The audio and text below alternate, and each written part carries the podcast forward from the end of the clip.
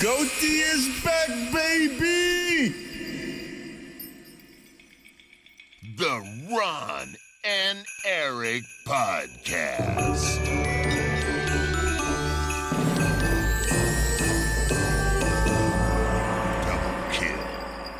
Hallo en welkom bij de Ron en Erik podcast. De podcast van Ron en Erik over videogames. En jawel, het is zover. Het is tijd voor het grote GOTY panel, de Game of the Year panel. Zoals altijd met onze traditionele metgezellen, onze vrienden en collega's. Thijs Barnard. Hallo. Hallo Thijs. Hoi. Marcel Hoi. Vroegrijk. Ja, hallo. Hallo. Ja. En eh, Michel Musters. Hoi. Hallo Michel. Eh, al onze collega's van Gamer.nl. En natuurlijk is hij er ook, zoals altijd, weer bij Ron Forstemans. Goatee is back, baby! ja, fijn dat jullie er allemaal eh, weer zijn. Het is altijd even wennen met z'n vijven, want ik weet nooit, ja, moet ik dan iemand de beurt geven om te praten of praten we allemaal door elkaar totdat we het eens zijn met elkaar? Dat is altijd de vraag. Je Ja, gaat precies. geen antwoord We zijn- krijgen, denk We ik. zijn al wel stil. Ehm, we, pa- we pakken het dit jaar iets anders aan dan normaal. In de afgelopen jaren gingen we echt een top 10 aan games maken. En eh, dat was altijd heel erg leuk. En dat hadden we dit jaar ook kunnen doen. Maar we wilden eigenlijk gewoon iets anders doen. Want ja, Ron en ik, wij maken volgende week ook onze eigen top 10. En jullie van de community maken ook jullie eigen top 10 waar jullie allemaal op gestemd hebben. En dat is heel spannend. Dus we dachten, ja, weet je, het is zo leuk om nog iets anders te proberen. Dus wat we vandaag gaan doen, is een top 3 maken in vier verschillende categorieën die over dit jaar gaan. Eh, we doen het beste personage van 2023, de beste game die dit jaar ondersneeuwde, eh, de grootste teleurstelling van 2023, want dat was niet alleen maar leuk. En dan eindigen we met het beste game moment. Eh, ja, en daar aan het einde kunnen dan hier en daar wat spoilers zitten. We gaan geen verhaalkritische dingen spoilen volgens mij, maar wel gewoon coole momenten uit games die ons zijn bijgebleven. Dus we hebben expres die categorie aan het eind gezet, zodat ja, mocht je wat willen doorspoelen of wat skippen, dan eh, ben je in ieder geval veilig. Ja, Maar- moeten, moeten er wel bij zeggen, het is natuurlijk een Goatee-podcast. Er zijn spoilers. We proberen ze te vermijden waar mogelijk. Maar ja, inherent natuurlijk aan het einde van het jaar gaan we de games bespreken. Er komen personages langs, er komen hè, eh, eh, verhaaltechnische haakjes langs. Eh, we gaan niet eh, dingen onnodig verklappen. Maar sommige dingen moeten we bespreken. We zullen het zo goed mogelijk proberen aan te geven. Ehm, maar ja, hè, zoals altijd eigenlijk. Er zullen wel enigszins spoilers zijn. Dat is een beetje onvermijdelijk natuurlijk in een eh Goatee-aflevering. Ja, maar het is niet dat we zeggen, oh, het einde van de Resident Evil 4, hè. Oh, poep, poep, poep. Dit is het einde van High Five Rush. nou, nee. Ehm, Oké, laten we gewoon eh, beginnen. Eh, we beginnen met eh, een hele coole categorie. Het beste personage. Ehm, hoe het werkt is als volgt. Wij hebben alle vijf nominaties ingeleverd. Die staan op een grote lijst. En ik heb daar loodjes van gemaakt. Dus we gaan willekeurig nu loodjes trekken. En daar komt dan een personage uit. Daar gaan we het kort over hebben van wie is het en waarom is die zo cool. En eh, even een snelle schifting of er een beetje draagvlak is in het panel om die op de lijst te laten staan of niet. En dan kijken we hoeveel we nog over hebben. En dan proberen we er uiteindelijk een top 3 van te maken. Ik zeg, we gaan beginnen. Ik pak een loodje. En het is Alex. Casey uit Alan Wake 2. Ehm, die heb ik toevallig ingebracht. Hmm.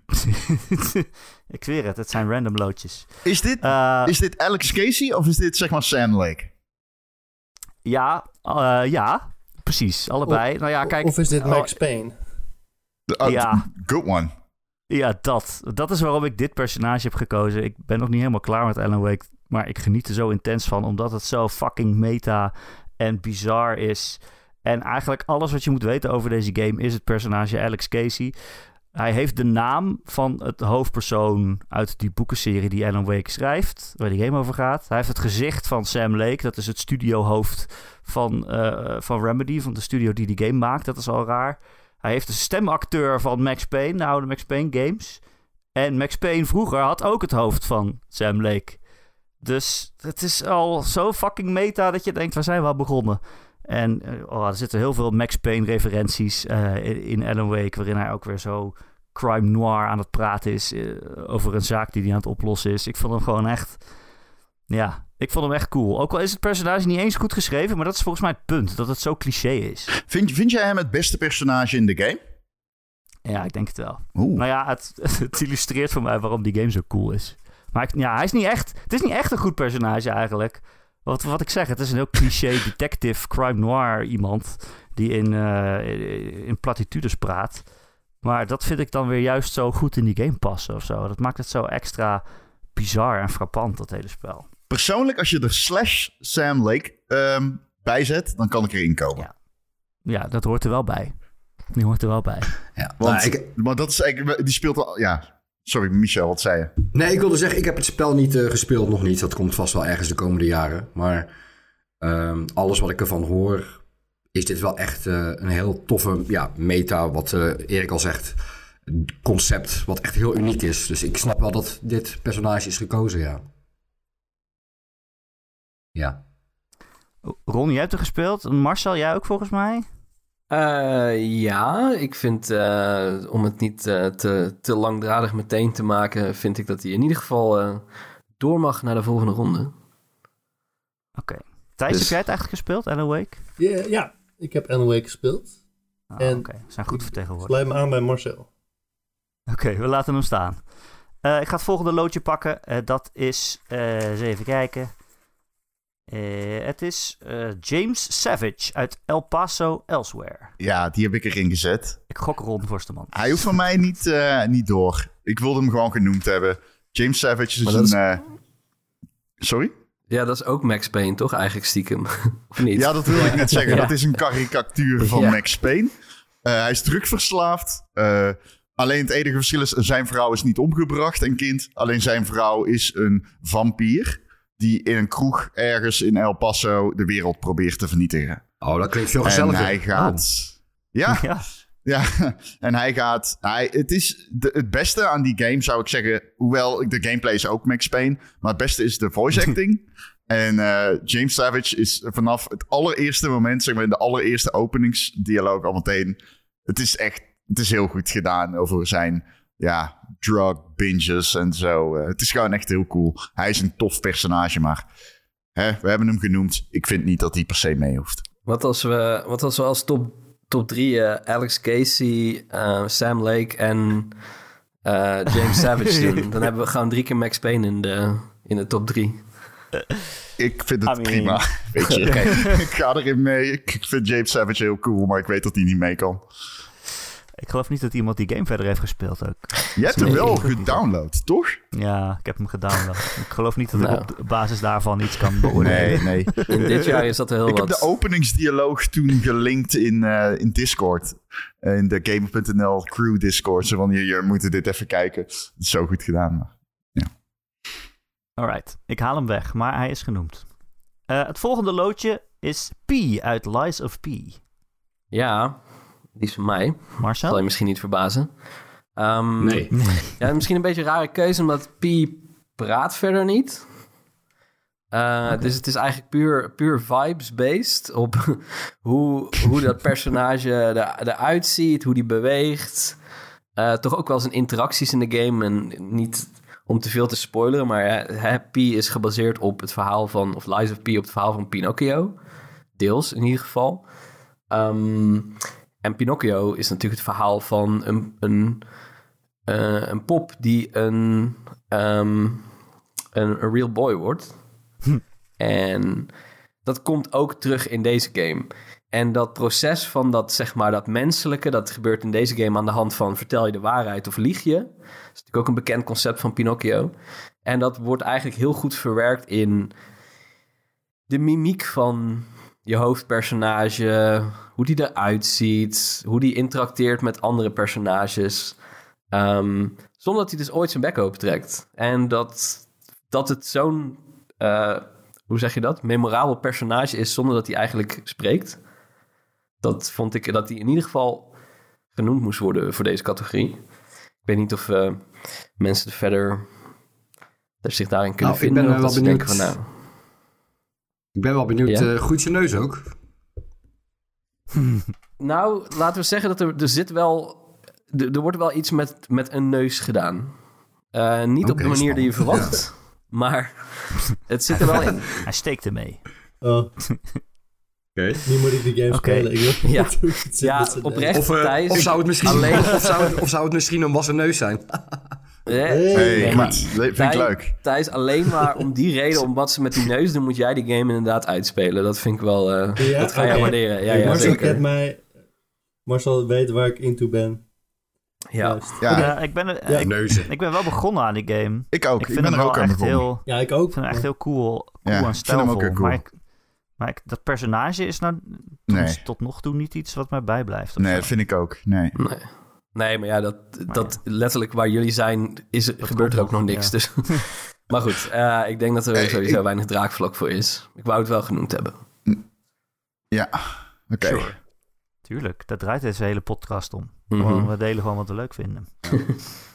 Ehm, ik pak het volgende loodje. En daar staat op Ashley uit Resident Evil 4 Remake. Oh, Ja, die is ook van mij. why? Oh, Why? ja. Why? Eh, is ze omdat- niet meer, is niet meer irritant, hè? Nee, nee. Ja, nee, maar nee. dat, dat is natuurlijk zeg maar uit een tijd. Kijk, toen Resident Evil 4 oorspronkelijk uitkwam, toen hè, was er in die zin geen noodzaak tot vrouwelijke per- personages die daadwerkelijk een dialoog hadden en goed geschreven waren, et cetera. Tenminste, die noodzaak was er wel, maar die werd niet zo gevoeld door de game-industrie. Om tal van redenen. Zij was echt een schreeuwend, hulpeloos iemand die alleen maar irritant was en zorgde dat je de hele tijd doodging. Ik vind haar in een remake, vind ik haar...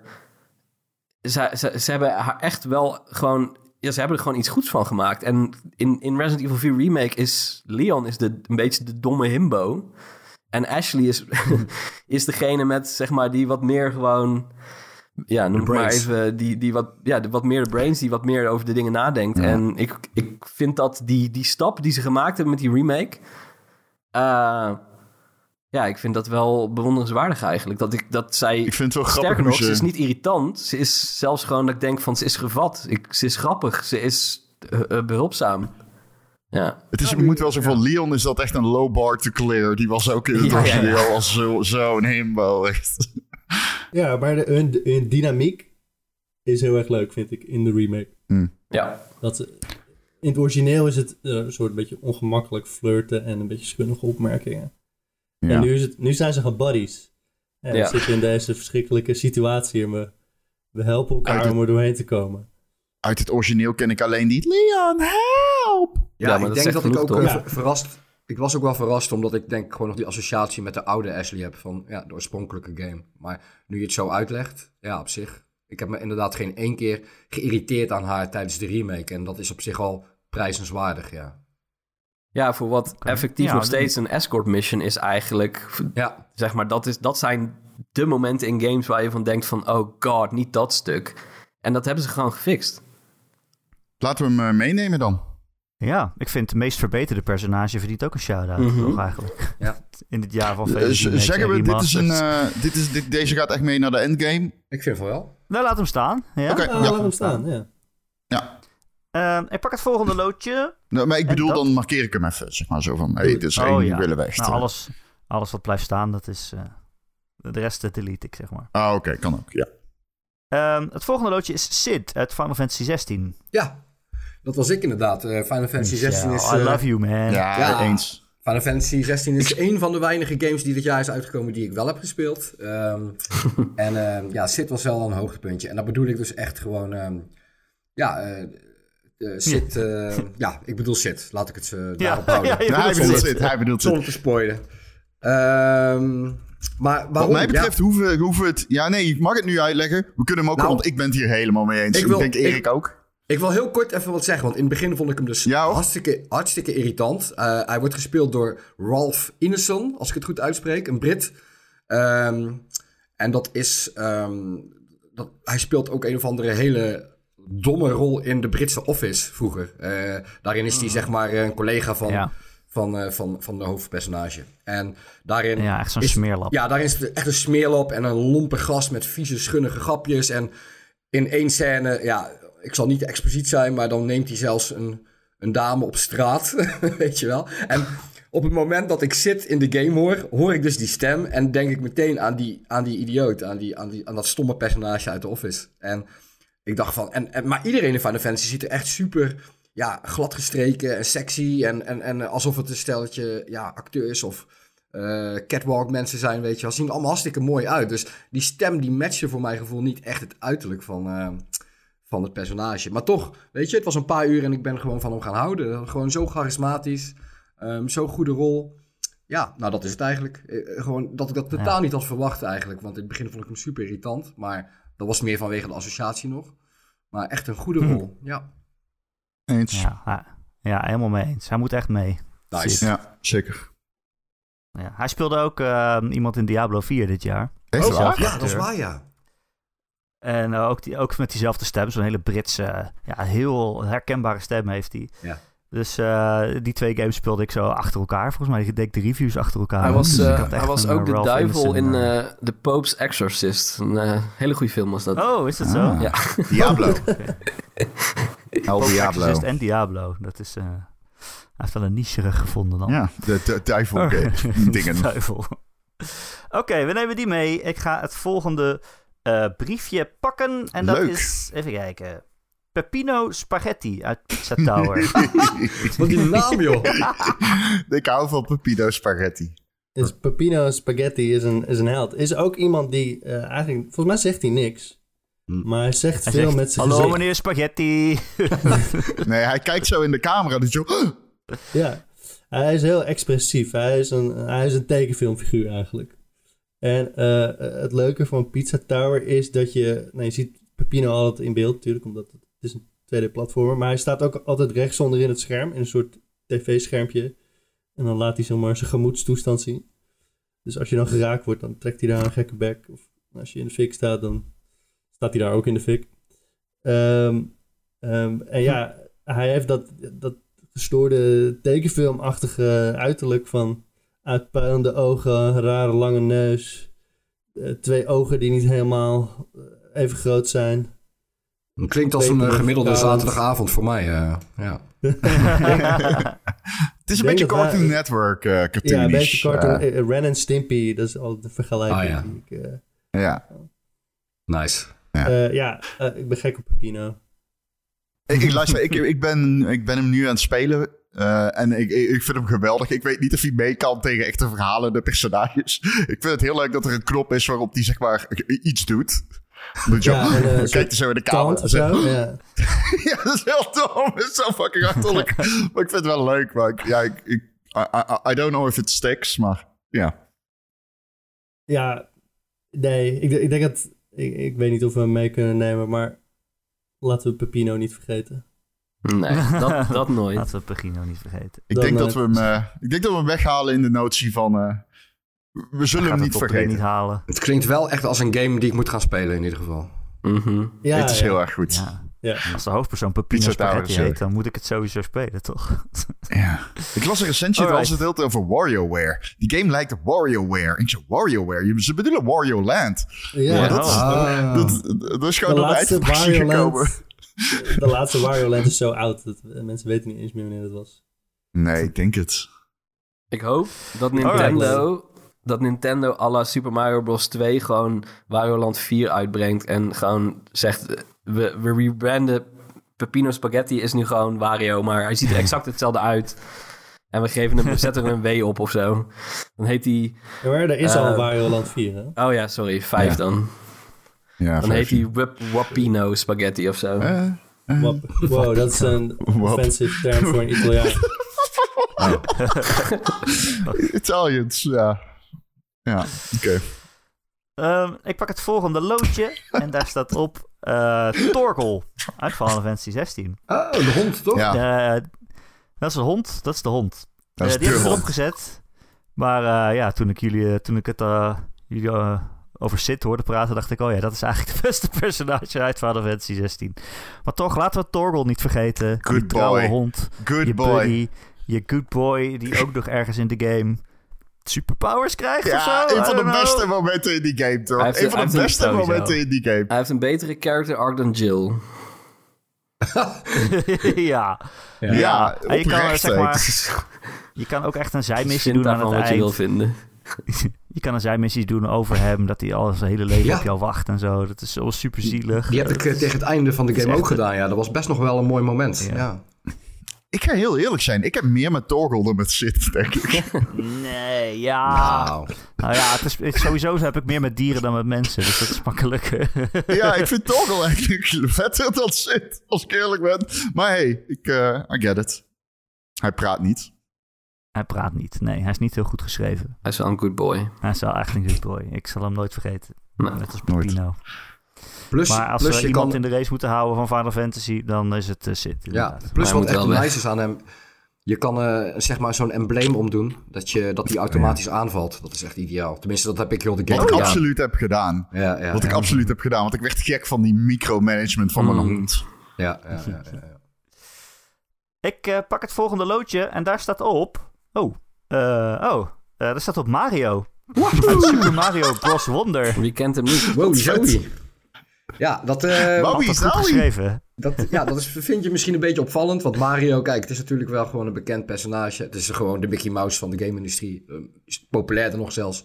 Dus, maar ook wel een beetje cliché om hem dan mee te nemen of zo. Maar dat is eigenlijk vooral omdat ik hem voor het eerst in tijden... vind ik Mario echt weer een beetje interessant. En daar heb ik het niet alleen over de gameplay, maar ook echt over het personage. Want als je kijkt naar... Als je echt goed kijkt naar, naar Super Mario Bros. Wonder... dan zie je dat hij echt veel beter geanimeerd is dan in de nieuwe Super Mario Bros. games. games. Je ziet echt... Ja. Hij is zo veel genuanceerder ehm, geanimeerd. Bij elk dingetje wat je doet zie je gewoon echt eh, hele ja, klei- kleine bewegingen en zo. En als die een power-up pakt, lijkt het bijna een soort claymation of zo als die verandert. Dan stopt het beeld even zo, of dan stopt hij. En het ziet er echt allemaal zo tof uit. En het is zoveel hebt, eh, naar, ja... Je hebt de Digital Foundry video hierover ook gekeken, of niet? Of anders moet je dat even doen. want Nee, die ja. staat in, precies in op Dat- dit. Op inderdaad dat hij Oh, ze nou, dat- heel veel speels, speelse animaties heeft, waardoor het Ja. handgetekend lijkt, ondanks dat het Ja. dat niet is, zeg maar. Ik heb het niet gezien, maar inderdaad, dat, dat klopt. En zo, erva- zo ervoer ik dat ook. En het is echt voor het eerst in tijden, weet je, dat ik hem echt weer een beetje ja, leuk vind om Mario te zien en te horen. Want laten we niet vergeten, het is de eerste game eh, waarin ehm, eh, Charles Martinet, als ik het zo goed uitspreek, Martinet, Martinet? Nou ja. Martinet. Waarin, Martinet, waarin hij eh, Mario niet meer inspreekt. Natuurlijk wel een gemis aan de ene kant, maar aan de andere kant... Ja, dus misschien een beetje heiligschennis, maar ik vond Mario de laatste jaren echt een beetje als een oude man gaan klinken. En dat, tuurlijk, het is een goede stemacteur, maar ik kon, ik kon wel een beetje horen volgens mij dat Charles ook wel wat ouder werd. Voor mijn gevoel dan hoor, misschien is het psychologisch, maar dat idee kreeg ik. En nu is er gewoon weer een andere stemacteur en die doet het ook best goed. En dit, het klinkt net even wat anders, maar voor mijn gevoel net even Ja. wat frisser. Dus Ik wil Ik graag echt een, eh, letterlijk het verschil niet. ik wil Ik- graag ik- een nieuwe, ik nieuwe inzending voor grootste teleurstelling eh, toevoegen. En dat is dat eh, Michel eh, Charles Martinet zit te shit talken in dit jaar. kan niet nog Ja, ja. man is dat is eh, een bijna oud. klaar. Ja, Eh, ik heb wel meer, kleine technische... want ik ben het hier helemaal mee eens. Ik heb, dit ook, ik heb deze game geregisseerd voor Tweakers. Ik heb dit ook gezegd van de kleine animaties en hoe die zijn hoed opvangt als die Ja. in een, in een, in een buis verdwijnt en dergelijke. Of- of- En als of- het een of- olifant is, zie je zo Waarom? die, die, die bol Ja. zo dikker worden. Ja, ja, als er een olifant is en dan moet hij door een pijp of een deur... dan zie je hem echt zo proppen, weet je. Oh ja. ja. Maar een, te- een technicality, Oké. die animaties, als dat het argument is, geldt wel voor, ook voor Toad. En voor eh, Luigi Ja, oké. Peach Nou ja, weet je... eh, eh, Het is gewoon dat die game, Nabbit. die game is gewoon mooi. en Nabbit. Mario hoeft voor mij ook niet per se ze mee, hebben maar... allemaal die animaties. Het hoeft voor mij ook niet per se mee naar de top 3. Maar ik wilde het wel even genoemd hebben... dat ik Mario voor het eerst sinds jaren weer echt een beetje fris en fruitig aanval voelen. En dat vind ik echt fijn. Fair enough. Ja, Helemaal Ik vind eens. het niet... Herkenbaar, fris en fruitig. Ja. Vinden jullie dat hij mee moet? Thijs? nee. Nee, Ik- van mij mag hij eraf, maar ik ben het 100% eens met Michel. ja, ik ook. Maar wat Ik ik, al zeg, het geldt ook voor Luigi. Dus dan moet je uitzoomen op Ja. de hele cast Ja, misschien. Het is gewoon een mooie game. Maar het, Ja. maakt niet, het maakt niet Mario een interessant personage voor mij, zou ik zeggen. Nee, fair enough. Ik haal hem weg. Maar Mario moet altijd genoemd worden. Dat is natuurlijk logisch. Eh, volgende loodje eh, is weer een hond. Johan! Het is eh, Johan. Johan uit Remnant 2. Ah, ik, het, Johan Johan. is de hond die je krijgt als handler in Remnant 2. Wat een klas is. Ik weet niet, heet die klas hè? Handler? Ik dacht het. Ja, ja. ik weet Heet die niet hond. Johan? Ja, canonically heet die hond Johan. Dat is heel raar. Het is gewoon een Amerikaanse studio, maar Ja, Johan. Johan, ja. Een van de leukste dingen in Remnant 2 is dat ik zo consequent was in ik had een klas die heet Handler. En in die klas heb je een hond. En ik was vanaf moment één zo consequent in die hond Johan noemen... dat Erik continu op een gegeven moment onbewust om Johan riep voor healing. En dat, was, dat vervulde mijn hart met warmte. En ik kon niet Hij anders. ook. ik kon niet anders. Hij riep echt, Johan, is, heeft Johan nog health? Heeft Johan nog resurrections? en eh, dat vulde mijn hart met liefde. Ik weet niet of hij het overleeft. Maar Nee, als er nou. één hond dit lijstje moet overleven, is het Johan. Ik zou sterven voor Johan, ik zeg het eerlijk. Ja, ik sta, Hij ik gaat, sta op het eh, randje van hij Johan. gaat naar de boerderij voor lijstjes om daar oud te worden met alle andere honden op het lijstje. Van mij mag Johan door. Nee. Het is gewoon een hond, het is geen goed personage. nee. Jij hebt Maar hem een persoonlijkheid good boy. gegeven. Hij Good boy. Ah, ja, precies. Het is de persoonlijkheid die wij op hem geprojecteerd hebben. En het werkt. Hij, kon niet eens, hij wist niet eens hoe een lift werkt, Ron. Hij ging er steeds, wij gingen op die lift staan en zeiden, kom maar mee Johan, we gaan naar boven. En dan bleef hij gewoon zitten. En die lift gaat naar boven en wij vertrekken zonder Johan. Elke keer. Eh, dus IQ was niet een van zijn personality traits, maar het was wel een hond. Maar En hij honden vinden vaak liften eng, hè? Dan moet je ze optillen. Dus dat is een beetje harteloos van je, Erik. Ze denken Ja. dat hij naar de hemel gaat ook wel. Ja. Nou, hij gaat naar de boerderij, zoals Marcel zegt. Dus eh, good riddance, Johan. Vaarwel Johan, leuk dat je er was. Eh, het volgende kaartje is je moeder. Ja, ja.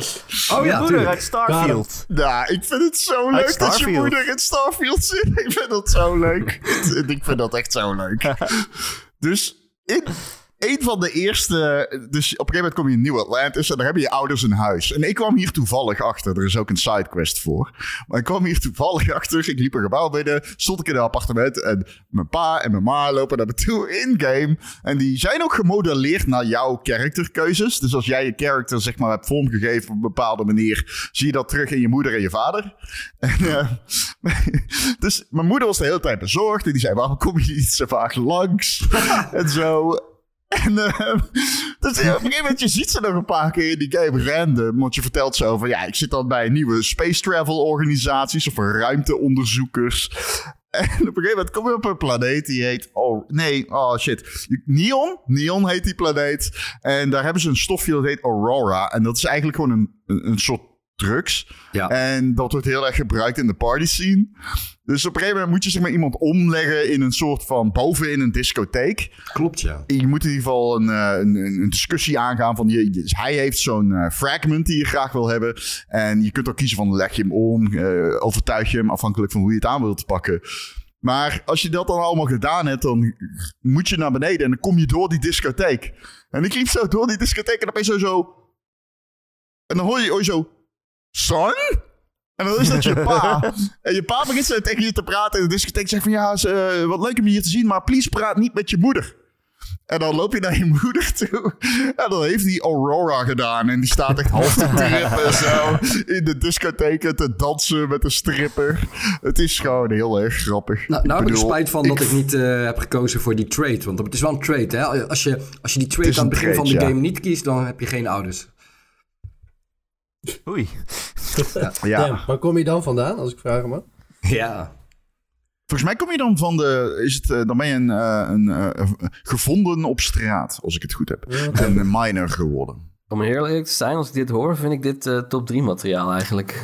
dit, eh, Ja, dit, klinkt, dit klinkt echt fantastisch. Nou, Ja. Ik denk dat dit. Ja, Ik denk ja. dat we Starfield. Ik vrees dat de game niet heel veel meer genoemd gaat worden verder. Maar. ehm, Zeker wel. Oké. nou. Maar ik vind dat we. Ja, voor game, mij eh, mag die blijven. Hij mag ja. er van mij ook af. Ja. Ik ben een beetje. Nee, nee, nee. Ik Ja, laat hem nee. staan. Ze gaat mee. Maar. Ja. Ik laat hem staan. Ja. Deur. Oké. Je ouders. Je moeder. Ja, ik vind dat hij mee moet. Ik vind het idee klinkt al überhaupt al cool. Dus ja, dat Oké, is, eh, cool. die laat ik staan. Ehm, volgende is, even kijken, Handler Walter uit Armored Core 6. Oh, Ja, deze heb ik er even opgezet om me eigenlijk vrij snel weer af te halen. Maar ik wilde het gewoon even genoemd Ja, hebben. hallo. Want ja, het is gewoon, het is eigenlijk gewoon een stem die tegen je praat. En de character arc die je daarmee doormaakt als hoofdpersonage. Want je krijgt dus in Armored Core 6 krijg je eh, opdrachten van Handler Walter. Eh, En dat begint heel zakelijk. Gewoon van, oké, doe, gewoon, doe, doe maar gewoon je werk. En eh, niet zeuren, et cetera. Maar daar, je ontwikkelt toch best wel een, een hechte band met, eh, met Walter gedurende de game. En ook in meerdere playthroughs. En eh, ik vind dat bijzonder voor een, gewoon een personage waarvan je eigenlijk alleen maar... Ja, je, je hebt geen idee wie het is verder. Het is alleen een stem die tegen je spreekt. Ja. Vind ik mooi. Ja. Ja, en eh, eervolle vermelding voor G1 Michigan. Een soort van hillbilly aanvankelijk, die uiteindelijk dan toch heel veel over om zijn soldaten blijkt te geven. Een zacht hartje, grote mond, heel mooi is dat. Ja, die game doet Ook heel alleen maar veel met heel weinig qua Ja. eh, Ja. Dialoog en zo. Zullen we dan, ik weet niet, eh, hij zit nog in de loodjes, maar er staat nog een ander Armored Core personage op. Erik, vind je het goed als ik die Als alvast ik het behandel? loodje even zoeken. Ja, Nou, ja, ik dan behandel ik die Ik alvast. heb als- hier een loodje. Daar staat op eh 5-4 Buddy Rusty. Ja, V4 V4. Buddy, Rusty. Ook een personage in Armored Core. Iets wat hem echt onderscheidt. Die game is super vijandig. Alleen op een gegeven moment, deze Armored Core komt er heel erg naar je toe en zegt dan... Hey buddy, come on buddy. Ja, oh ja. Ja. En eh, dat is echt zo'n moment van je weet nog steeds niet of je hem kan vertrouwen, maar het voelt eigen. En uiteindelijk is hij gewoon een good boy. Afhankelijk van het Hmm. einde dat je kiest, overigens. Ehm, Oh. Maar eh, ja, Buddy Rusty wat vond ik het leukste personage in uh, Core. En wat Marcel zegt klopt helemaal. De game doet superveel met heel weinig. Is er een van die twee die je eh, nog mee moeten nemen? Denk? Nee, voor mij niet. Eh, Wat mij betreft niet. Eh, Ik vind Buddy Rusty de tofste, maar nee, wat mij betreft niet. Ja, ik vind Buddy ook wel het tofste, ja. Het is wel echt een cool spel, inderdaad. En wat jij zegt, het is zo knap dat je ze nooit ziet, maar toch een gevoel erbij krijgt. Ook omdat ze je allemaal een andere bijnaam geven. Inderdaad, die ene noemt je steeds Buddy. Dat is wel, ja, toch zo bekend of zo. Ja, ik had heel erg Ace Combat vibes bij de dialoog af en toe. In Alright, deze. nee, ik, haal ze de, ik haal ze er maar af dan. Ja. Toch Ja. moeilijk genoeg waarschijnlijk. Ik pak eh, het volgende loodje. Er zijn er nog vier. Eh, voel ik. En hier staat op Chai uit Hi-Fi Rush. Ja, ik ben nu Japans aan het leren. En eh, ik weet niet helemaal waar chai voor staat. Kut, ik wist het nog. Dit is zo... Ah, dit is zo'n afgang. Thee, toch? Thee. Ik dacht groene thee? Of is dat ocha? Ik weet het niet meer zeker. thee. Chai, dat zou kunnen. Chai en chai. dat, dat hebben Ja, we. ocha is groene thee, chai is thee. Makes sense. Ehm, dus eh, hij heeft het niet door. Hij gaat het niet halen. Hij is een vrij eh, blank canvas misschien. Maar ik vind hem een van de beste personages die de Xbox heeft ooit. ik vind hem zo eh, uitgesproken. Hij is een goede... Hij is, hij is... Kijk, hij is een typisch personage dat wordt omringd door mensen die zeg maar meer... Die cooler zijn. Eigenlijk. Hij is niet de coolste in de game. Chai. Ehm, ik vind hem wel een super tof personage voor een, in, in die rol voor Xbox of zo. En dat, dat is iets wat de Xbox altijd mist, vind ik. En Chai, als die zeg maar. Die, dat zie ik nog iets worden of zo. Heb ik heel erg. En nog meer mensen die Hi-Fi Rush hebben gespeeld? Ja, ja Jawel. eh, ik ben het hiermee eens. Ik vind hem, ik vind hem heel erg tof ook. eh, Als ze ooit een, geschreven. s- een Super Smash voor Xbox gaan maken, dan heb je alvast één goed eh, personage. Ja, eh, Master je Chief hebt eh, Master. Chief, Naast Blinks natuurlijk. Master? Chief, ja, natuurlijk. Oh ja, Blinks, Blinks, ja, ja. een auto Ja. uit Forza. Een vliegtuig, een vliegtuig uit Flight Simulator. Een vliegtuig uit Flight Sim, ja. Yes. ja. ja. Weet je wat? Ron vindt hem cool. Thijs vindt hem cool. Ik vind hem ook cool. Ik vind hem heel goed geacteerd ook. Hij wordt gespeeld door eh, Robbie Damon. Die ook eh, veel in Critical Role zit. Maar ook eh, in Persona 5 eh, speelde. Eh, die doet hem echt heel speels. Wordt hij gespeeld. Waardoor je ook echt met hem mee gaat leven. Weet je, die gast die komt gewoon terecht in een soort van. eh, eh, eh, ja, fabriek. eh, waar hij eigenlijk dood had moeten gaan. Maar gewoon eh, op de een of andere manier overleeft. En, maar Ja. gaat er zo speels en stoer, cool mee om. Ook al is hij niet cool. Maar Nee, Weet je wat voor vibes die bij mij ontgrendelt? Ik krijg een beetje Ichiban vibes bij Chai.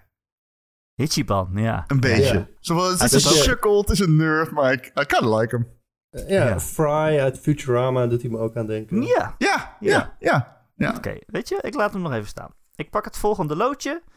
En dat is Karlach uit Baldur's Gate 3. Eh, Ja. Die heb ik erop gezet. Baldur's Gate 3 is een moeilijke. Ik zag het de categorie beste personage en ik dacht, ik kan ze er letterlijk allemaal op zetten.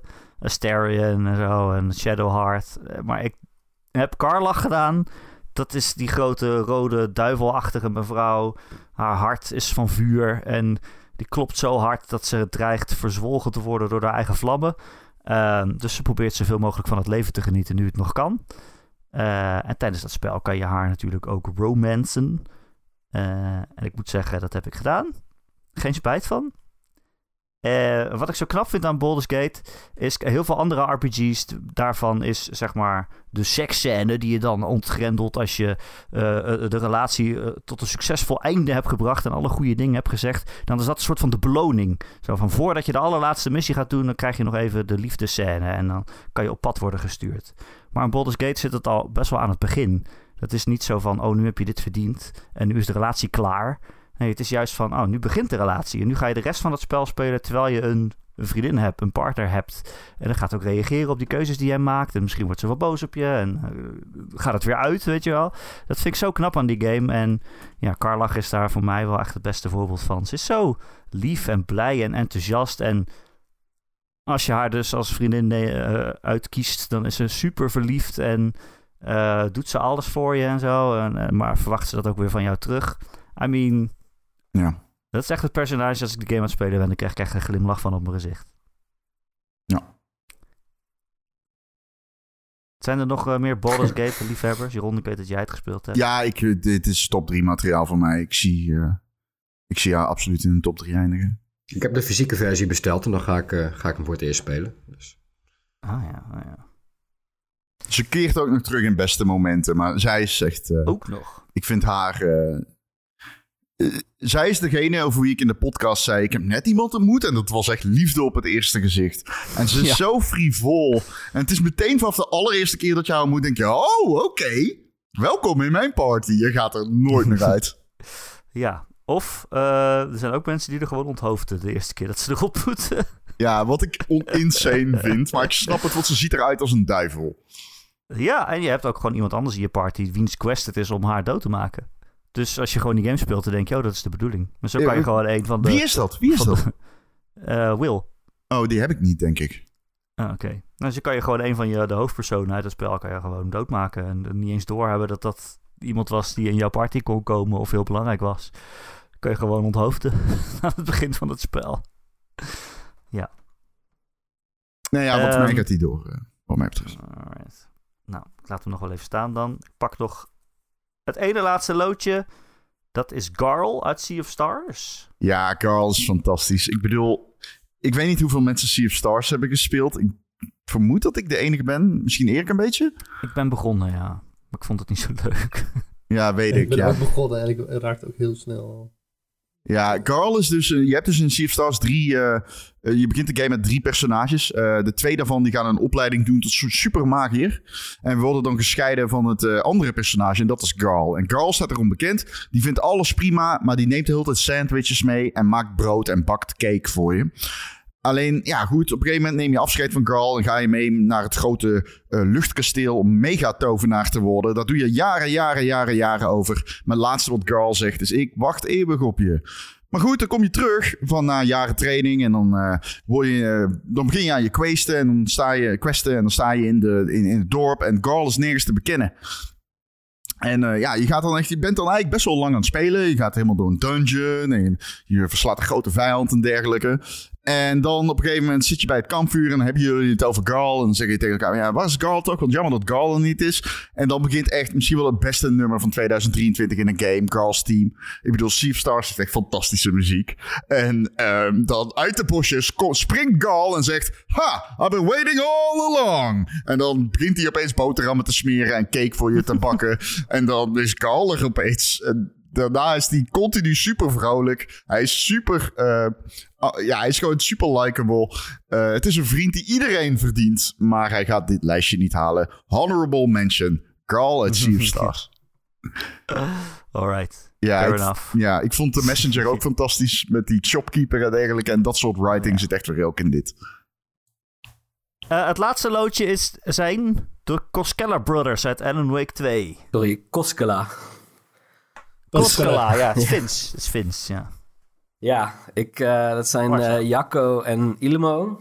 En Ja, eh, Jaco. Ja, voor mij... staan die twee samen symbool voor ja, hoe heerlijk Fins Alan Wake 2 ook is. Het is een hele mooie game. Het is een hele enge game. Het is een bijzondere game qua gameplay, maar het is vooral ook een heel Finse game.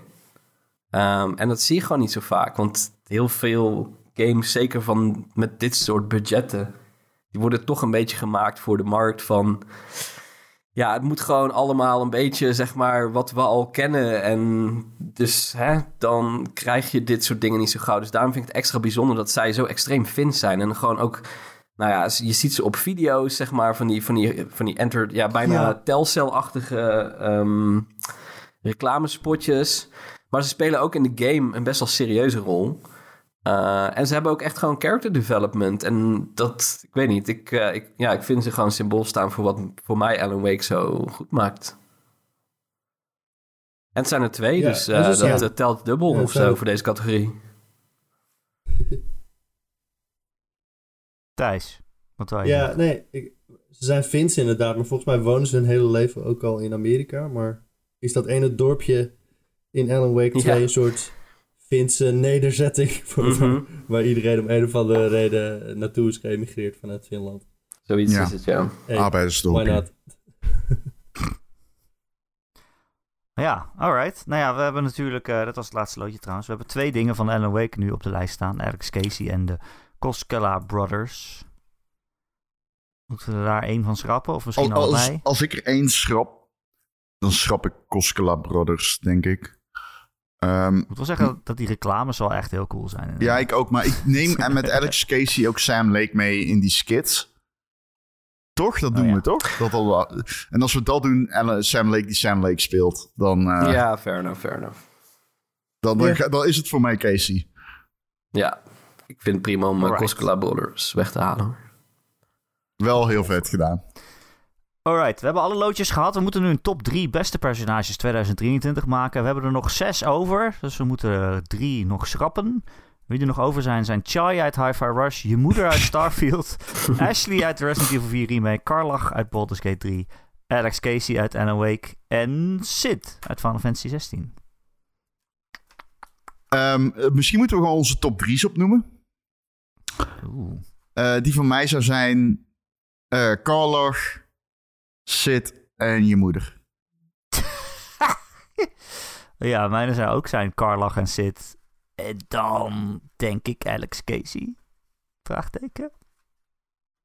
Thijs? Ja, ik zou zeggen Chai, Ashley, eh, Alex Casey. Oei. Eh, Michel? Eh, ja, Sid, want dat was degene die ik had genoemd. Ehm, ja. eh, ja, eh, je moeder denk ik toch ook wel? Ja, ja, ja. En ehm, ja, de derde heb ik eigenlijk niet. Nee. Oké. Marcel? Marcel? Uh, ja, met Carlach heb ik gewoon niet zo heel veel. Chai ook niet. Ik zou zeggen Ashley, Alex Casey en je moeder. Ik hoor hier wel een duidelijke winnaar, to be honest. Want iedereen heeft je moeder. Ja, ik mij- denk dat Chai Nee, afvalt. niet, maar Oké, ik denk sorry. dat Chai afvalt omdat ik heb die zelf erop gezet. En ik vind Chai fantastisch, maar ik bedoel, er staan beter. Ik, ik zou eerder eh Carloch of eh, Alex Casey of Sid pakken dan Chai. Ja, ik kan ook wel... eh, ik zou ook zeggen dat we Chai moeten schrappen dan. Ja. Ja. Ehm, Het is wel en een als- coole dude, maar... Heeft hij echt character development of wat dan ook? Boah.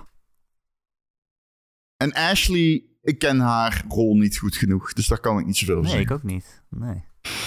nee, kijk, je, zou nog steeds kunnen zeggen dat ze in die remake nog steeds je doel om haar te beschermen. ja. En is ze nog steeds heel erg weerloos.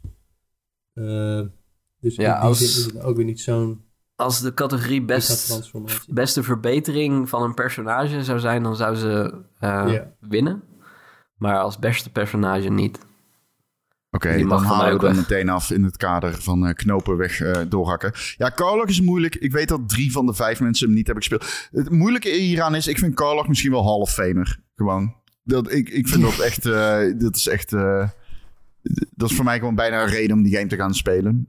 ja. Ehm, Wat mij betreft staat zij op één. Ehm, Ja, het is ook lastig omdat we er ook echt verliefd op zijn geworden. Ja, dat is zo, maar het is ook... Alsof je zegt, ja, je hebt een leuke vrouw, Erik, maar ik zou er niet in de top 3 zetten. Nee, maar het is ook stelt nooit teleur, zeg maar. Ik heb nog geen dialoog met haar gehad waar ik die dacht, oh, fucking Carla. Weet je wat het eerste is Maar wat ze zei toen we is seks er wel hadden een gehad, zeg maar? well-rounded personage dan? Of is ze gewoon een soort van Ja, manic ja, ze heeft een pixel eigen dream arc. girl? Ja, ja, ja. Nee, Absoluut, nee, nee, ja. absoluut niet. Zij is very gemankeerd. Moeilijke achtergrond. Ze is een demon eigenlijk, die eh, door de duivel werd bestuurd aan de die grasps is ontsnapt. En daarna heel naïef eigenlijk de echte wereld is ingestapt. Maar wel nog steeds zo is van...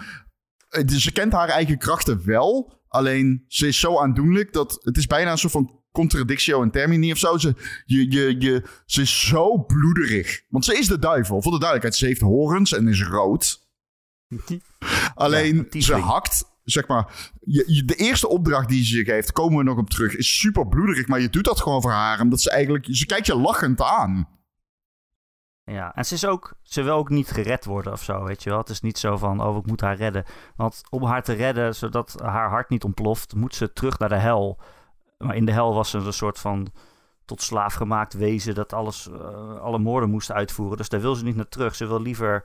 Eigenlijk kan ja, je kan natuurlijk zelf zeggen wat je tegen haar zegt, maar eigenlijk kan jij zeggen van, oh, ik wil je redden, ik breng je terug naar de hel. En zij kan dan zeggen, zij zegt dan, ja, dat wil ik niet. Ik wil gewoon, dan ga ik maar heel snel dood, maar dan wil ik er wel van genieten, weet je wel. Het is zo... eh, don't know. Oké, maar nou, laten we even Alex Casey uitnoemen. Ik vind wel, Ja, ik- a- a- als we het hebben over Alex Casey, om dan maar even hè, eh, snel door te pakken. Alex Casey is natuurlijk niet echt een leuk personage in de game, vind ik. Nee, Ja, maar is dat wel een, wat ik... een criterium voor deze lijst? Een leuk personage zijn? Ja? Interessant? Een goed personage personage? In de categorie een, beste een bad personage. guy kan ook het beste personage zijn. Hij is geen bad guy. Oh, Nee, maar... Zo. Nou, ik bedoel meer... Hij is expres slecht. Hij is heel cliché. Ja, ja dat, is, dat is ook zo. En dat ja. is juist wel cool, want dat past er goed in die game. Dat het expres zo is. En daarmee nemen ze ook weer zichzelf op de hak dat ze vroeger Max Payne zo hebben gemaakt. Is, Ja, is nee, je ik, moeder eh, hier nummer 1? Ja, vind ik wel. ik zou denk ik van deze vier, zou ik Alex Casey toch schrappen dan. Ja, want ik merkte wel zeg Ja, maar, ik denk van. Final Fantasy 16. Ik vond die game oprecht minder, minder zeg maar. ehm, ja, gewoon. Sid, Ja, maakt hoe ga die je game dat goed. zeggen? Hoe ga je dat zeggen, Marcel? Sid, Sid maakt die game goed. Dus zeg maar de Ja. introductie van Sid, dat maakt ineens van hey, daar van oké, nu, nu, Ja. nu, nu wordt het interessant. Uh, Hij heeft ook de beste icon, vind ik. Ja, Ik zeg schrappen Alex. Ik vind gewoon dat je moeder er ook in moet blijven, want dat vind ik gewoon grappig. Ja, ik is kan je me hier wel moeder vinden, nummer hoor. 1? Is Nee, nummer 2 en is Sid nummer 3? ik kan daarmee leven. Ja. Ik, ik Ja? vertrouw op jullie expertise. Oké, dan hebben we een top 3 van 2023. Het beste personage. Op nummer 3 staat Sid uit Final Fantasy 16. Op 2 staat Karlach uit Baldur's Gate 3. En het allerbeste personage van dit afgelopen gamejaar is geworden je moeder. Ja. ik vind het zo leuk. Gefeliciteerd allemaal. Dan gaan we naar de volgende categorie. Categorie 2, de beste game die ondersneeuwde. Het was natuurlijk een heel goed eh, gamejaar met veel AAA-games, maar ook heel veel games die eh, ja, niet de aandacht kregen die ze verdienden. Vonden wij althans. We hebben weer een aantal nominaties. En ik heb weer de loodjes. Ik ga vind het zo leuk. trekken. Het is zo kerstig met die loodjes. Kerstig, hè? Ja. Let's go. Ik. Ik, eh, ik, ik wou ook gedichtjes schrijven over elke game, maar dat heb ik toch maar niet gedaan. Ja. Eh, de, de beste game die ondersneeuwde. Dit loodje staat F-Zero 99. Oh, jezus, ik ben meteen al aan de beurt. Ja, F-Zero 99. Wat een cool spel is dat. Het is dus een, een, een eh, Battle Royale. eh, gebaseerd op de allereerste F-Zero voor de Super Nintendo. Dus in plaats van dat je tegen vier andere AI's aan het racen bent, zijn het 98 andere online spelers die eh, van de baan af proberen te beuken. En eh, je in te proberen te halen. En eh, ja, het is een chaos. Het is spectaculair. Ik heb het idee dat hij je weggewuifd is door mensen met het idee van... Oh, dit is net zo stomzinnig als Mario 35 of zo was het. Mm. Het is ook een soort Pac-Man Battle Royale geweest. Nee, deze komt meer in de buurt van Tetris 99. Ja, ja die waar, eens. ooit, waar we ooit een keer een hele goede discussie over hebben gehad in een GOTY. Ik moet wel zeggen, Thijs, als ik naar deze lijst kijk, de, voor mij komt hij niet in aanmerking. Hij is wel absoluut ondergesneeuwd. Hij is ondergesneeuwd. Nee, daarom heb ik hem ook eh, in, het, eh, in, de, in de hoed van Erik eh, gegooid. Ja.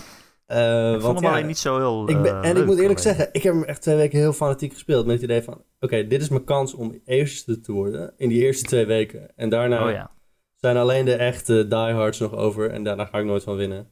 Echt, Eh, de, de, de toptip die ik iedereen kan geven in deze game is let op die pijlen waar tegenstanders achter je vandaan komen en stuur daarop, want dan krijg je een boost.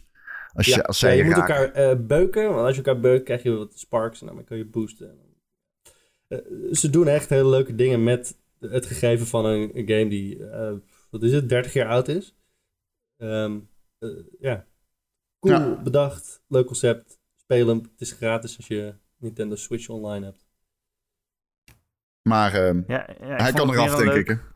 Een leuk speelgoedje of zo, vond ik het. Maar niet dat ik dacht, oh, dit is echt een game waar ik echt voor ga zitten. Of wat dan ook. Nou, nee, ik heb ook veel nostalgie voor, die, voor het origineel. Dus ja. de, de bochten en de banen en zo zijn allemaal hetzelfde. Dus ik, ik, ik hoef dat niet opnieuw te leren. Van, ah, ik weet al hoe ik hier doorheen moet. Als er echt zes bochten achter elkaar zijn, dan weet ik eigenlijk wel precies hoe ik dat moet doen. Het probleem is alleen dat je ook tegen 90 spelers speelt die hetzelfde hebben. dus dat maakt je niet meteen een betere racer. Ik heb nog nooit gewonnen, helaas. Derde Oh. ben ik een keer Oh. gewonnen. Ja, Ja, ja, ja. beste. Het is moeilijk. Eh, zijn er andere mensen die me heel graag mee willen, nog willen hebben?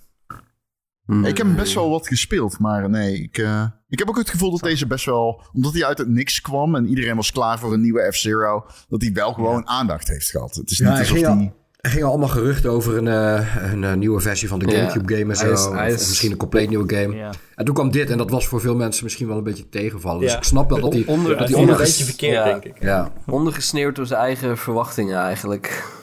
Of Ja, tenminste door de verwachtingen Nou, van laat- mensen. laten we hem dan afhalen. Uh, haal het hem eraf. Het is ook lastig van deze eh, categorie, is dat al die games zijn ondergesneeuwd. Dus de rest heeft het dan niet gespeeld. Ja, Volgens Ja, is mij. het dan de ook- beste ondergesneeuwde game? Ja, dat is ja misschien wel. Misschien moet hij er juist wel op, ja. nou goed. Als ik het niet ken. Ja, bijvoorbeeld, ik trek nu het loodje. Ik heb nog nooit van deze game gehoord. Dat is Laika Aged Through Blood. Oké. Eh, ja, nou, die is ook... eh, hij, is, nou ja, is wel uit voor PC, maar hij is nog niet uit voor consoles. Ehm, komt eh, komt in december in ieder geval nog uit ergens. Ehm, is al uit, denk ik dan. Ja, ja. En dat is een, niet een Metroidvania, maar dat is een Motroidvania. Want je zit op een motor. Oeh. En het schijnt heel goed te zijn. Maar ja, ik weet het, ik weet het niet, want ik heb hem zelf ook nog niet gespeeld. Maar, dus hij is, zo, hij is zo ondergesneeuwd dat zelfs degene die, die ervoor vecht, die heeft hem ook nog niet gespeeld. Want ik ben er gewoon nog niet aan toegekomen. Ehm, Ik, maar eh, ga ik wel heb hem in de library, zie ik. Ja, kan je hem even opstarten? Kijken of hij goed is. Hij scoort overweldigend positief op Steam. Ja, ik hoorde heel veel goede die verhalen. Steam Dat het- reviews zijn veelbelovend. Het idee van dat je op een motor zit als een soort van Excite-bikes, maar dan ehm, is het ook nog een Metroidvania. En het schijnt ook echt een of ander hartverscheurend verhaal te hebben, dus ik, eh, ik ben benieuwd. Ik noem hem hier, zodat mensen die dit luisteren hem kunnen gaan kopen, want dat verdient hij Nou, sowieso. Oké. Maar hij mag er verder af. Als niemand hem gespeeld heeft, dan kan je hem niet meenemen. Nee, ik nee, snap het, dan, ik snap als het. Marcel zegt ik noem hem hier, dan... eh, Ja. Eh, pak het volgende loodje. Daar staat op Jusant. Oh, die heb ik erop gezet, want Jusant is fantastisch.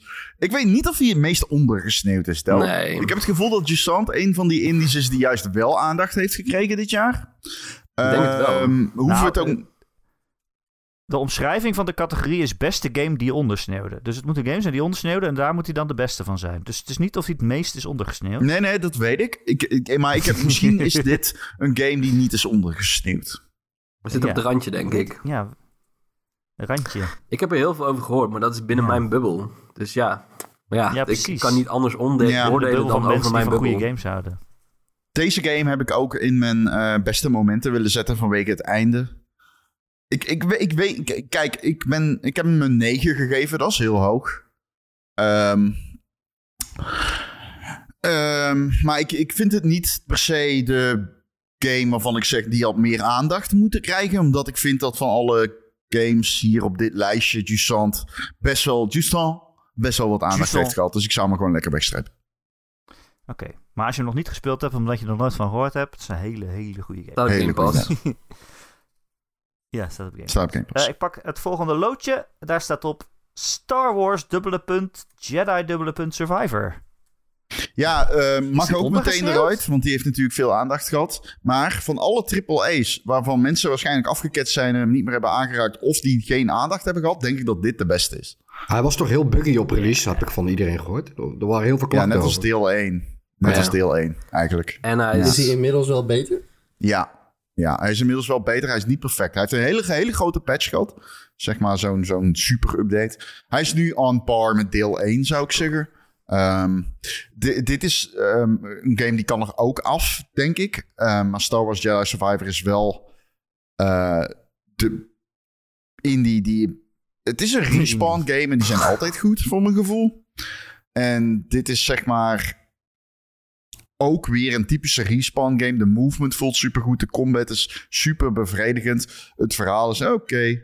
En ik, ik, ik, ik, ik, ik ga niet Ja. zo ver om te zeggen dat ik deze game eh, dat ik hem adoreer of zo. Maar het is absoluut een game die denk ik, eh, als die in een ander jaar was uitgekomen, veel, veel meer aandacht had gehad. Vanwege de kwaliteiten die die wel heeft. Maar Ja. kan er vanaf. Ja. Als je nou kerstvakantie hebt en je zoekt nog een game, Ja. waarom dan niet Jedi Survivor? Waarom? dat is de beste aanprijzing die ik ooit heb gehoord. Waarom niet Ja. Jedi Survivor? Ja. Waarom Ja. niet? Waarom niet? Eh, ik pak het volgende loodje. Daar staat op A Space for the Unbound.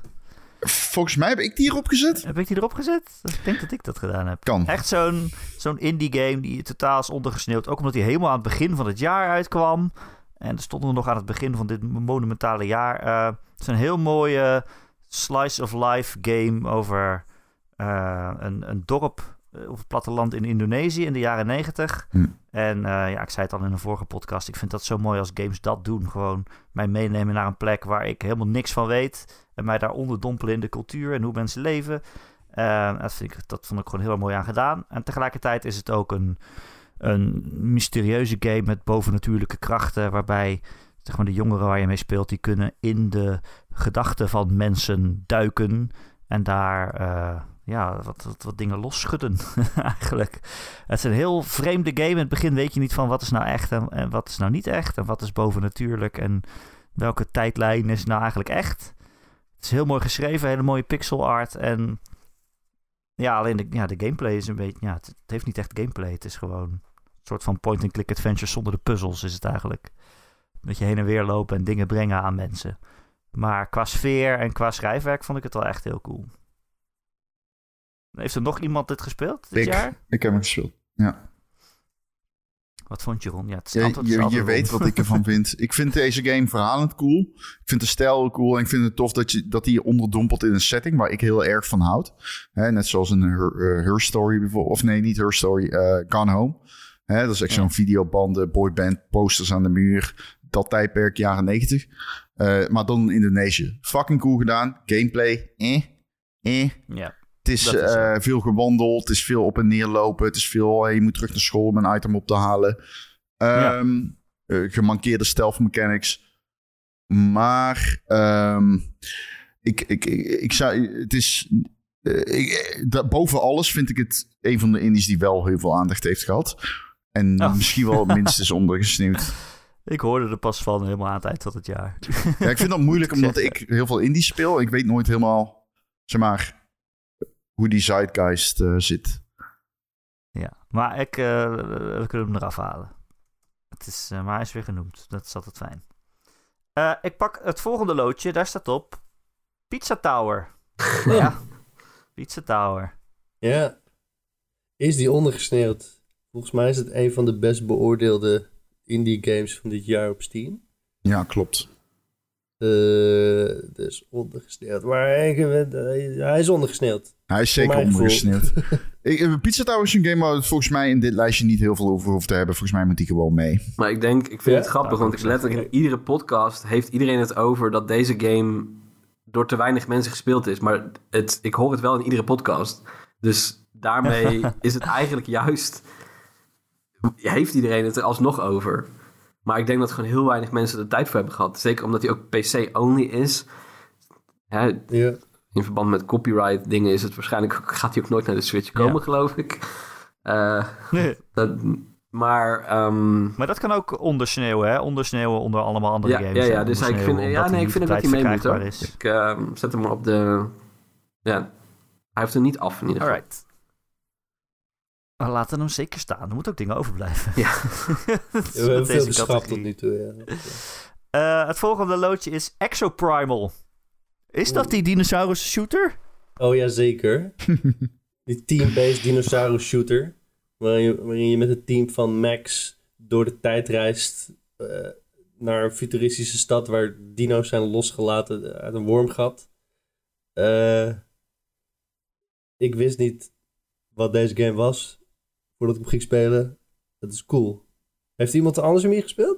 Ik heb heb hem een de- paar minuten gespeeld. Om. Een paar een minuten. gat geopend te zien worden waaruit allemaal dino's sprongen in een ander Ja. Ze tijdruimte stromen er continu. werkelijk uit.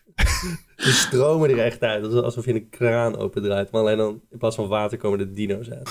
Exoprimal Eh. is eh, zeker ondergesneeuwd. Ik weet niet of ik hem goed vind. ja, ja, ik vind hem wel leuk. Maar mm, ik ben bereid hem op te offeren. Net zoals de dino's zijn opgeofferd. Om Ja. het plaats te maken voor Ik dacht dat het een matige game was eigenlijk. Iedereen die ik erover Ja, hoorde nee, hoor. althans. Nee, is heel verdienstelijk Nee, volgens mij juist. Maar Val mee, Ja? val mee. Nou, Val mee. Beter dan Overwatch Eh, 2. Ik Ja, zou zeggen normaal. eh, eh, dit is een 7. ja, oké. maar ja, hij wel had veel van Overwatch. Dat is de grap voor het duidelijk. Veel Oh, abilities en personages. Ja. We kunnen hem laten staan, want als hij blijkbaar goed, een goede game is, dan eh, is Nou, het zo ik- niet eens door heb gehad. Het is een goede game op de gamerschaal. Ik zou hem een 7 geven op basis van mijn 5 minuten spelen. laat hem schrappen. Oké, we schrappen hem wel. Dag dino's. Eh, het volgende loodje is Venba. Ja, die heb ik erop gezet. Oh. Ja, ik heb Femba de afgelopen dagen uitgespeeld. Duurt maar anderhalf uur, staat op Game Pass. En ik wist niet hoe goed die game was, maar die game is fantastisch. Ik had hem al gespeeld, Ja. maar ik dacht dat ik bijna klaar was. Ehm, eh, was ik moest er even, maar die game is echt... eh, dat verhaal wat die game vertelt is geweldig. En wat mij betreft... eh, dit is een van mijn top drie games. Maar ik begrijp het als mensen dit niet hebben gespeeld. Het is echt een... Ja, het is, ja, het is echt zo'n kleine game. Maar ehm, het gaat over een eh, gezin dat in Canada naar Canada gaat vanuit. Nee, het is zeg maar een eh, geëmigreerd gezin. Eh, of eigenlijk een man en een vrouw die emigreren vanuit India naar Canada. eh, stichten daar een gezin. En zij komen in aanraking zeg maar, met de Canadese cultuur. En hun kind komt dat ook. En dat kind dat, kan zich niet, dat voelt zich niet echt helemaal thuis op, eh, op, op school eigenlijk. En hè, vindt het moeilijk om die typische ingrediënten mee te nemen die hij thuis eet. Ehm, en daarna komen we er nog wel op terug in de beste momenten. Want er zit één moment in, dat vond ik fucking gruwelijk. Alleen Venba is super goed. En de- wat mij betreft mag hij mee. Maar ik, ik weet niet hoeveel mensen hem hebben gespeeld. Het is heel erg goed. Nee, eh, je maakt het eten in die game, toch? Ja, je bent denk een... ik aan iets eh, anders? Je hebt een boekje van je, overgroot, van je grootmoeder. En eh, je, je speelt zeg maar de dochter. Sorry, je moeder. En je speelt de dochter. En dat boekje is zeg maar een beetje vaag. En sommige dingen zijn doorgekrast of eh, koffievlekken erop. En dan moet je een beetje samenstellen. Zo van, hey, dit is wat eigenlijk de bedoeling is in dit ingrediënt. Het is niet moeilijk. Het is eigenlijk een... Het is bijna walk... eh, ja, geen walking simulator. Het is bijna een visual novel. Ehm, maar er, er is wel, wordt een prachtig verhaal verteld over immigratie. En eh, dit is vooral zo'n game die denk ik voor mensen die eh, ouders hebben die uit een andere cultuur komen. En die eh, ou- ouders hebben die zeg maar ook eerste generatie geëmigreerde immigranten zijn. Eh, ik, heel herkenbaar op die manier. Omdat het dat het, eh, eh, zeg maar, het vertelt over dingen zoals van hij op een gegeven moment dan gaat het over een filmscript en zegt hij van hey, wat doen we dan eh, voor de Indië, voor de Indiaanse tafel? Doen we tikkie masala? En dan zegt die gast van ja, nee, dat is niet, zeg maar, het ligt eraan waar hij uit India vandaan komt en bla bla bla bla. en dat soort ongevoeligheden, die worden echt zeg maar blootgelegd. En dat vond ik heel sterk aan die game. Ja, ik vond hem ook heel goed, ja. Ik heb het er ook al vaker over gehad. Ook weer, ja, net als die game waar we het net over hadden. Heel erg eh, van een cultuur laten zien waar ik me niet dagelijks mee bezig hou. En misschien niet superveel over weet. En dat toch nu, eh, ja, hè, wat voor eten er allemaal gemaakt wordt. zijn ook allemaal gerechten waar ik dan nog nooit van gehoord heb. En, en dan word je toch wat meer in ondergedompeld. Het is echt heel mooi gedaan. Voor mij een top 3 game, maar dat hoeft geen reden te zijn om hem mee te nemen. Dan moet je een keer bij ons komen Oh, eten, eh, Erik. Want dan kookt, eh kookt Jos wat voor je. Ik kan alleen aardappels. Boerenkool! Nee, van mij, eh, van mij mag je ook eh, zeker blijven staan hoor. Ik heb hem nog niet gespeeld, wat, Alright. maar ik wil hem heel graag spelen. Maar ja, het is dus on- ondergesneeuwd in die zin. Zou je Ja, kunnen zeggen. Ja, ja. Vervelend aan deze categorie. Ja, Het is bij ons ook allemaal ondergesned. Eh laten we hem staan. Ik pak het volgende loodje. Daar staat op Pikmin 4. Ja, Die heb ik zeker. erbij gezet. Nee, Ah, Oh, heb jij die gezet? Ik dacht die dat heb, ik... Ja. eh, die heb ik erbij gezet. Ehm, Heerlijk. Want Love it. ja, ondergesneeuwd is natuurlijk een groot woord. Hij is een paar miljoen keer verkocht. Dan, dan ben je niet echt ondergesneeuwd natuurlijk. maar als je kijkt naar... ehm, ja, bijvoorbeeld zelfs wanneer ik denk naar welke games ik dit jaar heb gespeeld, vergeet ik hem vaak. En ik denk dat heel veel mensen dat hebben. Kwam eh, volgens mij deze zomer uit. En ja, is toch met al die gigantische releases dit jaar wel een beetje ondergesneeuwd. Als je daarmee vergelijkt. Terwijl het gewoon een hele goede game is. Ehm, net zoals met zoveel games het geval is op de Switch, eh, heeft Nintendo ook de Pikmin-formule verbeterd, uitgebreid, ehm, nieuwe dingen toegevoegd die het echt nog leuker maken. En ja, maar ja, dat weten we allemaal wel, denk ik, want de meeste van ons hebben hem gespeeld. Dus zo ondergesneeuwd is hij dus niet. Maar toch weer wel, als je begrijpt wat ik bedoel. Ja, ik, eh, sorry, ik ben het hier helemaal mee eens. En voor mij, dit is, ehm, als we het hebben over de beste game, Ja. vind ik dit de op één na beste game in dit lijstje. Ja, voor mij mag je eh, Oh. Zeker blijven staan. Ja, ik vind hem ook heel cool. Het probleem met die game is, hij begint ontzettend slecht en traag. Ja, dat Zo, is wel waar. tekstvensters, Ongekend. die, Ja. die, tutorials zijn eeuwig. Het houdt Nou, de- niet op. eh, in het begin, toen ik, eh, toen ik begon met spelen, was ik echt bang dat ze de, de, de franchise hadden vernacheld. Maar eh, gelukkig hebben ze toch nog, eh, komen ze daarna Ja. inderdaad, komt het goed En op. En dat gaat ook heel, veel langer door dan je verwacht. Ja, Eh, en dan wordt hij ook steeds uitdagender en eh, leuker, vind ik. Eh, Ja, en de enige- mening. Maar ja. het enige wat Beste ik wel hond. vond... Oh, sorry hoor. Oeh, Oh, Beste hond. ja. Owachi, beste hond. Mm. Achteraf hadden we erin moeten Nou, zetten. ik, Beste ik, hond. ik, ik, Ja, ben- maar dat zegt wel iets over hoe vergeten deze game is. Want Ohachi is fantastisch. Owachi, op het moment dat hij dikker wordt. Hij was al zo leuk en dik en dan wordt hij nog dikker en dat was awesome. Wat ik wilde zeggen is, Nou. ik loop bijna niet eens in die game meer. Ik zit alleen maar op de rug van die hond. Oké, ik ben overtuigd. wordt er minder dik van. Oké, we laten hem staan. Ik hoor het al. Ehm ik pak het volgende loodje. Daar staat op A Highland Song. Wat is Eh, dat? Ja, dat is eh, een eh, game over ehm, een soort coming of age in eh, de ehm, Schotse bergen, hooglanden, weet ik veel wat. Deels ritme game. Het is van de makers van... Hoe heet die game? Die puzzelgame, dat heeft ook met taal te maken. Ehm, Heavens... Pendragon Vault. zie ik hier. Heavens Vault of zo?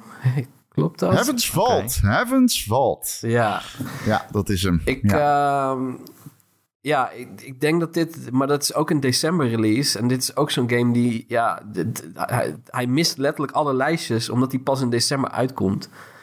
Ehm, hij is nog niet uit. Nee, en ik heb er zo zelf nog gewoon... Ja, ik heb er geen tijd voor gehad. Eh, maar hij staat heel erg Maar hoog op mijn heb jij lijstje. hem dan?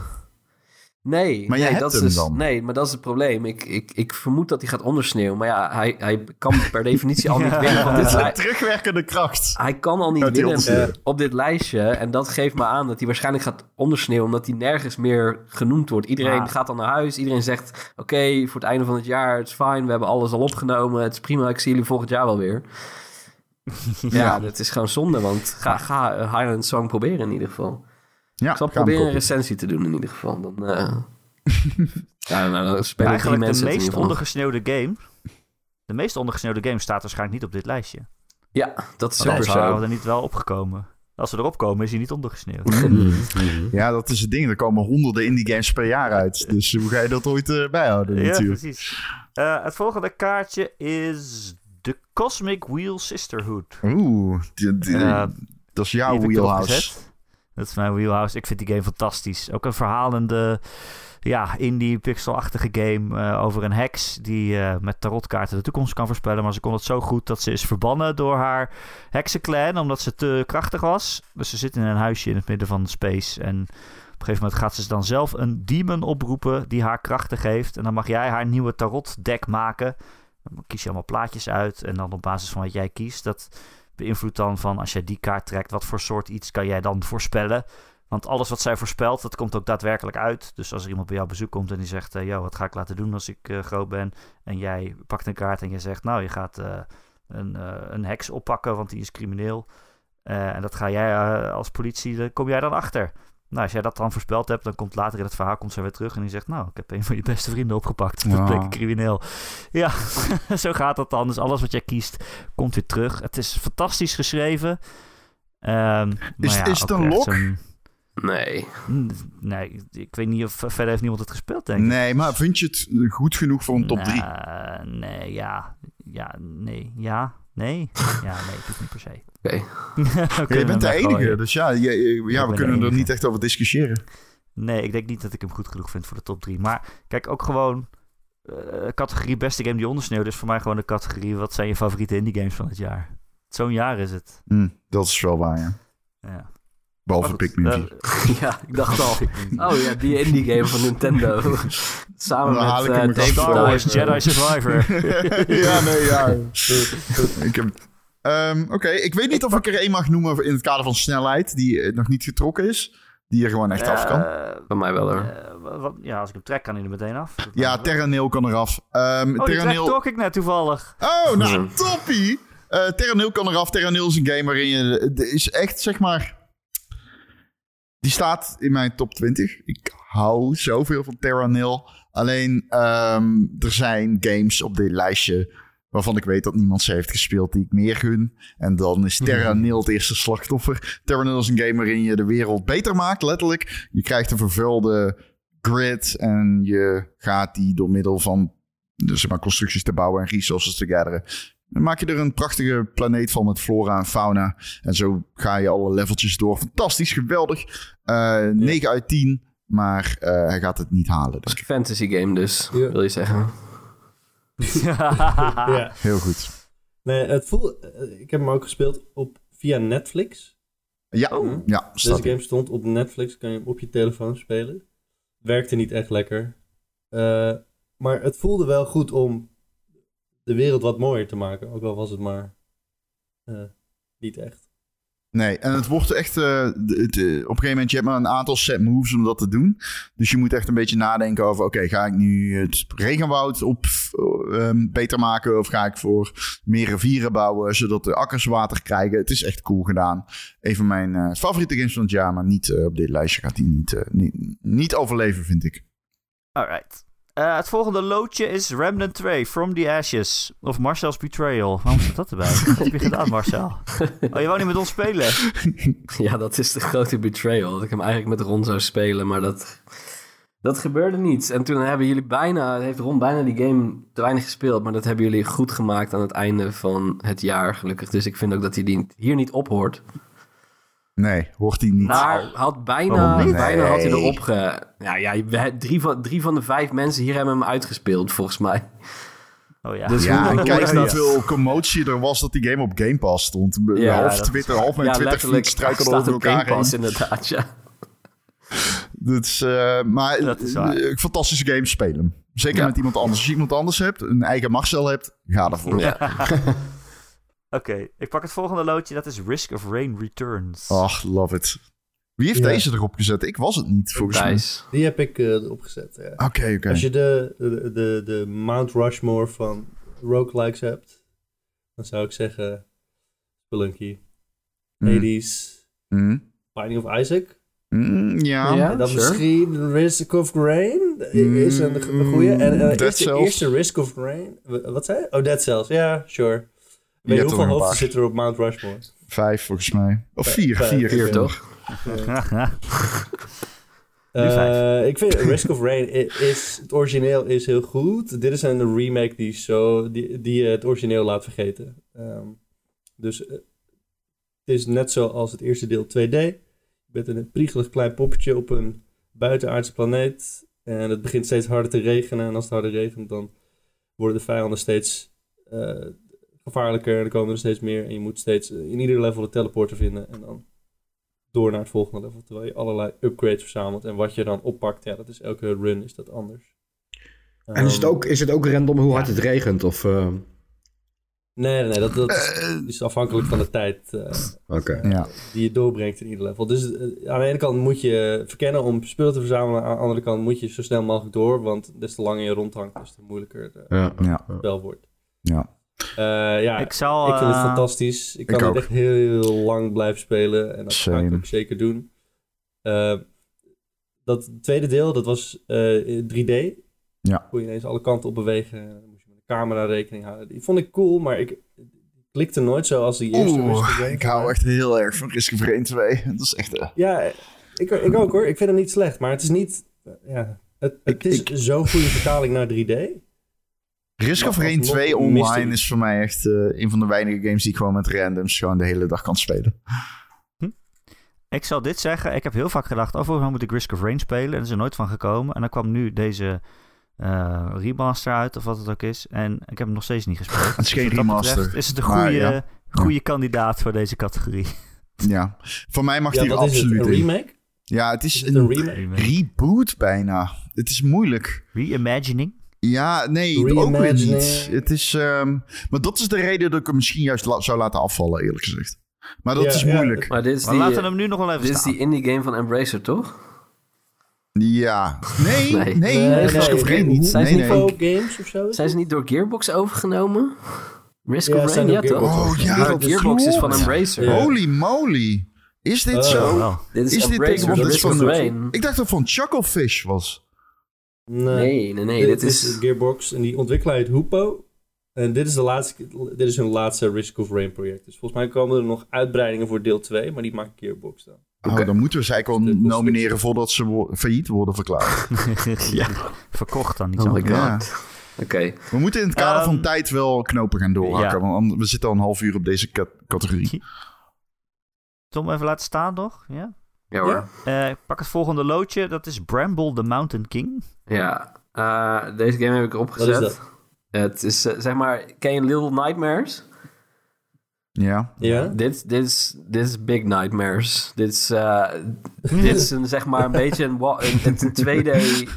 nou, niet 2D, maar het is een beetje een soort van... Ja, sprookjesgame. Maar dan zeg maar met de sprookjes zoals ze oorspronkelijk zijn. En de meeste sprookjes in hun eh, oorspronkelijke vorm zijn echt verschrikkelijk. Over kinderen die worden opgegeten of op andere gruwelijke manieren doodgaan om kinderen af te strikken. Eh, en dit is typisch zo'n zo'n game die volgens mij door een Zweedse studio die Zweedse folklore heeft aangewend om. Ja, het is een beetje een 3D platformer, I guess. Van ja, 3D, 2D, 3D, whatever. Eh, Ik zou zeggen ac- action adventure, denk ik. Nee? ja, I guess. Het heeft ook wat Eh, dingen van, net als een, van, een, ins- van een Ja, het is letterlijk Little ja, Nightmares. Ja, oké. Ja, ik had het aan het begin al goed, inderdaad, de vergelijking. Deze game is echt oprecht zo insane disturbed. Gewoon echt... Ja, het is gewoon... Het, het- het is, in die zin is het het spelen waard om te zien... gewoon de, de, de monsters in deze game zijn van een echt een andere gradatie, zeg maar. Vooral ook omdat het dus uit een, een folklore komt... waar je gewoon niet zo bekend mee bent. Kijk, iedereen kent, weet ik veel wat, gewoon een standaard dat je denkt van... oeh, een, een, een, een vampier, oeh, wat eng. Ieder, iedereen weet een beetje wel wat dat is. En dit is een game die, die, die introduceert nieuwe monsters... waarvan je echt denkt van, oh god, wat is dit verschrikkelijk. Ehm, Oké. Maar- Ja, dit, dit moet ik spelen, denk. Phil Spencer Ja, heeft dit hem is een lock. uitgespeeld. Ik vind Bramble een lock. En hij heeft erover getweet. Dus in die zin is hij wel is hij enigszins bekend. En hij was ook fan. Dus eh, Mm. doe, doe, daar, doe met die informatie wat je wil. Maar ik denk dat hij Ja, verder wat vooral, vind jij? eh, jij, ja, jij? Jij hebt hem erop gezet. ja, ik denk dat heel veel mensen deze, deze echt gewoon, ja, gewoon gemist hebben. Maar hem wel heel tof zullen vinden. Ja, Dus ik denk dat hij er eigenlijk Ik- op ik heb hoort. hem compleet gemist en het klinkt als mijn shit. Dus dit ja, is wel dit is absoluut. eh, Als je Little Nightmares eh, ook maar enigszins de Ja. vibe dikt, dan echt, dit is dat. Alleen beter, zou ik bijna zeggen. Omdat het meer. Ja. Het is gewoon We best laten, wel we laten hem staan, Ja. zou ik zeggen. En op Game Pass zie ik ook. Mhm. Ja. Oh, nice. Ehm, dan hebben we nog twee loodjes. Deze hier staat op Synapse. Die heb ik erop gezet. Dat is echt een crimineel ondergesneeuwde game. Ja. En daar is een hele simpele reden voor. Ja. Het is namelijk een console-exclusive voor de PlayStation VR 2. Nou ja. De misschien wel slechtst, slechtst ondersteunde nieuwe hardware ooit gemaakt. Ehm, maar die game is zo fucking cool. Het is lang geleden dat ik me in VR zo gaaf heb gevoeld. Het is een first-person shooter waarin je door korte levels loopt en alle tegenstanders moet eh, afmaken. Ehm, eh, je kan schieten met je geweer, maar je hebt dus ook een soort van superkracht in je hand zitten, waardoor je naar iets wijst. Eh, en eh, in het echt, omdat het VR is, dus je hebt zo'n VR-controller. Dus je wijst ernaar en dan pak je het vast en dan kan je het ook vermorzelen. Dus je pakt bijvoorbeeld zo'n rood vat, weet je wat, waarvan je weet dat het gaat ontploffen. En als je dat dan zo boven iemand houdt en dan druk je je hand samen, dan bal je je vuist en dan ontploft het ook echt. Eh, dat is zo fucking cool, dat voelt zo goed. Je kan ook kistjes pakken en die tegen vijanden aangooien en dan vallen ze van het ravijn af en zo. Ehm, en omdat het een PlayStation VR 2 exclusive is, heeft het ook heel erg die eye tracking. Ehm, dus je hoeft die kracht in je hand niet eens te mikken door ernaar te wijzen. Maar je kan gewoon in je ooghoek iets zien. En daar zo stiekem naar kijken vanuit je ooghoek. En dan kijk je ernaar en dan weet hij, weet hij dat je dat vat wil hebben. En die kan je dan pakken en dan gooien. Kun je Ah, spreken van een game... Ja. Kun je spreken van een ondergesneeuwde game als PlayStation VR letterlijk maar vijf games dit jaar heeft gekregen en daar is het er één van? Ja. Iedereen, iedereen die een PSVR heeft best 2 wel- heeft, die weet toch dat deze game is uitgekomen. Omdat ze waarschijnlijk iedere, iedere dag googelen op, is er een game uitgekomen? Dat is wel een goed argument. ik, was helemaal al in om dit te verdedigen, maar dat, ik kan daar weinig tegen inbrengen. I don't know, er zijn best wel veel VR-games uitgekomen. Maar wat jij zegt klopt wel. Dat iedereen, iedereen die een VR 2 heeft... Iedereen die een PSVR 2, die heeft deze game uit pure wanhoop in ieder geval aangeschaft, denk ik. ja, dat geldt voor elke game. Ja, is ook weer zo. Is ook weer zo. 2. Maar ja, het is wel echt een fucking coole game. En ja, je hoort er nooit iemand over. Omdat niemand het speelt, omdat niemand het ding heeft. Staat genoteerd bij deze. Geen spel tussen te krijgen, dat is wel... eh, Ja. Maar ja, ik ben ook de enige die dit natuurlijk weer gespeeld heeft. Omdat ik de enige ben die die headset heeft. Ehm, ja, zal ik het er maar afhalen dan? Ik krijg jullie toch niet zoveel Nee. Allemaal af, ja. Mm, ja. Nee, sorry, ik ga geen PlayStation VR 2 bril kopen voor één game. Nee, precies. Daarom is hij dus Daar ondergesneeuwd. komen we nog Nee. zo meteen. Daar komen we nog trouwens. Het Oh, laatste sorry, loodje sorry. is eh, Turbo Overkill. Oh, oké, mijn kind. Ehm, dit is, ik bedoel, ik, Turbo Overkill is een game. Ik, ik, ik volg deze al sinds 2022. Het is zo goed en niemand kent het. En ik, ik, ik baal ervan, want het is van Apogee. En het is zeg maar echt, het wordt gemaakt door mensen die snappen what's up. Ehm, tur- in Turbo Overkill is je been een kettingzaag en je kan oneindig knee sliden. Ehm, in Turbo, Over- Turbo Overkill scoort gemiddeld een 91 op Metacritic. Een van de, volgens mij 18 games die dit jaar hoger heeft gescoord dan een 90. En niemand kent het. Ehm, ik hou zoveel van Turbo Overkill. Het is een game die me continu met een glimlach op mijn gezicht... nieuwe levels, nieuwe equipment, nieuwe guns, nieuwe skills voorschotelde. En het is een, een, een speeltuin aan... ehm, eh, want het wordt vaak afgedaan als boomer shooter en dat is niet. Het heeft meer te maken met guns online. Ik weet niet of jullie dat kennen. Dat is een hele oude Koreaanse free-to-play eh, shooter, multiplayer shooter. En het, het, is, het, laat je ontketend zijn. Dus je, normale games zoals Doom kun je wal, of sommige games kun je walrunnen, maar dan kun je dat maar een paar keer doen. En in deze game kan dat oneindig. Je knee slide met je kettingzaag kan oneindig. Je kunt super smooth wisselen. En het is een soort van synthwave-achtige setting. En je hebt bijvoorbeeld een level dat is gemodelleerd naar die bekende screensaver met die paarse eh, grid. En dan de verte zie je zo'n gele zon met van die palmbomen ernaast. Misschien ken je het. Ah ja, ja, ja. Ehm, alleen je kan dan daardoor heen lopen. Alleen als je dan misschiet op de vijand, zie je dat dat allemaal LCD-panelen zijn. En dan kun je achter het level door. en dan is daar nog helemaal een level. Het is zo'n coole game. maar alleen- even, Ik- Ron, Ja. Ja. heel confronterend dit, maar ik vind niet dat je deze game hier op deze lijst op kunt voeren, terwijl je, en dit is een kleine spoiler voor de top 25 van Gamer.nl, maar je hebt hem daar op weten te krijgen, dan kan je hem niet hier ook nog eens Eh. in deze categorie krijgen, dat hij ondersneert. Want het is één van de twee. Eh, Gewoon als je hem hier Nee, wil, daar ben ik het niet mee eens. gaat hij er Als dat af. het argument is ten koste van aandacht voor games, dan zijn we wel heel erg... Dat is self-inflicted damage. Dat vind ik niet eerlijk. Want Venba Ja, komt er ook op. Mag Venba er ook Hij- niet in? Pikmin 4 hij is staat er ook op. Mag die er ook niet in? Nee. Dus dan wordt het Bramble en Risk of Rain. Want de rest Ja. maakt geen kans. En, ja, ja. Ik vind dat wel een goed argument om te knippen, want anders wordt het heel moeilijk. Nou, dan wordt het een top 2. Risk of Rain Returns en Bramble. Oh, wacht. Pizza Tower staat er ook in. Ja. Ja, Nee, ik, nee, vind het een slecht argument. Ik vind dat Gamer.nl heel goed Nee, is maar in ondergesneeuwde games een Ja. eh, podium geven. Nee, dat is zo. Ik, Ja, het is, Ja. het is de game die heel erg goed is voor mij, die dit jaar is ondergesneeuwd. ik maak ook een grap. Nee, maar ik, ik kan je wel volgen in die zin dat. Niemand, maar weet je wat mijn argument hier is? Het is supergoed en echt niemand kent het. Zeg maar, oh, Turbo Overkill is echt, zeg maar. Ik, ik zat eh, Min Max te luisteren en toen waren ze alle games aan het opnoemen die hoger dan 90 hadden gescoord. En bij deze had iedereen zoiets van: wat is dat dan? Ja, als je het zo hoopt. Ik, Terwijl- heb, terwijl ik heb overal heb ik het over Venba gehoord. Over Pizza Tower Ja. en over Pikmin. Oh, ja. En dan Ja. waar ik het nog niet over heb gehoord is Risk of Rain, Bramble en Turbo Overkill. Dus daar heb je eigenlijk drie... Daar heb je eigenlijk de top drie. Ja, het zijn de winnaars. Ja, misschien zijn dat de winnaars. Ja. En, maar wat is dan de beste, jongens? Ja. Dat is eigenlijk moeilijk te zeggen, omdat niemand van ons ze allemaal heeft gespeeld, denk ik. Ja, we hebben ze allemaal niet gespeeld. Ik heb er twee is, van de het drie probleem gespeeld. met deze categorie. Ik, ik, heb ze, ik heb Bramble, Risk of Rain. eh Bramble niet gespeeld. Ik heb Risk of Rain en Turbo Overkill wel gespeeld. Misschien... Maar dus eigenlijk schra schra- we schrappen Venba, Pizza Tower en Pikmin 4 omdat ze niet ondergesneeuwd genoeg zijn. Ja. Ja. Dat is ook alweer zielig eigenlijk. Ja. maar we moeten ook knopen doorhakken. En ik vind dat een mooie manier Ja, om is knopen door te hakken. Ehm, mijn, laten we één voor één stemmen wat nummer 1 is. Kijken we wel naar top 3. Mijn nummer 1 is Turbo Overkill. Jeetje. Thijs, vertel. Eh, eh, ja, Risk of Rain Returns.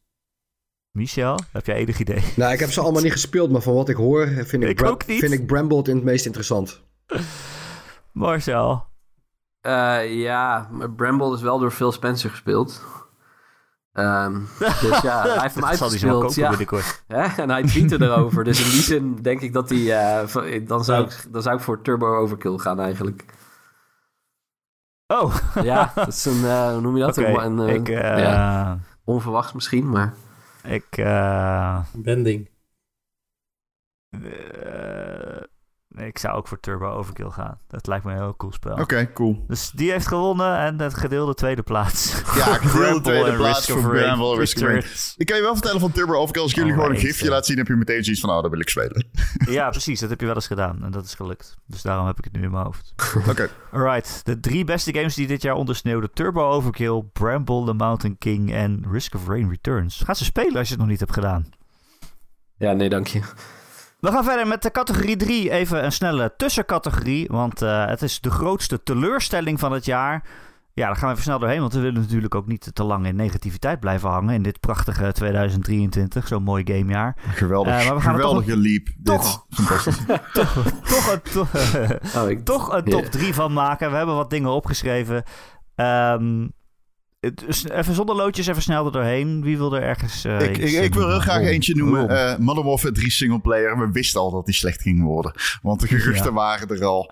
Eh, dit is er gewoon even doorheen gejast. Eh, het slaat nergens op. Die singleplayer slaat gewoon fucking helemaal nergens op. Eh niets ten koste van de multiplayer. Maar dat betekent gewoon dat je deze game eigenlijk niet aan kan raden. Want je moet eerst een form invullen. Waarin staat waarom speel jij Call of Duty. En dan kan ik deze game pas aan je aanraden. Eh Modern Warfare 3 singleplayer is beyond slecht. Ehm, maar ja, dat hadden we kunnen weten. Dus ik het- haal hem van de ik lijst. vond het wel heel typisch dat juist dat in het jaar waarin Microsoft Activision Blizzard overneemt... Wat natuurlijk niet om Call of Duty gaat, Ja. maar om hele andere dingen. Maar Call of Duty was een soort van wel het hete hangijzer. En dan in, juist in dat jaar valt die game zo erg tegen. Ik vind dat daar, daar dat is- het, het heeft iets poëtisch, denk ik, of zo. Ik, ik weet niet wat het precies zegt, maar ik vind het typisch voor dit jaar.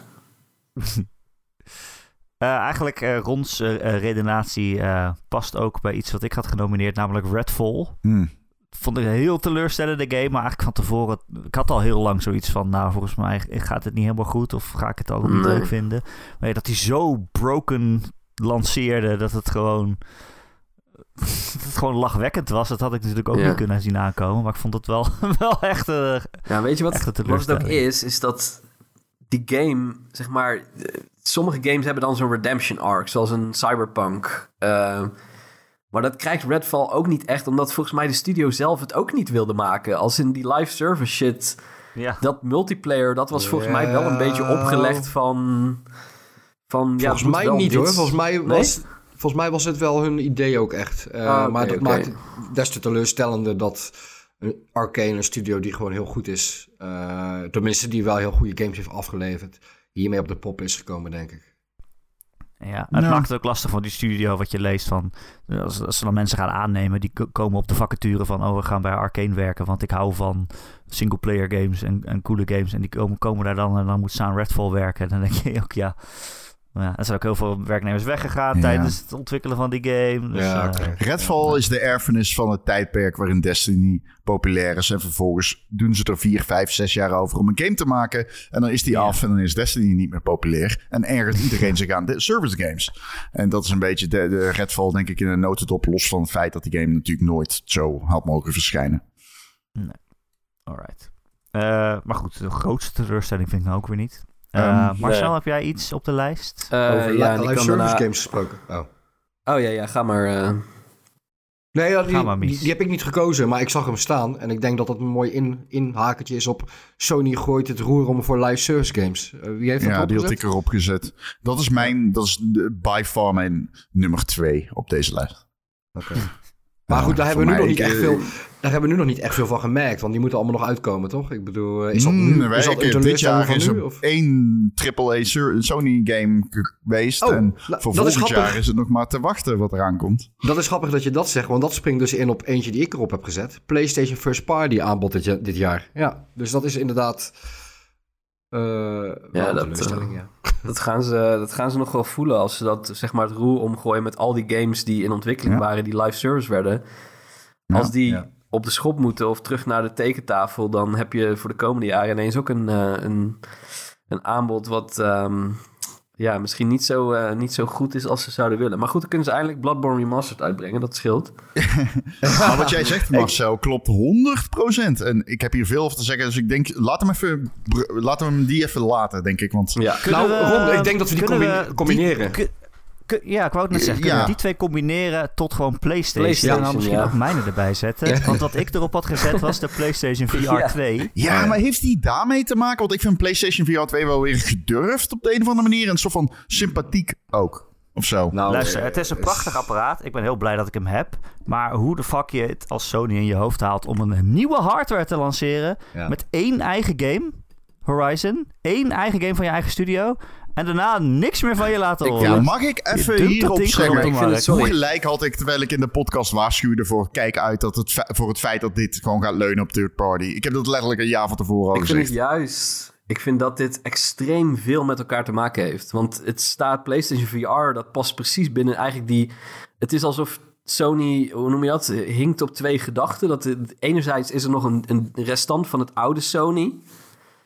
En er is een nieuw Sony. En die twee bedrijven, dat lijken wel twee compleet andere bedrijven. En dit jaar is waar, zeg maar, de. Ja. Alsof er een scheur Dat is ontstaan. Omdat de, ja. en, en dat gaan we de komende vier, vijf jaar, misschien wel tien jaar, gaan we dat merken op een cruciaal moment. Ja. Terwijl Microsoft Ja, eh, Activision Blizzard overneemt. ja. Is Sony eigenlijk, zeg maar. Het Ja, sluiten van PlayStation ik- Studios. Dat Wat- is wat ook... ik- eh, of eh, van eh, PlayStation Japan, sorry. Van Sony Japan.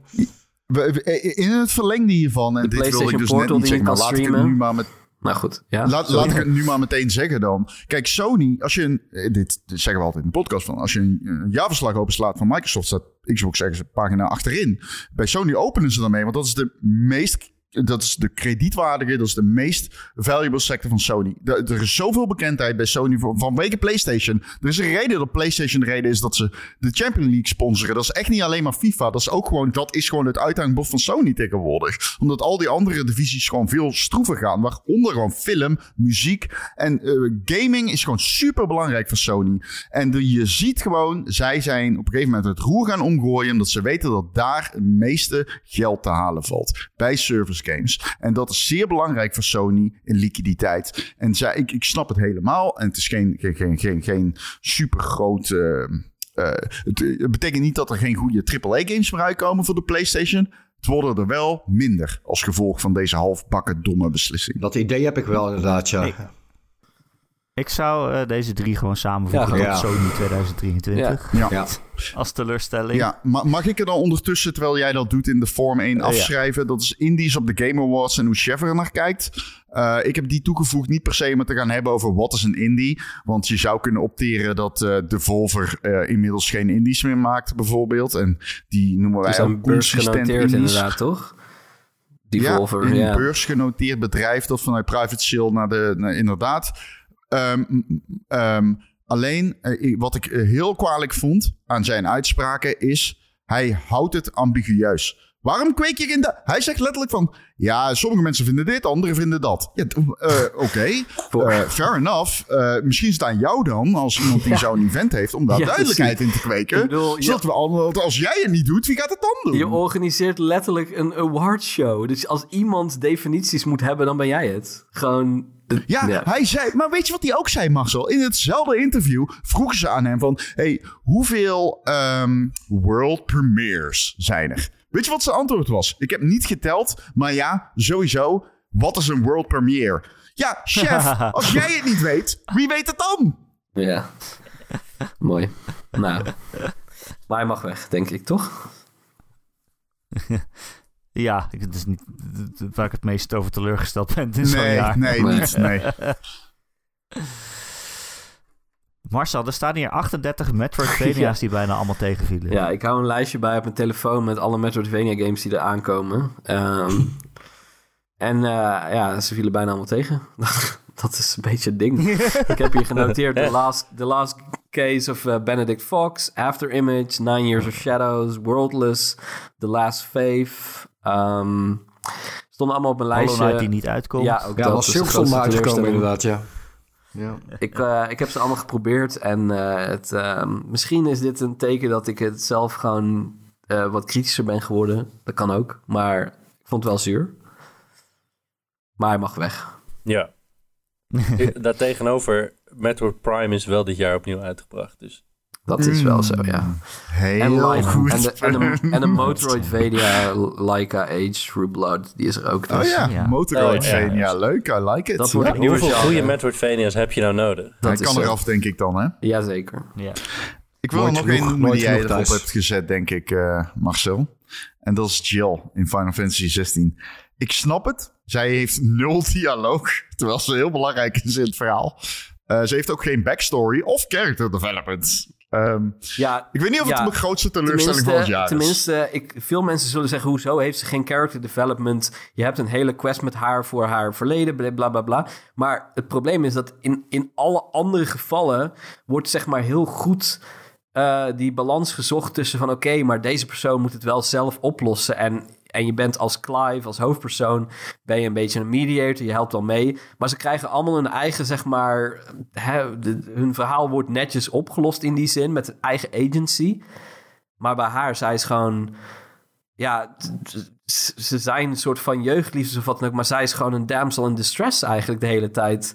En Vond je die scène op het het strand niet heel erg... eh, verschrikkelijk. Vond je die scène dat op niet- dat zullen we niet Heel erg, spoileren. eh, Maar my, Nee, nee, nee. my god, op ieder moment ontnemen ze haar agency. En dat is gewoon zo zonde. Want zeg maar het meest...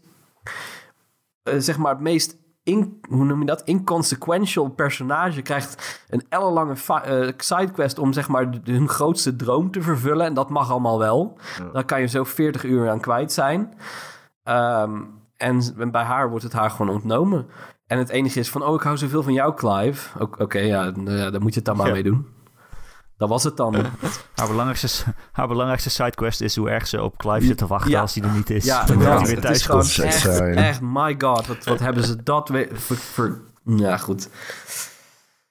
Ik ben er nog steeds Ja, Ik vond wel over. heel wat dat ze niet alleen maar... eh, eh, dat ze nog wel verhullende kleren aan had, zeg maar. dat is toch ook Ja, vaak maar in dat somehow soort vind ik dit erger, eigenlijk. Nou, eh, dit is gewoon... Dit, ja. dit is haar... Ja, daar kan je nog zeggen als ze dan nog verder gewoon een, een karakter heeft. Maar dat is gewoon... Nou, nou ja. Ik, ik wil nog, eh, want deze gaat het niet halen, denk ik. Nou, dat weet ik niet. Nou, als ik de rest van de lijst zie... Ja, Ja, want er zijn er twee die ik eigenlijk in één keer wil afschrijven. Oké. Ga je gang. En ik, ik denk ook niet dat die het gaan halen. eerlijk gezegd. dat zijn WarriorWare Move It en de planeten in Starfield. Ho, ho. Ho, ho. Ja, Wat is nee, er met, laten we bij WarioWare beginnen. Wat is ermee? Thijs, ik denk dat ik- dit er een van ik jou is, Ja. Ja. Thijs? ja, die heb ik opgezet. Ja, ik ben een, een groot liefhebber van WarioWare. Ehm, maar dit voelt als een... ehm, eh, nou, laat ik het anders zeggen. De- 2023 is denk ik wel het beste jaar voor de, voor de Switch sinds 2017. Ja, En dat Nintendo dan deze game dat in dat jaar ook nog even uitbreekt, dat voelt eh, eh, heel raar. Dit is, eh, dit is een WarioWare die draait om bewegingen, dus je kan hem alleen met de Joy-Cons eh losspelen van de Switch. Eh, en hij lijkt in dat opzicht een beetje op het Wii-deel, eh, met als grootste verschil dat, dat de bewegingen hier veel complexer zijn. Eh, en niet goed geregistreerd worden. En dat is wel vrij cruciaal eh, Hmm. in een game als dit. Jezus. Je, je speelt hele korte minigames, je moet heel snel ja, allerlei bewegingen doen. En eh, ja, als die niet goed opgepakt worden, dan is het niet leuk. Dan ga je steeds af. Eh, ik vind het heel veel zeggen dat in elke WarioWare heb je altijd levens. Je hebt vier levens. Zijn die op, dan is het game over. Dan mag je opnieuw proberen. Bij dit deel krijg je nog een kans. En dat gaat eigenlijk oneindig door. Je moet één gekke pose aannemen. Als je dat doet, dan krijg je gewoon weer vier levens. Mag je eh, proberen totdat je weer vier keer afgaat. En dat is mij geregeld gebeurd. Ja. Het voelt alsof ze het ingecalculeerd hebben. gewerkt, omdat die onduidelijk is. Ja. Ja. Maar, Maar die vorige, eh, die eh, vorige was ook al niet goed. Dat, dat wilde ik net zeggen, ja. Eh, die was beter dan deze. Dat is... Nee, Ja. echt? Ja, Ja. deze eh, echt die registreert je eh, input niet goed. En dat is best funest voor de gameervaring, begrijp ik. Ja, en, en dat plus, je hebt hem in anderhalf uur uit. en dan is er eigenlijk niet zoveel Oké. Ja, jammer. Oké. Maar, maar is het de grootste teleurstelling van het jaar? Nee, Thijs? schrappen. Weg Ja. met. Ik, ik, wil Max, ik wil Michel horen over de procedureel gegenereerde planeten in Starfield. Ja, dat vind ik ja, teleurstelling. Want ik, ik keek echt wel. Nou ja, ik, ik heb heel erg genoten van Starfield. Ik heb er meer dan 100 uur in gestoken. Nooit uitgespeeld trouwens. Maar ja, dat, eh, dat is altijd met Bethesda Games bij mij. Die speel ik tot ik ze beu ben. Ehm, ja, en, en, en alle hand, met de handgemaakte content was echt supergoed, vond ik. Al die eh, steden en eh, diverse outposts en weet ik veel wat.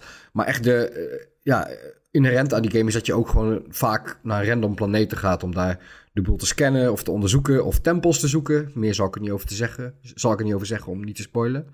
Maar goh, wat zijn die ra- random planeten saai. Echt allemaal stuk voor stukje. Altijd alles Maar, is eh, hetzelfde. Het zijn een paar, scannen een paar steentjes en plantjes. Scannen een paar eh Maar had je anders verwacht? Nou, ja, nee, ik had er niet echt van tevoren over nagedacht, denk ik. Maar het is, het is zo niet leuk, die, die random planeten. Ik vind het zo, ja, saai. En juist ruimtereizen hoort toch juist spannend te zijn en, en, en fantasievol. Maar er is echt geen hol aan, joh. Aan die Ik vind, het grappig, eh, ik. vind het grappig dat jij dit zegt, Michel, en dat Ron ook reageert met van ja, maar dat, dat, dat hoort toch. Want dat is precies de reactie van de, commun- eh, van, van de medewerkers bij Bethesda die op Steam reviews aan het reageren zijn. Van mensen die zeggen van ja, ik vind Ja. de planeet een beetje saai. Ze zeggen, eh, well actually, dat, dat hoort in de ruimte. Want niet iedere planeet is Ik- boeiend. Eh, Is, het niet een, is het niet gebleken dat dat een stagiaire was of zoiets? Dat dat gewoon één guy was die zoiets af van... Hey, ik ga Nou, even dat, dat, zetten. dat hebben ze waarschijnlijk had gezegd toen er zo'n ne- negatieve kritiek op kwam. Dat slachtoffer is ja, een het waren stagiair. drie of vier recensies volgens Ja. Kijk, eh, Starfield is echt gewoon een eh, tafel vol met lekkere eten bij de Chinees of zo. Maar, eh, maar echt Nou, maar ja, hier en daar fair. is iets lekkers, maar de rest is goor. Weet ik veel. Ik zeg maar altijd dat dat ook gewoon Grieks kunnen zijn of zo. Ik bedoel niet, Waar het niks, jij? niks tegen Chinees eten. Het was gewoon een random voorbeeld. Ik bedoel meer van... Toen ben ik aan die echt- foto van Marcel met dat gezin aan tafel bij, op een folietafel die spaghetti zit- eten. Sorry. er zitten echt wel leuke dingen in Starfield. Maar eh, dat zijn wel echt de hand met, met, de- met de hand gemaakte dingen. En ehm, heel veel mensen missen die omdat ze ja, zich blind staren op die hele saaie random planeten. En, eh, ja, dat vind ik jammer. Ik denk dat, ik denk dat Bethesda de fout in is gegaan door, hier- ja, door het echt zo groot te maken. Ze hadden misschien beter één, ehm, hoe noem je dat? Eén zonnestelsel kunnen maken met, met, weet ik veel, 6, 7, 8 of 12 echt interessante planeten of zo. Ik noem maar wat. Maar ja, dat, dat vind ik. Kun je die, die, die random gemaakte dingen, kun je die skippen? Ja, Ja, me- ik- ja, is dat nodig? Nou, ja maar, Ja. ja. maar dat, nou ja, ja, uiteindelijk wel. Maar ik bedoel, je moet gewoon naar superveel random planeten vanwege het verhaal ook. Eh, en die zijn ook allemaal saai. Is dat zo? Ik ben er op drie geweest. Dat kan niet, want je moet, eh, je moet... Ja, is dat een spoiler om hierover te hebben? Dat je, nee, dat je nee, bij heel hebben veel... het er maar over. Ja, ik, ik ben op eh, weten. drie van die tunnels geweest om die fragments, om die fragments te zoeken. Ja, je bedoelt En, eh, voor- de tempels bedoel je? De tempels. Nee, die tunnel, nee, die grotten. Oké, maar je moet, Je moet op een gegeven moment- 25 tempels of zo. En dat zijn 25 verschillende random planeten. Nee, man, niet om hem uit te spelen. Ik heb Nee, eh, het een van die niet, tempels is, gedaan. wel, het is wel onderdeel van het hoofdverhaal. Dus ja, ik- Nee, kijk, je, je nee, kan, nee, het, je, helemaal kan niet. het, je kan het skippen, maar de meeste mensen zullen echt wel redelijk wat random planeten Huh? zoeken. Nee, ik wist niet eens, want ik kwam al na de pas achter dat je meerdere krachten had. Oké. dat Nadat ik hem al had uitgespeeld. Ja, ik weet niet wat ik dan moet zeggen. Eh, Ja. Is het, laat ik de, de vraag anders stellen. Is het duidelijk eh, wanneer je naar iets gemaakt is door eh, mensen gaat? Of Ja. wanneer je ergens naartoe Ja, gaat? dat is wat- duidelijk. Oh, ja, dit is een Pas Want, als je de- want de, de main Pas quest... als, pas als je er landt. Ja, is dat zo? Want de main quest, volgens mij is het niet de bedoeling dat je voor de main quest... Er zijn eh, twee of drie momenten dat je naar zo'n random generator... moet- Er is een tutorial missie in zo'n, wat jij net noemde dan. Hmm. En daarna dan zijn er nog twee momenten dat je fragments moet ophalen. En dat was zijn het moment dat die shit voor mij echt eh, door de... Ik vind het veel te diep eh, ingaan op... eh Ja, is, je hebt is- gelijk. zijn de planeten net zo saai als deze discussie? Of, eh, Ja, ja, ja, ja, ja. Maar ik snap jouw teleurstelling voor de duidelijkheid. Ik snap Ja. hem volledig. Maar hij mag er best wel ja. voor. Maar eh, ja. De laatste die nog op het lijstje staat, die we nog niet hebben gehad, is het sluiten van de 3DS en de Wii U eShop. Ja, heb ik erop gezet. Ik eh, vind dat tekenend voor een tendens. Ik denk gewoon dat dit soort dingen... Kijk, we leven in een steeds meer digital age natuurlijk. En dat is allemaal wel bekend. Ehm, het sluiten van dit soort shops betekent dat voor veel mensen... ook in andere landen bepaalde content niet meer beschikbaar is. Ik vind het tegen de spirit ingaan van consumptie... of ehm, eh, behoud. Pardon, niet tegen consumptie. Tegen, jezus, van alle woorden die Laat ik maar kon lekker gebruiken. consumeren, Ja. jeetje. van alle woorden die ik daar eh, kon eh, gebruiken. Ehm, de- nee, tegen de spirit van zeg maar, het behoud van videogames. Ehm, ik weet niet of die in dit lijstje... Voor mij staat die boven Jill. Eh, ik, maar ik heb meer zoiets van ja... maar dat komt omdat jij Ehm. 1500 euro aan, aan... Oh nee, wacht. Dat, dat Ja, heb je al gedaan, dat hè? is... eh, ja. Dat, ging is ze eh, dat stuk. speelt mee misschien. Ja. Eh, alleen ja, zeer teleurstellend. Steeds meer... Nee, want ik heb het al. Maar steeds meer... ehm, van dit soort... Ik maak me best wel... Als ik hoor dat bepaalde games niet eens meer uit gaan komen fysiek... Ik heb helemaal geen behoefte aan fysieke games. Maar als ik dat hoor en... eh, dit jaar sluit dan een van de belangrijkste shops die we hebben gehad, namelijk die van de 3DS.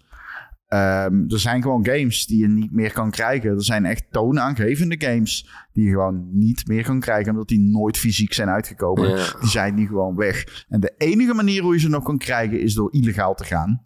En ehm, de, ironisch genoeg, want Nintendo. Nintendo of America is geen uitgever, dat is een advocatenkantoor. Het voelt, eh, het voelt vooral heel vies dat je zeg maar enerzijds een tendens ziet dat ze zeg maar veel meer aansturen op digitaal. En anderzijds zijn ze eigenlijk gewoon best wel ja, laks of soms zelfs bewust eigenlijk gewoon hun geschiedenis, hun digitale geschiedenis gewoon aan het, aan het schrappen. Dus je wordt verleid om te zeggen van... hé, hey, maar als je, als je bij ons alles digitaal... dan, dan, hè, dan kan, je het overal, kan je er overal over beschikken, et cetera, weet ik veel wat. Maar ja, waarom zou je eigenlijk? Want ze, ze, ze, ze laten je niet, zeg maar, ze, ze, ze geven je niet echt vertrouwen dat je daar jaren later nog bij kan. Want als ze dit soort shit Ik sluiten... denk dat dat wel een Ja, dingetje is van, van twee verschillende tijdlijnen. Kijk, toen in de tijd van de Wii U en de 3DS ehm, was Nintendo nog niet zo bezig met behoud, volgens mij, eh, digitaal behoud. En eh, ja, je merkt dan alles dat dat tenminste. Ze hinten daarna dat het vanaf de Switch dus wel is. En dat je vanaf nu ook backwards compatibility krijgt. Dat je je e-shop-account meeneemt, zeg maar, via Nintendo-accounts. En dat was natuurlijk bij de 3DS en de Wii U nog niet. Ehm, ik ben het ermee eens dat het slecht is hoor. Eh, begrijp me niet verkeerd. Maar ik denk dat het wel iets is uit het verleden van het bedrijf. En dat dat nu niet meer gaat gebeuren. Dat is eigenlijk meer wat ik wil zeggen. Je denkt niet dat Ja. ze de eh, Switch shop over tien jaar sluiten? Nou ja, tien jaar niet. Nee, wel ooit. Want ik denk dat alle shops ooit gaan sluiten. Ook die van Sony en Microsoft. Want bedrijven blijven niet voor eeuwig bestaan. Maar ik denk dat de, de Switch... Nou ja, de Switch e-shop... Ja... Ik, denk dat alle games, ik denk dat alle games, alle games kunnen meegeheveld worden naar de volgende shop. Dat is wat ik meer bedoel. Ja, maar ik, ik, ik weet niet. Het- Ja, ze hadden hem open kunnen houden. Ik bedoel, Ja, I Ja. guess. Ja, dat is, en tien jaar is niet zo lang, vind ik ook. Nee, dat is waar. Dat is waar. Eh, Nee, het is echt kort. Ja, Ja. het is echt wel teleurstellend. Ja. Ehm, We, we hebben er nog nog... ding- Ja, precies. Sorry, we er hebben nog er één vier ding op de over. lijst We waar, moeten ik even... het, eh, nog, waar we nog helemaal niet over gehad hebben. Dat komt omdat het voor mij zo vanzelfsprekend is dat dat is hij de erop winnaar. staat. En dat is de vele, vele ontslagrondes in de game-industrie. Ja, Michel, jij zou dat vooral weten als, als vaste nieuwsschrijver van Gamer.nl en van Power Limited. Hoe, ontzettend veel berichten je wel niet hebt moeten schrijven over dat er weer ergens ontslagen vielen. Nou ja, kijk, als ik nieuws schrijf, dan ehm, heb ik vaak ook wel bepaalde standaard alinea's die onderin komen. Omdat dat nou eenmaal gewoon makkelijk is, achtergrondinformatie. Die eh, komen dan terug in andere berichten over hetzelfde onderwerp bijvoorbeeld, met linkjes naar andere berichten. Maar die, die alinea heb ik zoveel gebruikt dit jaar. Over eh, deze zijn ook ontslagen, en deze ook, en deze ook. Weet je, dat is echt gewoon... Waar een paar jaar geleden niks te gek was, eigenlijk rond de coronatijd. En eh, bedrijven als een gek aan het aannemen waren. Daar eh, krimpen ze nu weer in, houden ze hun buik nu weer in. En net in een jaar waarop echt superveel goede games uitkomen. Dus het, het voelt hartstikke scheef natuurlijk dat in een jaar waarop iedereen alleen maar blij doet over de game-industrie, eigenlijk gewoon ja, aan de achterkant enorme klappen vallen, toch? Ja. Ja, dit is de Ja, ik denk enige dat dit winnaar. het, eh, winnaar. Ongewist. eh, ja, precies. Ik denk niet dat je een 2023 kan zien eh, zonder het ma- grote mankement in dat Ja. geweldige game. Ja, dat het ten koste ging van ontzettend veel Ja, talent denk geweldige ook. studio's. Denk ook hoeveel talent, hoeveel, hoe vaak het wiel opnieuw uitgevonden moet gaan worden. Omdat gewoon ervaren ontwikkelaars gewoon de deur, de deur is gewezen. Van ga maar weg, want ja, ergens op een spreadsheet staat een getalletje. En twee jaar geleden hebben we bedacht dat dit getalletje veel hoger moest zijn. Omdat toen alles kon. En nu blijkt het getalletje toch iets lager. Dus nu eh, moet jij je passie gewoon opgeven. En waarschijnlijk ben je voor deze baan verhuisd. Want je moest toch weer op kantoor komen. on- ondanks dat er een thuiswerkpolicy was. Helaas. Eh, en En- dan vijf jaar later moet iemand anders weer exact dezelfde mechanic gaan bedenken. Omdat er gewoon geen documentatie is of wat dan ook. Niet, er is geen... eh, hoe noem je dat? Ehm, ja, Continuïteit. ja, geen continuïteit. Omdat iedereen altijd maar gewoon weer de deur uit wordt gezet. En dat is gewoon En vergeet tragisch, ook man. niet- En dat, eh, Vergeet ook, vergeet ook niet dat dit gewoon, denk ik, ja, een symptoom is van consolidatie in de industrie. Eh Bungie is overgenomen door Sony. Kijk naar Embracer, hoeveel klappen daar vallen, weet je wel. Eh, bedrijven die gigantisch eh, veel dingen opkopen, die moeten gewoon gaan snijden ook in hun, in hun bestand.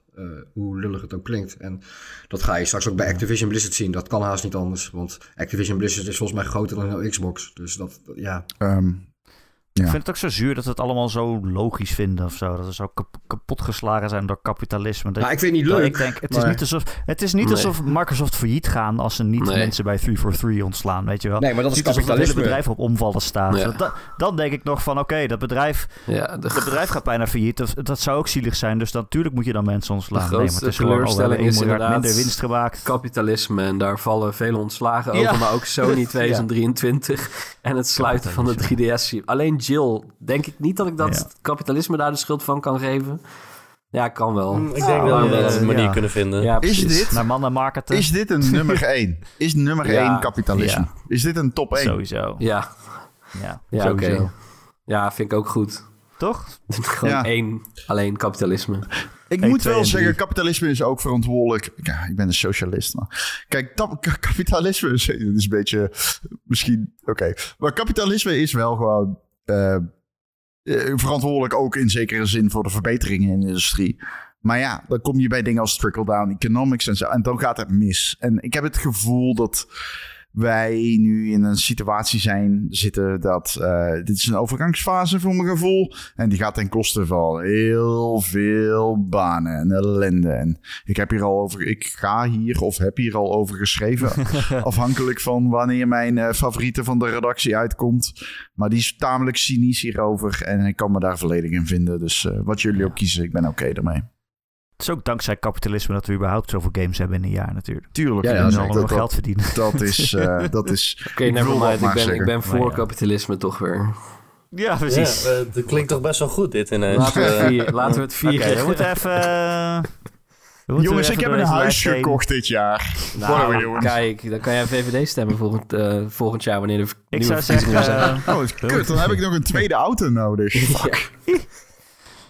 Ik zou zeggen, eh, we moeten even het lijstje maken. Ik zou zeggen, al die ontslagrondes is nummer 1, Ja. toch? Ja. Zijn we het er allemaal Ja. mee eens? mhm.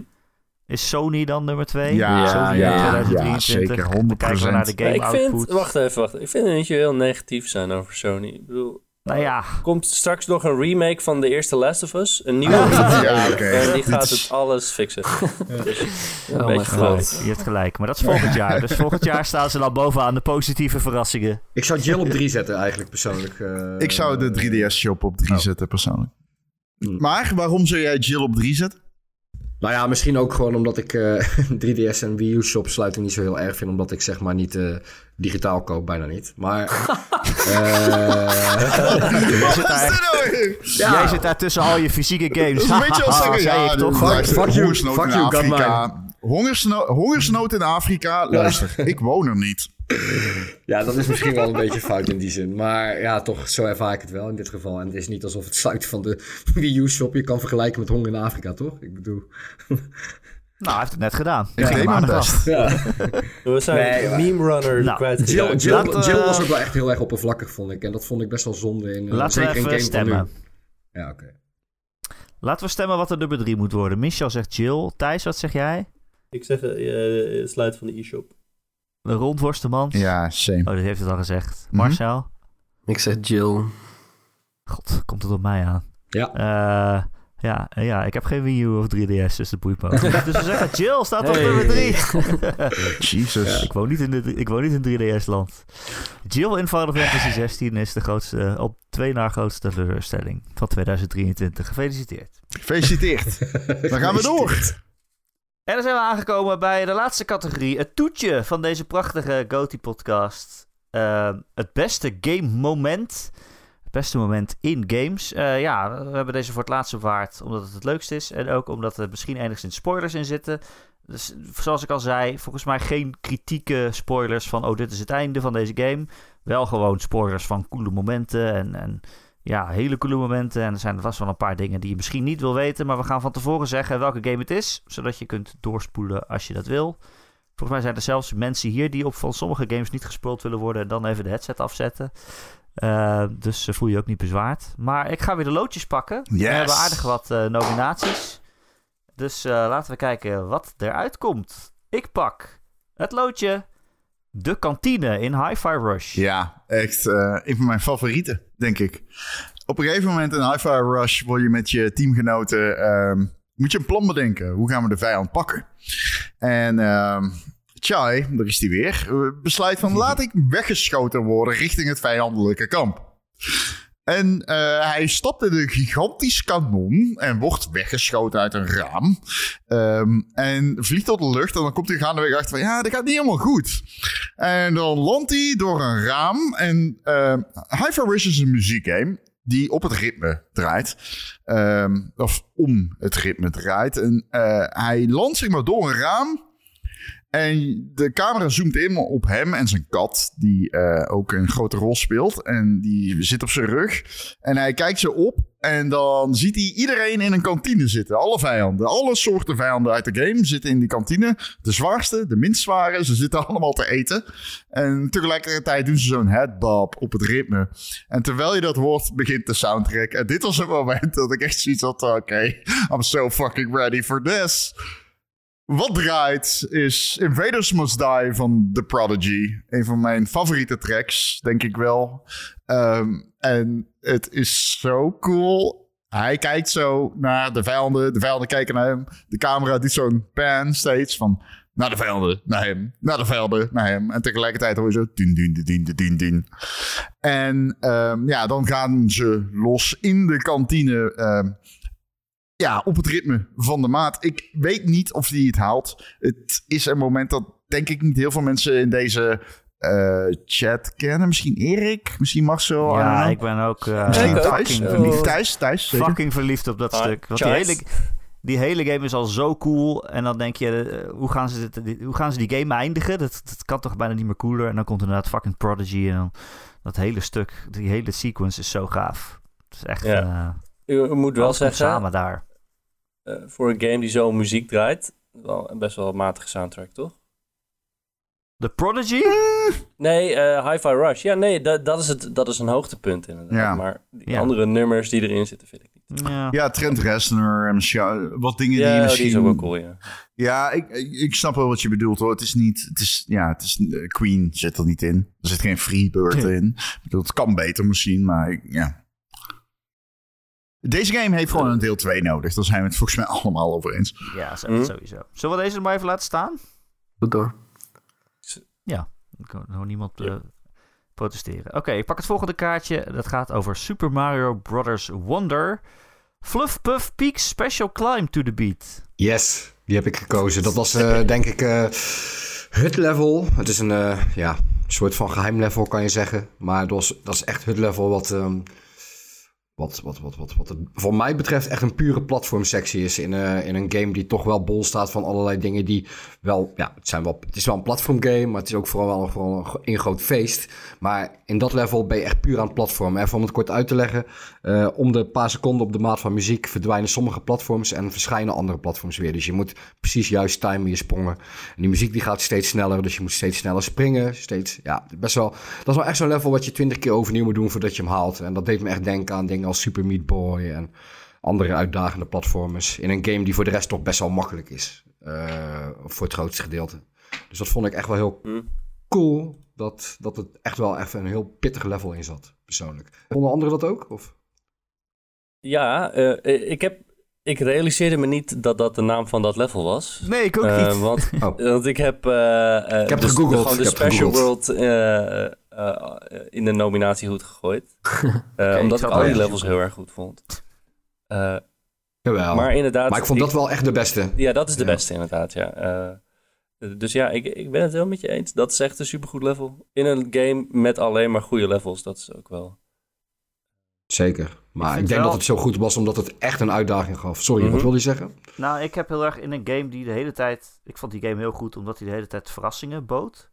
Maar dan vind ik het moeilijk om daar één moment van te kiezen of zo. Het goede aan de game is juist dat het steeds allerlei kleine momentjes heeft. Ja, Dat, dat level wat je noemt, ik, ik herken het wel, maar ik heb er niet een speciaal gevoel bij of zo. Dat ik zat van, oh, dit is echt een vet moment. Eh, Nee, dat had ik Is dat echt niet de het, hele eh, game level lang. waar je het is dat niet het level waar je het meeste bent doodgegaan dan Erik? Tenminste, ik er wel volgens mij. Eh, Het zou kunnen. Dat zou kunnen. Nou, voor mij de Nou ja. allerlaatste... eh, Die, die grote finale. Die is, Oh, ja, oké. Die is Ja, ja, behoorlijk ook. intens. Ja. Maar niet zo leuk als dat, nummer, dat level dat jij eh, noemt. Wat is de grote finale? Ook alweer. Mm, Is dat niet een spoiler? Nee, maar volgens mij heb je Ja, die in één keer gehaald. Toch? Dat, dat lijkt me heel sterk. Natuurlijk. Natuurlijk. Nee, dat is als je Nee, in de Special World het elk level maar- van de Special World haalt en dan moet je volgens mij daar 16 eh, Bonus seats verzamelen. Oh, van de dan- bonus van de Special Worlds. Ja, van de oh, bonus, sorry, ja, ja. sorry, Dat- sorry. dat- Dat ja, dat is de niet. finale. Ja, Eentje waar ik ook heel veel heb gestruggeld is die waar je omhoog moet komen via die planken die steeds ronddraaien. Dat is echt in wereld 2 of zo. dat is Oh echt mijn god, ja. Daar had ik echt Oh. moeite mee. Nou, probeer die maar eens in co-op te doen. Dat, eh, oh my god, dat, dan, dan vervloek je die co-op modus van die game hoor. Maar goed. Eh, moet dit moment blijven staan? Zijn er eh, mensen met sterke gevoelens? Nou, ik vind het wel een heel Ja. cool Ja, moment. Maar wel, ik weet niet of die... Ja, ik zie er dingen tussen staan die daarvan gaan winnen, zeg maar. Ja, Weet je, ik, ik laat die wel even staan. Zal ik die Special World er dan alvast Ja, uithalen? ja, die dat van mij er goed. maar Dat af, want in die, ieder geval die één, gaat eigenlijk eh, over één- hetzelfde. Ja. Ja, precies. Oké, ik pak het volgende loodje. Eh, het is een spoiler, denk ik, voor Armored Core 6. Fires of Rubicon. Eh, I won't miss staat er. Dat spoiler is. nou ja, het is, het is meer... De, ik kan het wel zo spoilervrij mogelijk omschrijven. Eh, Ja, er is een... nou wordt het heel vaag. Er is een moment, dan vecht je Nou, tegen... het is niet echt een spoiler, toch? Het is Nou, gewoon ja, een nou, missie. Ja, ja, het is, oké, het, is, het is een missie, je vecht tegen een, een, een grote baas en daar moet je echt wat voorbereidingen voor treffen. Als in je gaat met een crew van, van mensen die je verzameld hebt, dat zijn ook allemaal mercenaries. Dus je bent niet per se vrienden, sterker nog, eh, bepaalde vijandige bedrijven die sluiten even tijdelijk een alliantie, omdat dat monster zo, of dat die, die, die basis zo ehm, gevaarlijk dat ze denken, ja, we moeten even zeg maar de, de koppen bij elkaar steken, anders gaan we dit niet winnen. Ehm, en dan kom je dus in die, in die boss arena. En ehm, een van de mercenaries, en dat is dan Rusty, Buddy. eh, die is verantwoordelijk voor. Eh, je moet eerst een soort schild kapot krijgen. En dan kan hij met een gigantische sniper. Het is echt een sniper, maar dan de grootte van een flatgebouw ongeveer. Die zo groot is die loop van dat geweer. Eh, en dan is er dus een moment dat je eindelijk dat schild kapot hebt. En dan is het van, oké Rusty, eh, nu komt het, op jou, komt het op jou neer. En dan, dan zegt hij ook gewoon heel cool iets van, don't worry. I won't miss. En dan krijg je zo'n enorm laserschot dat door je hele scherm... Het is alsof je scherm van je tv gewoon ook kapot wordt geschoten. Het is zo'n goede, goede visual. En het heeft zo'n impact. En, En, eh, dan, eh, oh my god, het is... Ja, nou ja, goed. De, de soundtrack stopt Ja. op dat moment. Het wordt helemaal stil. En dan zegt hij inderdaad, I won't ja, miss. En, En, dan... en je ziet echt gewoon in de verte, in een toren, zie je zo een klein lichtje steeds groter worden. Ja. En dan is zo... En slow-mo. En de vijand stort op de grond en hij is done. In- in en een- het is zo In een extreem cool. coole game is dit het meest extreem coole moment. Nou, dat... Ja, beter kan ik het niet uitleggen, denk ik. Ja, ik heb eh, Armored Core niet gespeeld, maar dit klinkt heel goed. Ja. Ja, dit klinkt is fucking cool. I won't miss is fucking awesome. Alright. Nou, laten we die ook staan. Ja, ik vind het ook. Eh, ik pak het volgende loodje. Dat is avondje ouderwets multiplayeren met Call of Duty Modern Warfare 3. Ja, dan heb ik het misschien niet helemaal goed begrepen. Of ja, Ja, dat, dat, dat telt Nee, wel. momenten zijn momenten. Ja, ja, het is meer een moment uit mijn persoonlijke leven. Ehm, en ik wilde toch Call of Duty ook in een positieve manier benoemen in deze podcast. Gewoon omdat ik er dit najaar gewoon heel veel plezier aan heb gehad. Of nog steeds heb. Aan de multiplayer dan, om wel eh, even duidelijk te zijn. Want de singleplayer eh, is inderdaad eh, niet goed zover ik het heb gespeeld. Dus, Ehm, maar ehm, ik, het- dit- een jaar of twaalf geleden, toen speelde ik heel veel Modern Warfare 2 en Black Ops samen met een maat, vaak thuis bij mij. Gewoon eh hele avonden, gewoon lekker eh, samen in de co-op eh, multiplayer eh, eh, Team Deathmatch.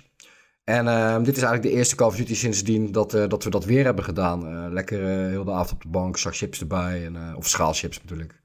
Eh, lekker een beetje gamen, eh, Call of Duty spelen weer ouderwets eerste worden. En dat voelde gewoon ouderwets goed, man. Dat was gewoon lekker. Dat was, ehm, ik weet niet wat het is. Misschien deels dat het de oude maps zijn. Maar eh, de movement voelt eh, wat mij betreft ook gewoon heel goed. Ja, weet je. Ik, eh, hij hoeft er niet in van mij. Maar... Of eh, hij hoeft niet in de top 3, waren- zeg maar. Wij waren er niet bij.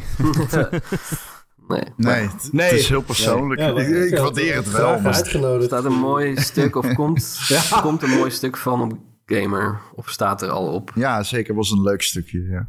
Ja. Ja, Ja. ja, Goed ja, te doen. Dus, ehm, dus dat. Ik wilde het even genoemd hebben. Maar Zeker. eh, prima dat hij weg... eh, dat, prima dat hij afvalt. Fair. Ik heb hier een loodje van Zelda Tears of the Kingdom. Daar, stond al- daar staat op eindbaas van Tears of the Kingdom. is, het, Ja, is ja. het een spoiler, En, eh, jongens? dit is een minder grote spoiler dan... Ja, ja dit is wel een spoiler. voor Maar eh, luister, als je het niet ook wilt weten, eh, spoel door. Ja, we gaan het hebben Ja, over ja. de eindbaas van Tears of the Kingdom. Die ik gisteren heb uitgespeeld. Oh. Overigens. Oh. je, je dacht, oh, ik moet het nog even snel doen voordat ja. we het Ja. erover gaan hebben. Ja. heel goed. Nou, dan kan je je misschien nog wel het moment herinneren dat je eindelijk eh, bij Ganondorf komt. En dat je eerst... eh, nou, Wat, is dat de eindbaas van Zelda? Ja, spoiler, Erik, sorry. En eh, iedere eindbaas in eh, Tears of the Kingdom heeft ongeveer dezelfde intro. Dat hun naam zo in beeld komt te staan. En dan komt er een levensbalk, die wordt zo lang. Ja, ja, ja, ja, een- ja, een, ja. een stuk in het midden. En eh, die levensbalk is altijd net zo groot als de naam van het personage. En dan komt Ganondorf. En zijn naam komt op, eh, op het scherm. En dan komt die levensbalk. En die, die, die wordt zo gevuld. En die gaat voorbij Ganondorf. Die gaat door. Die gaat nog langer door. Die vult driekwart van het scherm. Het is zo triggerend, want het staat Ja. gezet. Het begint Nee, het is heel lelijk. Maar het is zo het cool. is zo Het is- lelijk. Het begint... Oké, dus voor wie het niet weet. Het begint zeg maar... Er staat Ganondorf. En daaronder heb je de levensbalk. En die is begint gecentreerd. Dus die loopt dan verder uit naar de, naar de rechterkant. Maar hij loopt voorbij zijn naam. Voorbij driekwart van het scherm. En uiteindelijk... Het is zeg maar... Hij begint gewoon onder zijn naam. En loopt helemaal naar de linker... De rechterkant van het scherm. Het is zo Het is een tof. beetje alsof je in Word zeg Maar iets cool, probeert op te maken. En dan of somehow staat het op een of andere manier helemaal aan de andere kant van het scherm. Ja, eh, eh, dat is heel cool eh, van het gevecht. Plus het feit dat als hij je raakt, eh, dat, hij gewoon, dat een hartje van Link gewoon weg is. Je kan het niet meer herstellen. Dat is gewoon klaar. Dat hartje bestaat niet meer. Oh, jij eh, Eh, hebt duidelijk geen Bright Blooms gebruikt. Eh, nee, zelfs met Bright Blooms eh, kan het geloof ik niet. Jawel, is kan echt- wel. Jawel. Ik heb, hem gisteren, ik heb hem gisteren gebruikt. Tenminste, of ik heb iets fout gedaan. Maar volgens mij kan Of je hebt niet helemaal goed, want hij... hij Kan, kan de, want je hebt vier je fases. eerst? Je hebt vier fases. ja. Zo, In de maar nu- eerste kan het We zeker. zijn nu wel, zeg maar... weet ik zeker. We zijn nu verder nog, nog meer dan het, dan het spoilen dan we al wilden spoilen, maar... Ja, maakt niet uit. Maar de eerste de fase kan zeker.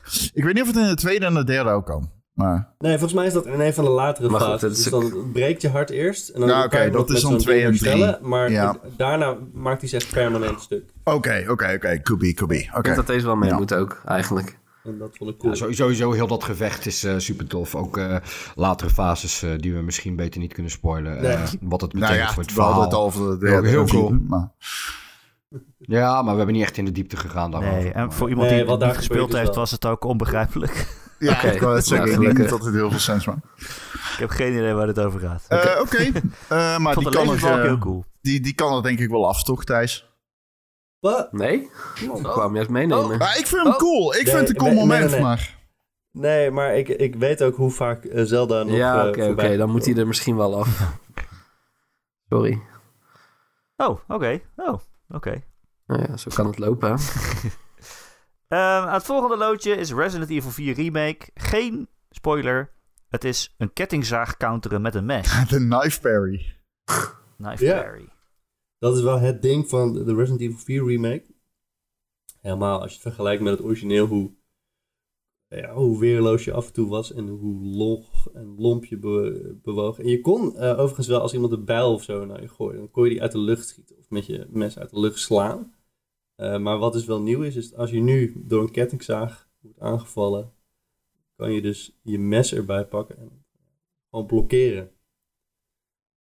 En dat is cool. Ja, Oké, Ja, ja. dat ja het. goed uitgelegd. Dat is, dat is zonder twijfel cool. Dat klinkt heel cool, ja. ja. Oh, ik heb het ook wel eens En gedaan. in heel dom en onzinnig, ja. Ik denk dat het wel... Ik zou wel zeggen, het is meer een mechanic dan een moment of zo. Nou, Ja, dat maar is to- cool. toen Maar ik dat voor de telt, eerste keer dat zag, telt. dacht ik... Oh Ja, shit, oké, ik kan dit ja, doen? ja, ja, Eh, dit oké. is- dit Ja. is bizar. Het is een is goede cool. toevoeging aan een toch wel fantastische game. En dat, eh, maar ik, zou hem verder niet... eh, denk niet dat hij en top 3 gaat. Nee, ja, en, een knife parry. Alright, we halen hem eraf, maar het is cool. Zeker. Eh, we gaan door. Ik heb hier een loodje Spider-Man 2. Eh, oh, die heb ik erop gezet. Eh, het is eh, niet echt een verhaalkritische spoiler. Ik, eh, maar ik ga wel een cool gevecht spoilen, I guess. Oké. Jullie zijn er allemaal nog. Ja hoor. Ja? Ja, Ja, kan me echt niet schelen. Oké, spoiler eh, in Spider-Man eh, 2, eh dat kan me, kan me niks schelen. In Spider-Man 2 zit natuurlijk Venom en die kan ook eh, aan andere Venoms maken. En op een gegeven moment maakt hij van Mary Jane, jouw vriendinnetje, ook even een soort Venom monster. Zij wordt Scream, eh, een van de meer iconische Spider-Man villains. En ik vind dat gewoon een echt een heel cool gevecht. Dat je, ik had het helemaal niet zien aankomen in een game die verder mij niet heel erg heeft verrast, moet ik eerlijk zeggen, qua verhaal. Maar dat je ineens tegen je eigen vrouw zit te vechten. En het coole is dat terwijl ze dat monster is en terwijl je dat baasgevecht aan het doen bent, eh, zijn jullie eigenlijk je relatie aan het bespreken. Dus zij gooit allemaal auto's naar je en zo. En ondertussen zegt, je, zegt ze dingen als: Ik ben helemaal niet gelukkig in mijn baan, maar ik heb het gevoel dat ik geld moet blijven verdienen. Omdat jij de hele tijd aan het Spider-Man bent en daar verdien je geen geld mee. Dus ik moet, ik moet het wel volhouden. En ondertussen probeer je al, al haar eh, aanvallen te ontwijken en zo. Eh, dat vond ik wel echt, dat was mijn lievelingsmoment uit Spider-Man 2. Oké, Ja, maar het, het hoeft niet in de lijst te staan van mij. oké. Maar het was wel fucking cool. Klinkt wel cool, ja. Alright, het volgende loodje is weer Zelda Tears of the Kingdom. Ook niet spoilend, maar het is een Bright Bloom Seed pijl in de depths die steeds dieper gaat. Ja. Ja, jij hebt Ja. natuurlijk de depths. eh, en Hmm. dat is een bijzonder onheilspellende plek, omdat het echt donker is. is. Veel games spelen zich af in het donker, maar die zijn niet donker. Maar de depths, die zijn... Nou ja, ik heb een OLED Switch. ehm, dus dat, dat helpt ook. Maar het is, gewoon echt, het is gewoon echt heel donker. En daar heb je een gelukkig 800 Blight, Bright Bloom seeds eh, die je in je inventory hebt om zeg maar de boel eh, te verlichten. Maar, je, maar je, je weet natuurlijk niet precies zeg maar wat de, noem het maar even de ehm, waar, het, waar het oppervlakte precies is of waar dat waar dat ja je ziet gewoon helemaal niks. Is, is het een berg? Is het een is het een vallei? Whatever. En heel soms schiet je, schoot ik dan een pijl met het idee van... oké, ik wil gewoon even weten wat er over 10 meter... zeg maar voor me, wat er daar is. En dan zag ik die pijl gewoon... Ik zag Ja. hem, ik schoot hem, maar ik dacht... oké, maar echt als die bloem iets raakt... dan wordt het verlicht. Maar hij raakte maar niks. En hij raakte maar niks. En hij raakte maar niks. Nee. En ik echt dacht van... hoe ver gaat dit nog door? Als in... Dat je gewoon Ja. echt een soort van... Het was beklemmend, zeg maar, hoe diep het daar was. En ik zag het gewoon niet. En soms schoot ik nog een pijl en dan Ja, gebeurde exact ja, hetzelfde. En dat... Ja, hoe ze die depths, zeg maar, hoe ze dat... Nou ja, het is fantastisch hoe ze dat gedaan hebben. Dit Ik symboliseert... vind in die zin oh, de, de depths een beetje vergelijken. Oh, ja, ik, ik vind in die zin eh, de depths een beetje vergelijkbaar met, eh, ja, weet ik veel, op open zee zijn of zo. Je weet niet echt goed wat Ja. er om je heen is en wat er onder je Ja, zit. of wat En eronder je een zit, soort, ja. eh, Extreem vijandig. Voor, voor een ja, Zelda-game gevoel. voelt het ook echt hardcore, zeg maar. Dat je denkt van, holy shit, dit Het is... symboliseert... Sorry, Ja? Nee, vertel. ik praat er doorheen. Nee, het symboliseert voor mij alles wat ik tof vind, denk ik, aan de depths. Hmm. Het is avontuur, het is het mysterieuze, het enge. Het is bijna horrorisch af en toe. Ja. Ehm, het heeft het eh, verwonderlijke van... Hey, waarom blijft die pijl maar dalen? En ik, ik heb wel echt momenten gehad in die game... dat ik zeg maar dacht van... is voor mij een cliff, ja of nee? Laat ik maar een Brightbloom gebruiken. en ja, er is een cliff. En die is veel dieper dan ik dacht. Ja. En dat zijn momenten die ik eh, in die game... eh, ja, toch wel ervoer als zeer intens. En dat voor een Zelda-game, eh, in combinatie met het feit dat er blijkbaar een hele kelder is in Ja, die game. heel wild dat ze dat gedaan Ja. hebben. En, en, en Ja. in, het verlengde, in het verlengde daarvan vind ik echt de eerste keer dat ik besef dat... eh, ja, dat vind ik ook niet echt een spoiler, toch? Nee, maar niet het gaat uit, over spoilers. mechaniek. En is hoe- oké. Ja, ja, nou, de eerste keer dat je beseft dat zeg maar de deaths eigenlijk de bovenwereld maar dan omgekeerd is. Dus waar bijvoorbeeld in de bovenwereld diepe meren zitten, daar zit een soort van eh, ber- ja, weet je, daar zitten dan, eh, daar kan je dan niet lopen in, ehm, in, ehm, in de depths. Ja, rivieren ehm, zijn eh, plekken waar je niet doorheen Ja. kan. Ehm, de, de plekken waar shrines zitten zijn plekken waar de, eh, zeg maar... Ja. Hoe noem je die? Ik weet niet hoe je die noemt in de depths, maar... Ja, die eh Roots? ligt, eh, die, ja, roots, ja, ja. ja, Ja. ja. En, eh, en als, er, als je bijvoorbeeld in, de, in, de, in de, de, de bovenwereld een berg hebt, dan heb je in. Dan is het juist heel erg eh, eh, diep dal in eh, de depths. Zeg En maar. zelfs de Dus, eh, muziek is af en toe tegenovergestelde, zeg maar. omgekeerd. Dus, eh, Ja, ja, ja, ja, dat vond ik ook heel erg tof aan eh, de depths. Toen ik daarachter En- kwam, toen, toen, toen was echt mijn mind blown, zeg maar.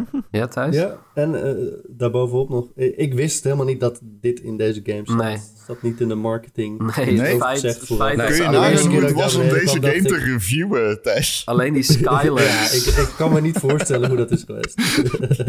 ik, ik, ik- dat was echt zo dat ik eh, Bas appte van, ben je er al? En zo van, ja, Ja. ik weet niet, eh, deze de game is dubbel. Ja, misschien Het groot. moment Ja. gewoon vervangen met de depths eigenlijk. Gewoon het... Ja, Überhaupt dat zou een betere benaming Ja, zijn. misschien wel. Ja, toch? ik, Als ik hoor hoe er gepassioneerd dacht wij ik- hierover zijn.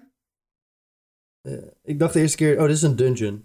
Dit is, dit is een soort eh, optionele dungeon of zo. Eh, en het blijkt gewoon ja, een een tweede wereld op te verkennen. Maar ook Ja. het moment Oh, dat je dat op een, zo dat je een draak... de- Op een gegeven moment was ik zeg maar... Ja, oké, een ander moment. Maar dan Ja, ben je fuck. sta je op een draak en die gaat dan zeg maar in de depths. Ja. Oh my god, En dat was ja. echt ja. Ik Jesus, dit is zo fucking Of, insane. of dat, er een, dat, er een fuck, dat er een fucking dungeon in de depths zit. Dat had ik ook echt niet verwacht. dat Ja, was ja echt heel elke keer als je een, een ruïne zit. Holy shit, wat is dit? Ik- Wat- wat, gebeurt Ik hier? weet Ja, inderdaad ja, nog ja, dat ja. ik... Ik zat op die, op die ijsdraak dus, en, ik, en ik, ik vloog echt gewoon de, het, het, de duisternis in. En ik durfde niet los te laten. Maar ondertussen was ik aan het bevriezen. Maar ik dacht, ik wilde hier niet van af. Ik moet op die draak blijven totdat hij er weer uit is. Want ik, ik ben doodsbang dat ik hier nu in de duisternis... Dus ik zag letterlijk niks dat ik hier nu na- naar beneden val. Dat was... Oh my god, die angst daar, dat heb ik zelden in een game meegemaakt. Dat ik zo, zo soort van, dat is erger dan de horror in Alan Wake. En dat is dat is inderdaad voor een Zelda-game. Oeh. Oh, Echt wild. Ja, het- Ehm. ik, ik zou het helemaal cool hebben gevonden als je gewoon niet zo makkelijk eruit komt. Want je kan natuurlijk altijd fast travelen. Ja, true, true. Ik denk wel dat het goed is dat we hem de depths noemen. Ja. Want da- daarmee vatten we hem echt samen, denk ik. Ja. Ja. Zullen we gelijk, ehm, want er zijn nog drie momenten uit Zelda die jullie hebben opgeschreven. Zullen we die er gelijk bij pakken? Want ik neem aan dat er niet meer dan één moment daadwerkelijk de top 3 gaat halen. Ehm, ik weet Dat niet of ik het daarmee eens ben eigenlijk. Ik eh, Ja. zou zeggen, laten we gewoon even de loodjes afgaan. Ja. Zelda heeft namelijk voor mijn gevoel de meeste momenten. Ja. Dan zou ik er ook nog wel twee in de top drie kunnen zien, zeg maar. Dus Ja, ja ik ook. Laten we maar Dus laten, we daar, eh, met de loodjes. laten we gewoon de loodjes doen. Oké, de volgende loodje is de eerste keer verkennen van New Atlantis in Starfield. Heb ik erbij gezet. Ehm, ik, dit was de eerste Bi ehm, Bioware, wilde ik zeggen. Dit was de eerste Bethesda game waarbij ik... De Bethesda RPG game, eh, Game Studios game, waarbij ik echt dacht... Ik snap de storytelling en de worldbuilding die, die mensen zo geweldig vinden in deze games nu. Want deze game bleef mij verrassen. Of deze stad bleef mij verrassen in grootte. En er is, als je er gewoon eh, voor het eerst bent en je gaat rondlopen, besef je nog niet echt hoe groot het is. Want je loopt van questmarker naar questmarker. En er zijn, zeg maar, er is een monorail. En daarmee kun je, zeg maar, jezelf transporteren naar andere gedeeltes in de stad. En toen kwam ik erachter van, wow, als ik op dit gedeelte van de stad ben, dan zie ik, als ik over deze railing kijk, zie ik mijn spaceship staan. Daar beneden. Ehm, dus dit is allemaal één. Al die, die, die, die fast travel points. Dat is gewoon één coherent ding. Je kan daar gewoon zonder loading heen lopen. En dan kom je erachter dat er gewoon... Je loopt een winkel binnen en iemand zegt tegen je... Hey, kun je dit en dit voor me doen? Oké, dat ken je uit Skyrim. Maar dan opeens loop je een museum binnen... en dan vertellen ze je over de grote oorlog. En dan krijg je een half uur lang exposition. Dan stap je een lift in en dan kom je onder het museum... en daar wordt de tech bewaard. En die tech kun je dan hacken. En Kijk, deze game doet heel veel dingen misschien teleurstellend. Eén ding wat het niet teleurstellend doet, is worldbuilding, vind ik. Ik vind dat echt, zeg maar, het detail van muziek tot aan lore, tot aan, zeg maar, hoe steden zijn gevuld met dingen om te doen, vind ik zeer goed gedaan. Eh, daarom wilde ik hem heel graag noemen, omdat ik misschien wel vier uur lang heb rondgelopen in een digitale stad. ja, wat je wil van, zeggen, ah, het is een, is het is een cool. stad, geen hub, zeg maar.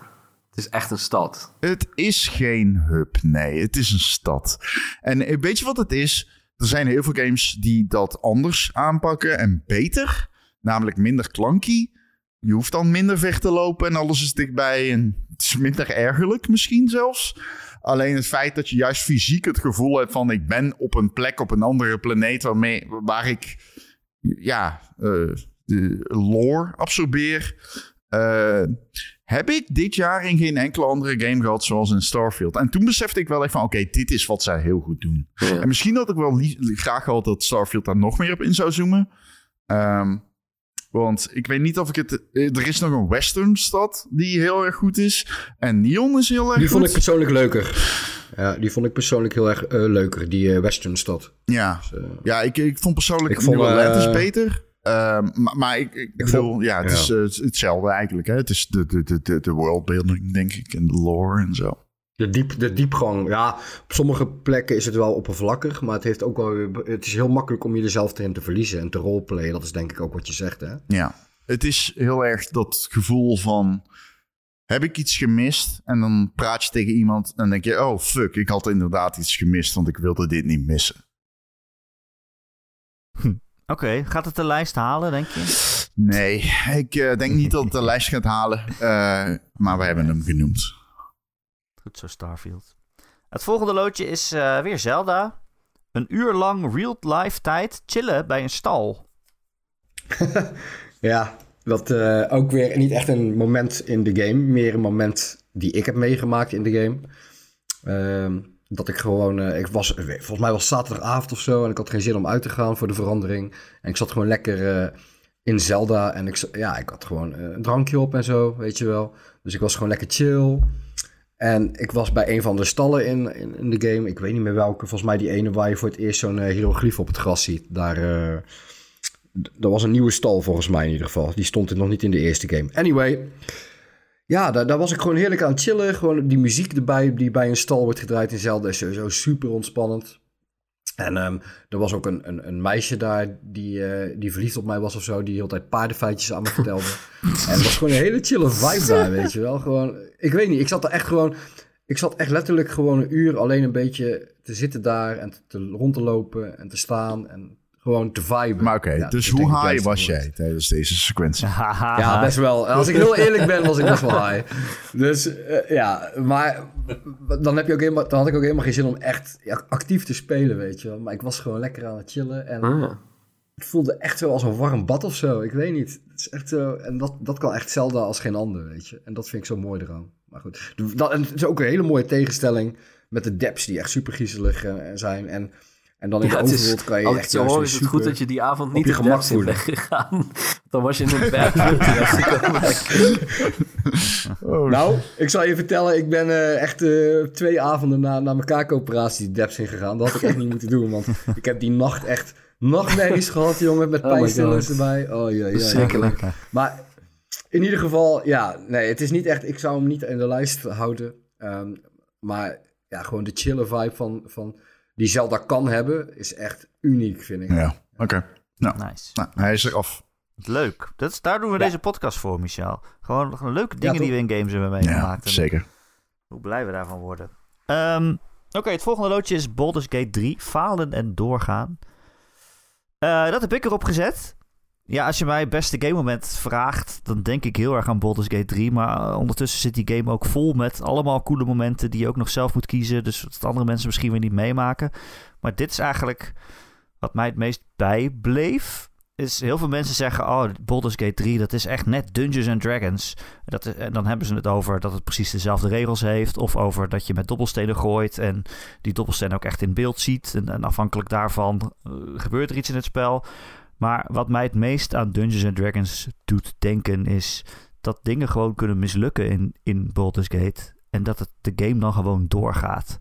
En hoe anders dat is dan andere games. En ik denk het moment dat het voor mij het beste illustreerde, als ik dan toch een specifiek moment moet aanwijzen, zit het begin van act 2. Ik zal het niet eh, uitgebreid spoilen, maar gewoon eh, de mechaniek uitleggen.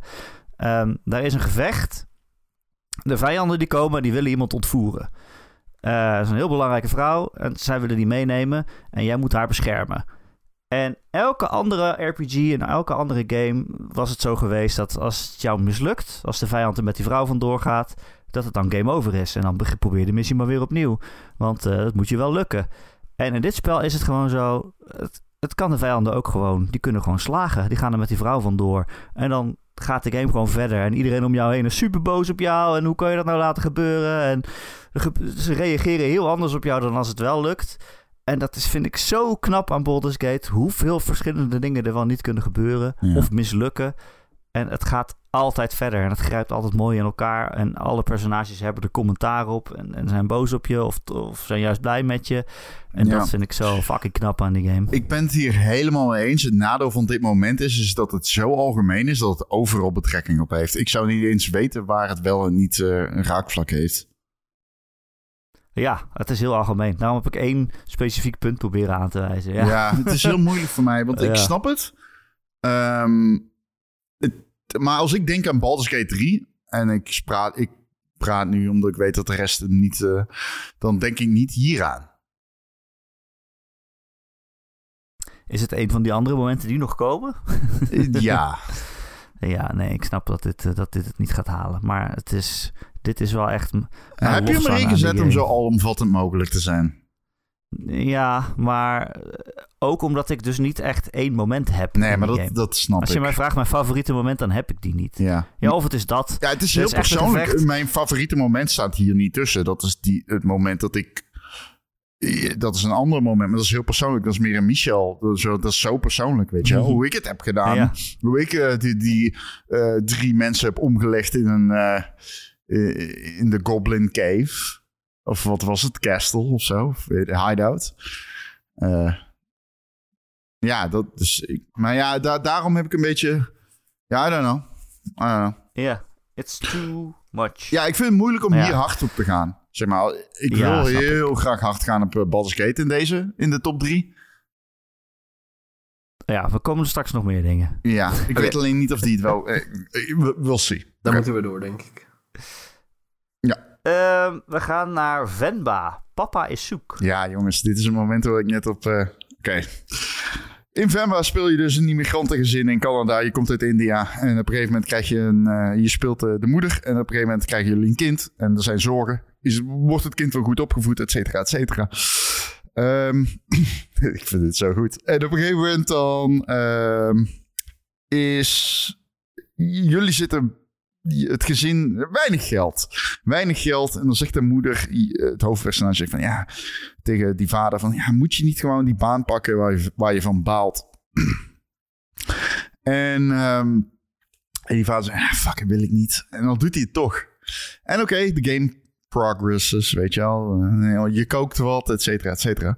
En op een gegeven moment is er een moment... Dat is best wel een heftig moment. Dan eh, belt de moeder, zeg maar... Haar man. En die neemt niet op. Maar die is altijd thuis op hetzelfde moment. Wat is er aan de hand? En dan belt ze het werk. En dan zegt het werk: Ja, nee, eh, wij weten niks over hem. Eh, wat ons betreft is hij altijd op hetzelfde moment weg.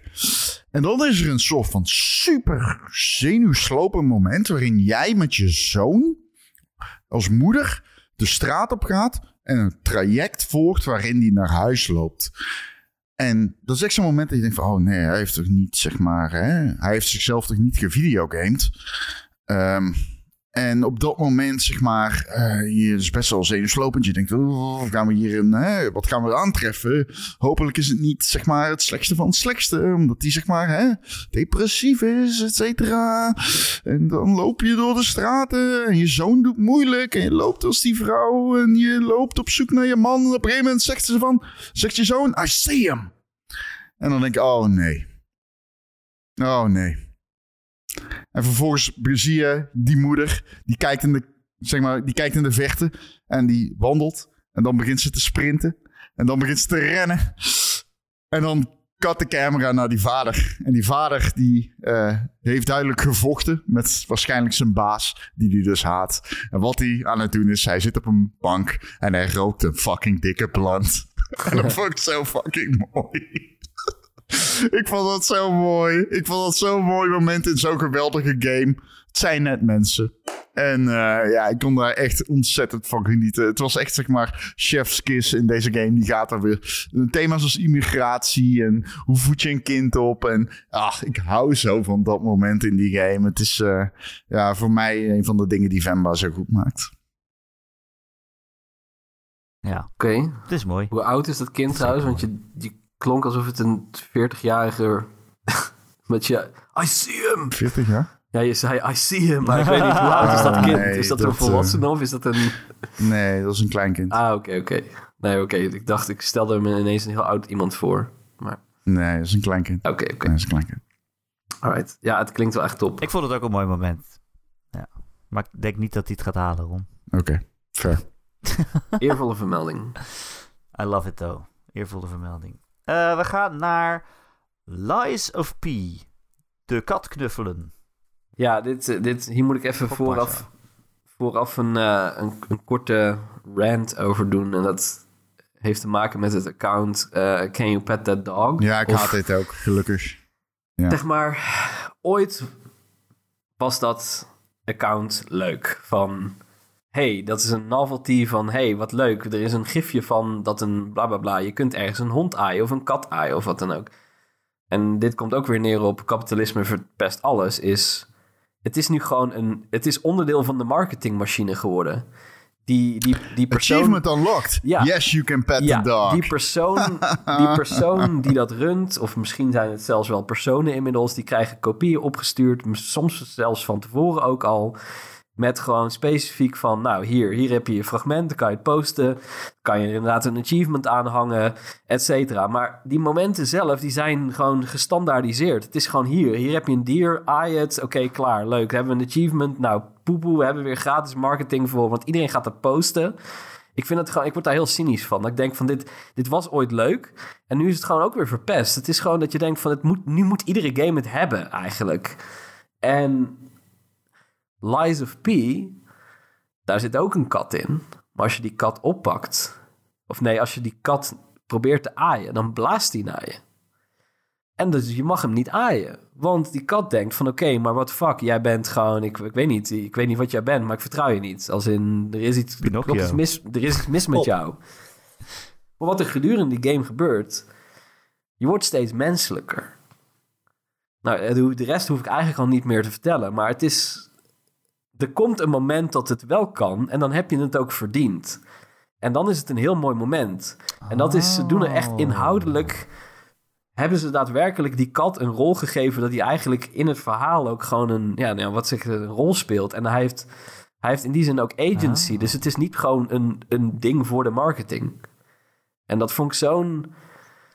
Ja, maar ik vond het zo typerend voor, voor, voor die game Ja. ook. Gewoon dat ze dat, dat ze. En dat geeft me aan dat die game op bijna ieder vlak is die zo goed uitgedacht en uitgewerkt. En zelfs bij de kat. Zeg maar. Dus voor hetzelfde geld hadden ze inderdaad gewoon kunnen zeggen: Yes, you can pet that cat. Gewoon achievement klaar. Maar.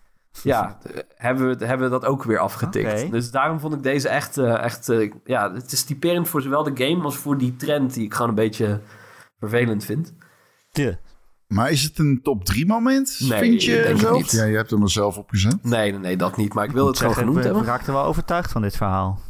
Ja, deze game is, eh, ja, ik Ja, heb, maar als ik kijk naar de andere dingen, is het wel, ja, ik, misschien Ja. advocaat Ja. van de duivel. ja, ja, Oké. Maar ga die game alsjeblieft ik spelen. Arme kat. doet echt heel bijzondere Ja, dingen. zeker. Ja, dat absoluut. Ja, Ik ben het ook helemaal eens met die eh, Twitter-account. Dat die Ja, echt. een monster geworden. Ja, Ja, fuck dat Daarom ben ik ook meer Fuck fan it. Van de Twitter-account. Zit er een god achter deze waterval? ja. Het antwoord is altijd ja. Ah, ja. ja, en als het niet het Ehm, geval is, is het een slechte game. Ja. Precies, dat eh, steeds Oké, vaker ik ga die- ik ga die account volgen. We gaan naar Ja. het volgende loodje. Zelda Tears of the Kingdom Sequence Breaking. ja, die is ook van mij. Ja. Ehm, Die is niet van mij, Oh. maar... Dit is een wel. Ja, ik, ik- dit, dit, is, dit is wel een spoiler geva- ge- geval, zeg maar. Ja, maar niet uit. Spoilers. Eh, ja, hoe ga ik dit zeggen? Er is... Nou ja, goed, er, je, hebt, je hebt dungeons in de game. Ehm, en die moet je allemaal af om bepaalde dingen te verzamelen, om naar de endgame te kunnen. Er komt een moment dat blijkt dat je toch iets meer moet verzamelen, om het even vaag te houden, dan je vooraf had gedacht. Er zit nog een heel sequentie naast, na eigenlijk de, de grote vier dungeons eh, van de grote vier regio's is het zo van, oh, nou, nu, nu kan ik dan wel naar de eindbaas. Nou, dat blijkt niet zo te zijn. Er zit nog een hele sequentie tussen.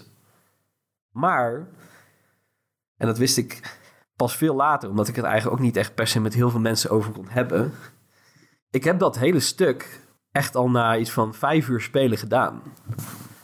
Omdat het is helemaal niet de Eh, bedoel- dat- Het is helemaal niet de, ja? Eiland in de lucht. Ja, Ja, is- hij, hij appte mij. Ben je hier al geweest? Appte hij mij. Ik zei ja, ja. ja, er eh, is, er is een, En een zei, dit is sequentie. ongekend waar ik niet ben. Ja, er is een moment, zeg maar, je kunt daar komen, technisch gezien, maar het, het bliksemt en het regent. En eigenlijk is alles in die game is bedoeld om te zeggen van, ja, ga daar niet heen, want je komt daar überhaupt niet doorheen. Je kan ook niks zien, letterlijk. Het is gewoon, net zoals in de depths, Oh, dat stuk. je kan het gewoon echt niet zien. Maar somehow, omdat ik toevallig zeg maar een armor set al helemaal al grotendeels had geupgrade, omdat ik dat meteen ging doen, had ik zeg maar eigenlijk de alle middelen om voor mij lukte het wel. En ik heb dat echt minutieus gedaan. Ik heb ik kon de rand van de eilanden kon ik net wel zien, want er was een, een miniem verschil in hoe de regen zeg maar gerenderd was. Dat zag er net iets anders uit. Dus ik kon de zijkanten zien van het eiland. Toen dacht ik, ja, dan weet ik waar de grond is. Dan kom ik er. Dus ik heb dat hele stuk echt gewoon painstakingly, zeg maar, gewoon schuifelend. En op een gegeven moment kwam ik dus, ja, begon die grote quest. En ik dacht dat ik gek werd, want ik dacht van hoe lang gaat dit nog door? Of gewoon wat is dit? Ik weet niet. Dan dacht ik, is dit optioneel? Is dit, waar zit dit? Want ik, ja, ik had nog helemaal geen context. En het ging maar door. En op een gegeven moment ging ik ook de depths in. En toen dacht ik, wat is dit nou weer? Wat moet ik doen? Nou ja, iedereen die zelf al uitgespeeld heeft, weet waar deze quest naar leidt. En dat is ook een moment, zeg maar, waarvan je denkt van... holy shit, wat zit er nog meer in deze game? En ik had dat dus echt Ja, al gewoon na vijf tot tien uur. Zes. En ik was echt gewoon, ik dacht van, wat is dit? Ik, kon het niet geloven, maar ik kon het ook bijna met niemand delen. Want inderdaad, Ron had hem gerecenseerd. Maar verder was niemand was daar nog. En ik wilde het ook niet. Ik kon dus ook niet checken van is dit optioneel of wat dan ook. Dus uiteindelijk met Ron wel een soort van kunnen bevestigen dat het uiteindelijk wel moet. Maar dat was voor mij. Ja, en ik wist niet dat het kon. Dus voor mij was het ook een Ja. trip. Want ik dacht, huh, ik wist niet dat je daar kon komen. Dat is inderdaad sequence breaking. Ja, maar het was voor mij Ja. persoonlijk echt eh, de ervaring van het jaar. Ja, ik ben er ook te vroeg geweest en dat ik dacht, nou, hier moet ik nog niet zijn. En toen ben ik weer weggegaan. Maar ik, heb, ik had dat doorzettingsvermogen van Marcel denk ik niet op dat moment. Maar uh, we, zitten een beetje Nou. in de tijd. Ja, Ehm, zou deze- ik denk- gaat deze het halen? Ik denk dat die te persoonlijk voor mij is. Nou ja, ik, ik dacht bij sequence breaking ook aan, aan hoe, in hoe je iedere puzzel in die game ja, op een bizarre manier kan eh, Ja. Oh, hou op. man. oplossen. Ach, Eh, dus ja, eh, Marcel heeft zijn eigen verhaal erbij natuurlijk. Ja. Ik denk dat, we, ik denk dat iedereen wel een, een, een shrine of een dungeon iets heeft gedaan. ik zou dan bijna zeggen een oplossing was. In de vinden. verkeerde in Zelda. volgorde. Een Ja. oplossing vinden voor Ja. een probleem. Oké. Oké. Ja, ik snap eh, deze puzzel niet. Ik ga wel vliegen en dan werkt het. Ja. Ja, ja, dat precies. kan ook, ja. Oh, ik uh, lanceer mezelf met een soort van geïmproviseerde katapult over de lavameer. We done. Ja. Oké, nou dan laten we dat nog even staan. Ik hoor het al. Eh, maar qua tijd moeten we wel een beetje opschieten. ja, ja, laten we een beetje doorheen gaan. podcast. Even kijken, het volgende loodje. Oh, ik zal jullie de tijd besparen. Het volgende loodje is Final Fantasy 16. Arme armen. dit is echt, dit is mijn moment van het jaar. Nou, Hmm? op één na. Hmm. Die komt nog. Maar dit is, mijn, dit is, ik was die game aan het reviewen.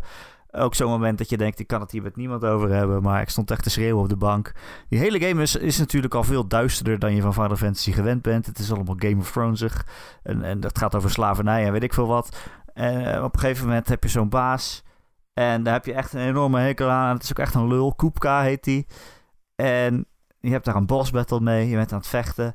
En ik wist niet wat ik zag. Clive, die hakt gewoon allebei zijn armen eraf. En die vliegen door het scherm heen. Oh ja. En de bloed spat dus overal. En ik dacht echt, oké, het is zo'n game. ik stond echt te juichen. Want die gast was zo lul. En je, je hakt gewoon zijn fucking armen eraf. Ik, ik vond dat zo bruut. En daarna zit hij ook op zijn knieën. En eh, ja, weet je, dan Ja. overleeft hij toch nog net. Wordt hij door iemand meegenomen. En later kom je hem weer te- tegen. En dan zie je hem in een tussenfilmpje. Heeft hij metalen armen. En dan probeert hij soep te eten of zoiets. En dat lukt dan Dat niet. Dan wordt hij super boos. Ja, ja, heel goed. Ja, het is, ik vind het, dat, dat- ik, dat was echt, het zal me altijd bijblijven van dit jaar. Dat je gewoon zijn fucking armen eraf hangt. Ik vond ja het echt mooi. Ja, het is bevredigend. Ja, het is zo bevredigend. Hij kan maar eraf ik zal hem alvast eh, weghalen voor jullie. Ja. Maar blij dat ik het heb mogen doen. Eh Baldur's Gate 3. Asterion die je afwijst. Ik ga deze heel simpel houden. Er is een moment dat je een kampbijeenkomst hebt. En iedereen is aan het drinken. En Asterion is een vampier. En hij is best wel flirty. Ehm, en dit is voor mij de beste one-liner in de hele game. Hij zegt op een gegeven moment tegen jou... Als jij zegt van... Hé, hey, eh, wat ben je hier aan het doen? Dan zegt hij van... Ja, ik weet niet. Ik ben een beetje aan het rondkijken. Zeg maar, kan ik iets doen? En dan zegt hij eigenlijk van... Iets doen bedoelt hij iemand. En dan zegt hij, you know, sex. Just have a fun time. En dan zeg jij van, why not me? En zij antwoordt, het is echt, dit is zo goed geschreven. Zijn antwoord daarop is heel simpel. En je moet er wat, het kut is, het is zo'n harde burn. Alleen je moet er waardering voor hebben. Want het is zo'n harde burn. Hij is zo scherp. Je kunt niet anders dan respect ervoor hebben. Je wilt zeg maar je PC uitzetten. Alleen het is zo'n goede burn dat je het moet laten. Hij zegt, no, no, God, no. No, no, no. It's not you. It's me. I have standards. Het is zo goed. Het is zo fucking goed. Ja, dat is zeker goed. Ja, dat is zo goed. Het is echt even... Het is mijn favoriete one-liner in die game. It's not you, it's me, I have standards. Dat is fucking... Dat, yikes. Goeie burn. Gaat hij de lijst halen, denk je, Rob? Nou, ik- van de twee. Baldur's Great momenten die ik hier in het Google Docje zie, is dit eh, nummer twee. Oké, nou, dan, dan halen we hem sowieso weg. Oké, het volgende loodje is... Ah, eh, toevallig die andere Baldur's Gate moment. Het ontmoeten van Karlach. Ja, jij mag hem doen of ik wil hem doen, wat je wilt. Nou ja, ik heb het net ook al een beetje gezegd. Karlach is mijn favoriete personage in Baldur's Gate. En eh, op het moment dat je haar ontmoet, ben je eigenlijk met de quest van iemand anders bezig om op haar te jagen. Dus zodra je haar ontmoet en je hebt die andere gast in je party, dan begint hij van: Oh, daar is ze, de duivel. ze is rood en ze heeft hoorns en ze heeft allemaal mensen vermoord. En dat klopt allemaal aan zich. Eh, Dus dan kan je ook gewoon zeggen: Oké, dude, ja, dat gaan we doen. We gaan er vermoorden. En dan onthoofd je haar. En dan er gaan allemaal foto's het internet over nu. eh, van mensen die het hoofd van Karlach vasthouden, bebloed, eh, om, om, eh, omhoog reiken. En dan heb je gewoon een van de leukste personages van de game vermoord en je zal het nooit weten. Ehm, of je ontmoet haar. Ja, wat gebeurt er eigenlijk als je die quest nog niet hebt dan, Ron? Ik heb eh, op een gegeven moment, eh, er is een eh, Goblin Town. En daardoor, eh, ik heb iemand van een, een soort van, ik weet niet, hoe noem je dat? Een molen? Van een molen laten Oh, ja. afschieten. iemand die vastgebonden zat aan een van de wieken. En toen deed ik zeg maar alles super hard draaien. Waardoor die zeg maar de andere kant van het dorp in landde. Dat hij daar helemaal heen vloog.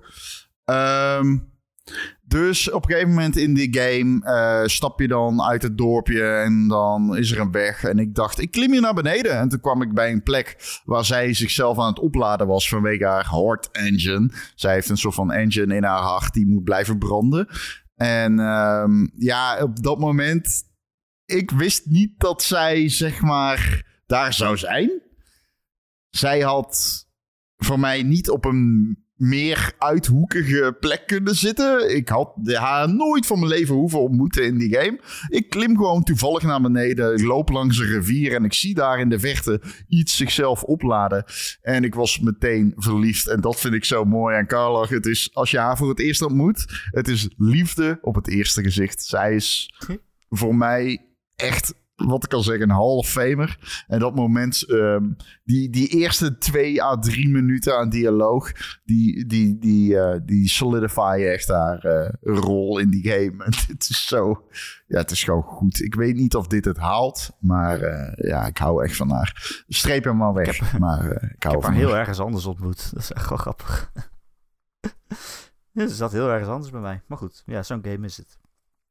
Het volgende loodje is Sea of Stars. Iedereen mist Garl. Ja, die kan er meteen vanaf. Eh, daar hebben we het al Oh, over gehad. Dus eh, die kan er vanaf. Alright, nou dat gaat lekker snel. Ehm, het- we hebben nog twee loodjes. Deze is wel, dit is wel een spoiler. Voor iedereen die Alan Wake 2 nog wil spelen. Eh, het is niet het einde van de game. Het is ook niet het, het, het, het, grootste concept van de game. Maar het is wel het coolste moment van de game. Het zit ergens op een derde van het spel. Ik weet, Michel, wil, jij wil die game nog spelen volgens mij, toch? Ja, maar ik luister, al? ik, luister, ik luister wel gewoon mee. Fuck it. Oké. Eh, het is het hoofdstuk dat heet We Sing. Waarin Alan Wake 2 in een soort musical verandert. En eh, jij als Alan Wake door een level loopt waar ook nog eh, een metalband aan het spelen is op allerlei schermen. Eh, dat is allemaal full motion video's en die echt aan het spelen om jou heen. Ze hebben gitaren vast, het zijn Finse rockers. En ze zingen eigenlijk het verhaal van de game. Eh, en jij loopt daar doorheen en bent aan het vechten terwijl er een soort van gek musical nummer om je heen wordt opgevoerd. En het is een fucking killer soundtrack, moet ik zeggen. Het nummer staat ook op Spotify. En ik heb het de hele tijd aanstaan. En man, het is zo... Het is zo die game op zijn allerbizarst. Dat spel is sowieso al raar met dat het echte video's en echte acteurs mengt met, met de game en, en wat dan ook. En het komt daar allemaal samen. En het, Maar- het is een best wel heel erg lange sequentie ook. Met verschillende liedjes die elkaar opvo- opvolgen. Ik ben, het er ook, ik ben het er niet per se mee eens dat dit... Ik, ja, je kunt dit spoilen. Maar dit moment is zo goed dat dit eigenlijk niet te spoilen valt. Want zeg maar, hoe je het ook in je hoofd bedenkt... als iemand dit tegen jou vertelt... als jij dit gaat spelen... denk ik dat je reactie nog alsnog zeg maar even verrast is... van wat het uiteindelijk is. Dat, ja, Ik, ik, dus, dus als iemand Het nu is- denkt van... oh shit, nu weet ik dit... Oh, nu weet ik het. Sorry, maar je weet eigenlijk Het is nog wel- niks. Gewoon echt niet. Het is wel, Ik- het is wel ik- een ik beetje zonde, iets- maar toch. Ik wil ook iets in het verlengde hierover zeggen. Ehm, ik denk dat we dit makkelijk kunnen bombarderen tot het beste moment van 2023 in games. Omdat het bijna historisch is of zo. Het komt uit het niks. Het is, het is zo goed gedaan. Het had het bijna niet gehaald in de uiteindelijke game. Sam Lake heeft het zelf door moeten drukken Oh ja. de maker. Ehm, Maar daarmee vind ik het ook... Ja, het is het beste moment. Is het, het, maar het voelt ook meer als een soort van gamingsgemeengoed. En het is bijna te makkelijk, vind ik, om hem als eerste te pakken. Nee, man. Ik, ik heb wel ook een kritiekpuntje over dit punt eigenlijk. Over deze, Oh, vertel, eh, vertel. dit moment. Wat cool is, is de, de presentatie. Maar wat je doet is eigenlijk... Je schiet op vijanden, wat je ook de hele game al doet. Onder begeleiding van een, een, een musical nummer, inderdaad. Dat is, er, dat is er tof aan. En ik vond het ook een heel verrassend en een uniek eh, moment. Maar ik vind dit niet, het, ik vind het niet zo briljant als jullie zeggen. Want ik, Control had iets soortgelijks en dat, daar vond ik het toffer. Nee, nee, dit is toffer dan in Control. Daar ben ik het mee oneens. Ja, ja maar het is gewoon. Dit is, je zit hier, het, het verschil is dat je hier eh, ook cutscenes worden geprojecteerd in de gamewereld. Ja, en dat, en dat het nog veel vager is ook, moet ik zeggen. En eh, dat het ook echt verhaalinvloed heeft. Bijvoorbeeld Sam Lake zelf zit erin en die doet dan een dansje. Die staat daar gewoon te dansen. Maar ook je loopt door die wereld heen en dan die geprojecteerde eh, FMV-acteurs... die wijzen ook de kant op waar je heen moet lopen. Dat vond ik ook zo cool. Van, oh, de- deze kant op, hier gaat het verder. Het, eh, ja. ja, dat was nog veel bizarrer, vond ik. Op een goede manier. Ja, nee, eh, eh, begrijp me niet verkeerd. Ik vond het ook heel cool. Maar ik vind het niet het beste game moment. Oh man, als deze niet in de top 3 staat, dan ga ik echt Nou, eh, daar uit het raam vallen. leven een top 3. Oké, oké. Gelukkig. Marcel, wat vond jij hiervan? Je hebt het ook gespeeld. Nou, ik vind het vooral zeg maar ook ehm, passen bij hoe Alan Wake. En dat wil ik nog even melden, want we hebben helaas geen ehm, categorie voor slechtste personage. Ja. Dan zou ik Alan Wake nomineren. Eh, in de zin van. Deze game voelt heel erg als een afrekening met dat Alan Wake gewoon best wel een pretentieuze klootzak is, eigenlijk. Gewoon met zijn de hele tijd zijn gelul over, over zijn boeken en alles. Dat je denkt van oké, maar gast, gewoon niet alles draait om jou. En deze game is eigenlijk... Deze game zegt ook van hey Alan, leuk, maar niet alles draait om jou. En dat komt ook in dit moment naar voren. Nee, dat is waar. Dat is waar. In dit moment krijg je ook zeg maar de kritiek te horen. En dat is een beetje het kantelpunt in de game voor mij. Dat ik denk van oké, ze hebben dit zelf ook door. Dat hij niet, niet sympathiek is. Eh, niet per se. Nee, hij is Soms niet wel. sympathiek, maar ik vind het geen slecht Nee, nee, personage. nee, nee, nee. Ik Maar dat, wel echt het, super het is meer gewoon, ik bedoel, Ja. meer slecht in de zin van dat ik hem gewoon een beetje een klootzak vind eigenlijk. Ja, maar dat is expres. ja. En dat vind ik heel interessant hoe deze game dat verkent. En ik weet niet of het bedoeld is, maar in ieder geval op metaniveau lijkt deze game in gesprek te gaan met zichzelf en met de eerste Alan Wake van... Moet je, hem, moet je wel voor hem juichen eigenlijk, zeg maar. En dat vind ik heel interessant. En dat begint hier een beetje te komen. En dat vond ik, eh, dat vond ik ook nog wel leuk. Ja. Ik heb zelf alleen eh, de eerste Alan Wake gespeeld, maar toevallig pas geleden nog eh, de, de remaster of de remake. Ik weet niet zeker, Ja. de remaster, ja. En eh, daar viel het me wel echt wel op wat voor eh, egoïstische rotzak het is eh, eigenlijk. ja. Ja. dus, eh, maar goed, ik kan dan niet over de tweede games praten, maar dat, eh, dat kan ik beamen wat Marcel zegt, ja. Oké, nou dit moment eh, laten we op de lijst. Ik heb nog één Ja. loodje van Zelda Tears of the Kingdom. Daar staat op eerste keer omhoog schieten uit een toren. Heb ik erop gezet. Eh, ja, ik, de depths is misschien een sterker moment. Staat ook nog op de lijst vanwege het verrassende. Eh, dit moment, in combinatie met muziek en het feit dat Link, zeg maar... Oké, dus je hebt torens in de game en daarin ontdek je de map. Door, unlock je de map door jezelf omhoog te schieten. Maar het uitzicht, eh, hoe vloeiend het gaat, hoe pijlsnel het gaat en hoe hoog je komt, was voor mij echt zo'n wow, oké, cool. ja. En ehm, Grappig ook. ja, ik vond het echt super vet. En dat wordt later in de game nog een keer overtroffen eigenlijk, wanneer je inderdaad van boven helemaal naar beneden valt, maar dan ook echt eerst door de, weet je wel, eerst gewoon de normale wereld en dan ook nog eens naar de depths, weet je wel. Dat is zo ziek. Maar ik weet niet of het, ja, ik weet niet of het het overtreft eigenlijk. Ja, Ik, oké, eh, misschien. Ja, nou ja, ik zie, het, ik, ik zie het meer als twee dingen in één adem eigenlijk. Niet per se overtreffen. Maar het is toch ook, zeg maar, die torens... Ik, die ik vind het feit ook... dat je zeg maar de, de link gaat pijl kaarsrecht omhoog en je kunt wel de camera besturen, dus je kan om hem heen kijken. Ja. Maar het voelt als een cutscene. Vind ik echt, eh, ik vind het heel bevredigend. Ik, ik, will it make the list? I don't know. Ehm, Het is voor mij het Zelda-moment, maar nu de depths erbij staat, weet ik niet welke ik zou pakken. Nou ja, ik vind het wel mooi dat... Ik denk dat dit moment was het beste moment totdat dat andere moment kwam. En dat maakt deze game zo goed. Want je denkt van, oh, dit is het moment. Dit is de sky. Het ik kan ga niet nu beter. de- ik ga nu de lucht verkennen. Alleen, naarmate je de game speelt, kom je erachter dat het eigenlijk in de lucht gewoon niet zo... Daar, daar is het niet, daar is het niet eh, om te doen eigenlijk. Deels wel, maar dat niet Wat het- ook wel een beetje gemiste kans is trouwens, wat je nu zegt. Daar, heb- daar ben ik het al mee eens. Eh, ik had meer van de lucht verwacht in Zelda. Maar inderdaad, oké. ja. Maar ik, het had niet meer moeten zijn, denk ik misschien.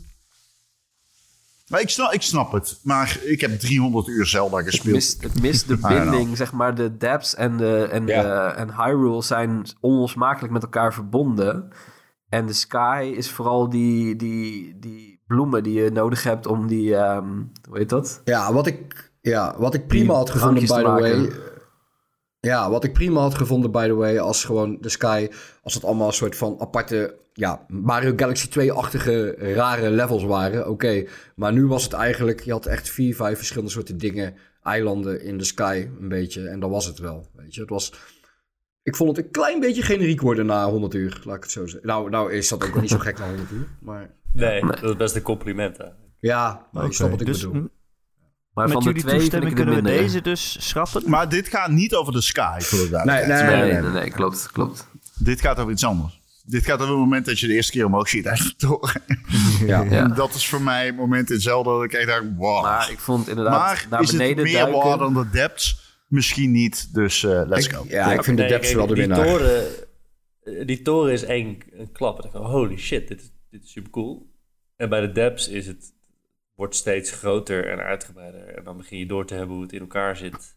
Ja. Dat, hoe, die, hoe die wortels verbonden zijn met de shrines op de bovenwereld. En, ja, wanneer, waarom eh, op de ene plek een berg is en op de andere plek een vallei. Dat, als, je dat, als je die puzzelstukjes hebt, dan wordt, blijft het maar cool worden.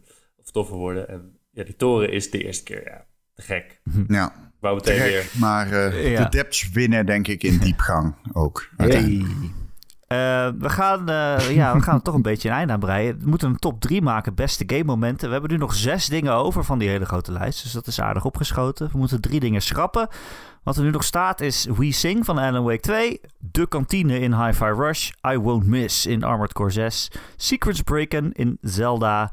Fluff Pluff Peaks Special Climb to the Beat in Super Mario Bros. Wonder. En The Depths van ook Zelda. Ik weet wel wat mijn nummer 1 is in ieder geval. Dat is eh, de depths, denk ik. Ja, en jullie zijn er allemaal zo enthousiast over dat ik denk dat dat toch eh, erin moet, of niet? Als ik Eh, ja. Nou, ik ga heel eerlijk zijn. Ik denk dat die voor mij wint van Wiesing. Ja, voor mij ook. Nou, Dus zou ik er Ja, ik eentje heb- voorstellen om ik heb te die game niet gespeeld. ja, wat wil je schrappen? Uh, Dit doet mij pijn, want dan zou ik dan toch... Dat, ik ga de naam niet nog een keer uitspreken, maar eh, dat is Mario eh, Wonder Level. eh, ja. Ja. want Dat dat kan zou- ik wel dat leven. komt uit een game die alleen maar goede levels en momenten heeft. En ja, dat, dat is wel echt een heel goed, Ja. heel goed level. Maar Ik zou, eh, ik zou Mario ook schrappen, ja.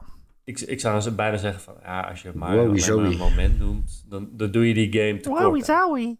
De eerste keer dat ik Wowie Zowie hoorde was ook wel een mooi moment. Oké, nou dan... Oké, Wowie. we hadden die eraf. Wowie zowie. Wat doen we met Armored Core 6? Kan ik niet over oordelen. Oké, dus we hebben twee Zelda-momenten. Ja, Oh ja. Eh, we hebben Alan Wake, we hebben Hi-Fi Rush en we hebben Armored Core. Ik vind het prima om sequence breaking te droppen, denk ik. Als de depths de eerste plek had. Ik vind dat ook in, ehm, eh, in Breath of the Wild had je dat in zekere zin ook al. In die zin, ik vind dat niet per se nou een heel... Dat is meer van gewoon de Zelda sinds Breath of the Wild... dat dat gewoon fantastisch is dat dat kan. maar de depths Ja, is voor mij... deze game- Ja. Deze game Ja. heeft er wel meer een onderdeel Ja. van gemaakt. Van, hey, Ja, ja, true. iedereen moet dit nu kunnen, zeg maar. Het is niet meer iets wat je alleen eh, kan als je die Ja, game het is Tears of the 400 Kingdom voelt, voelt nog steeds als de PC-mod, zeg maar, van Breath of the Wild. En dat is natuurlijk bizar dat Nintendo dat heeft uitgebracht. Maar... Ja. Ik denk dat Echt, het, het is zo eh, raar dat het juist Nintendo is, ja. ik denk dat er nu nog een beetje wordt vechten voor de derde plek, als ik heel eerlijk ben. Ja, dat denk ik ook. Ik denk dat Alan Wake 2 sowieso wel toch wel meegaat, toch? In de top Mm. 3. Ja. Ja, ja. Ja. Dus dan hebben we nog Hi-Fi Rush of Armored Core.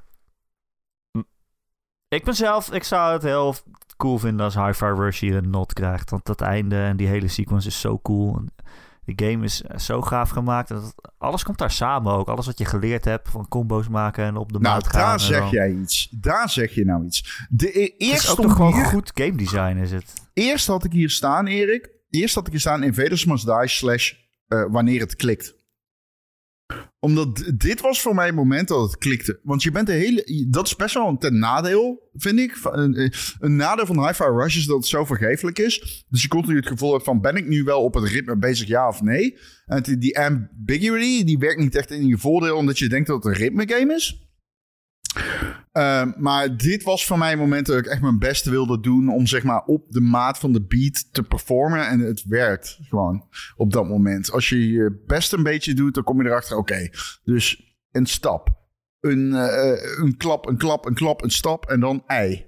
En ehm, ja, eh, dit was wel het moment voor mij waar de gameplay klikte met de, de, de hook van de game. Ja, Ja, wat vindt ik de, heb- de rest daarvan? Ik heb hier niet echt een, eh, een, eh, een paard in deze race. Dus ik, ja. Nee, snap ik. Eh, dit is- ik moet wel zeggen, dat is, het is wel redelijk tegen het einde van de game. Hè?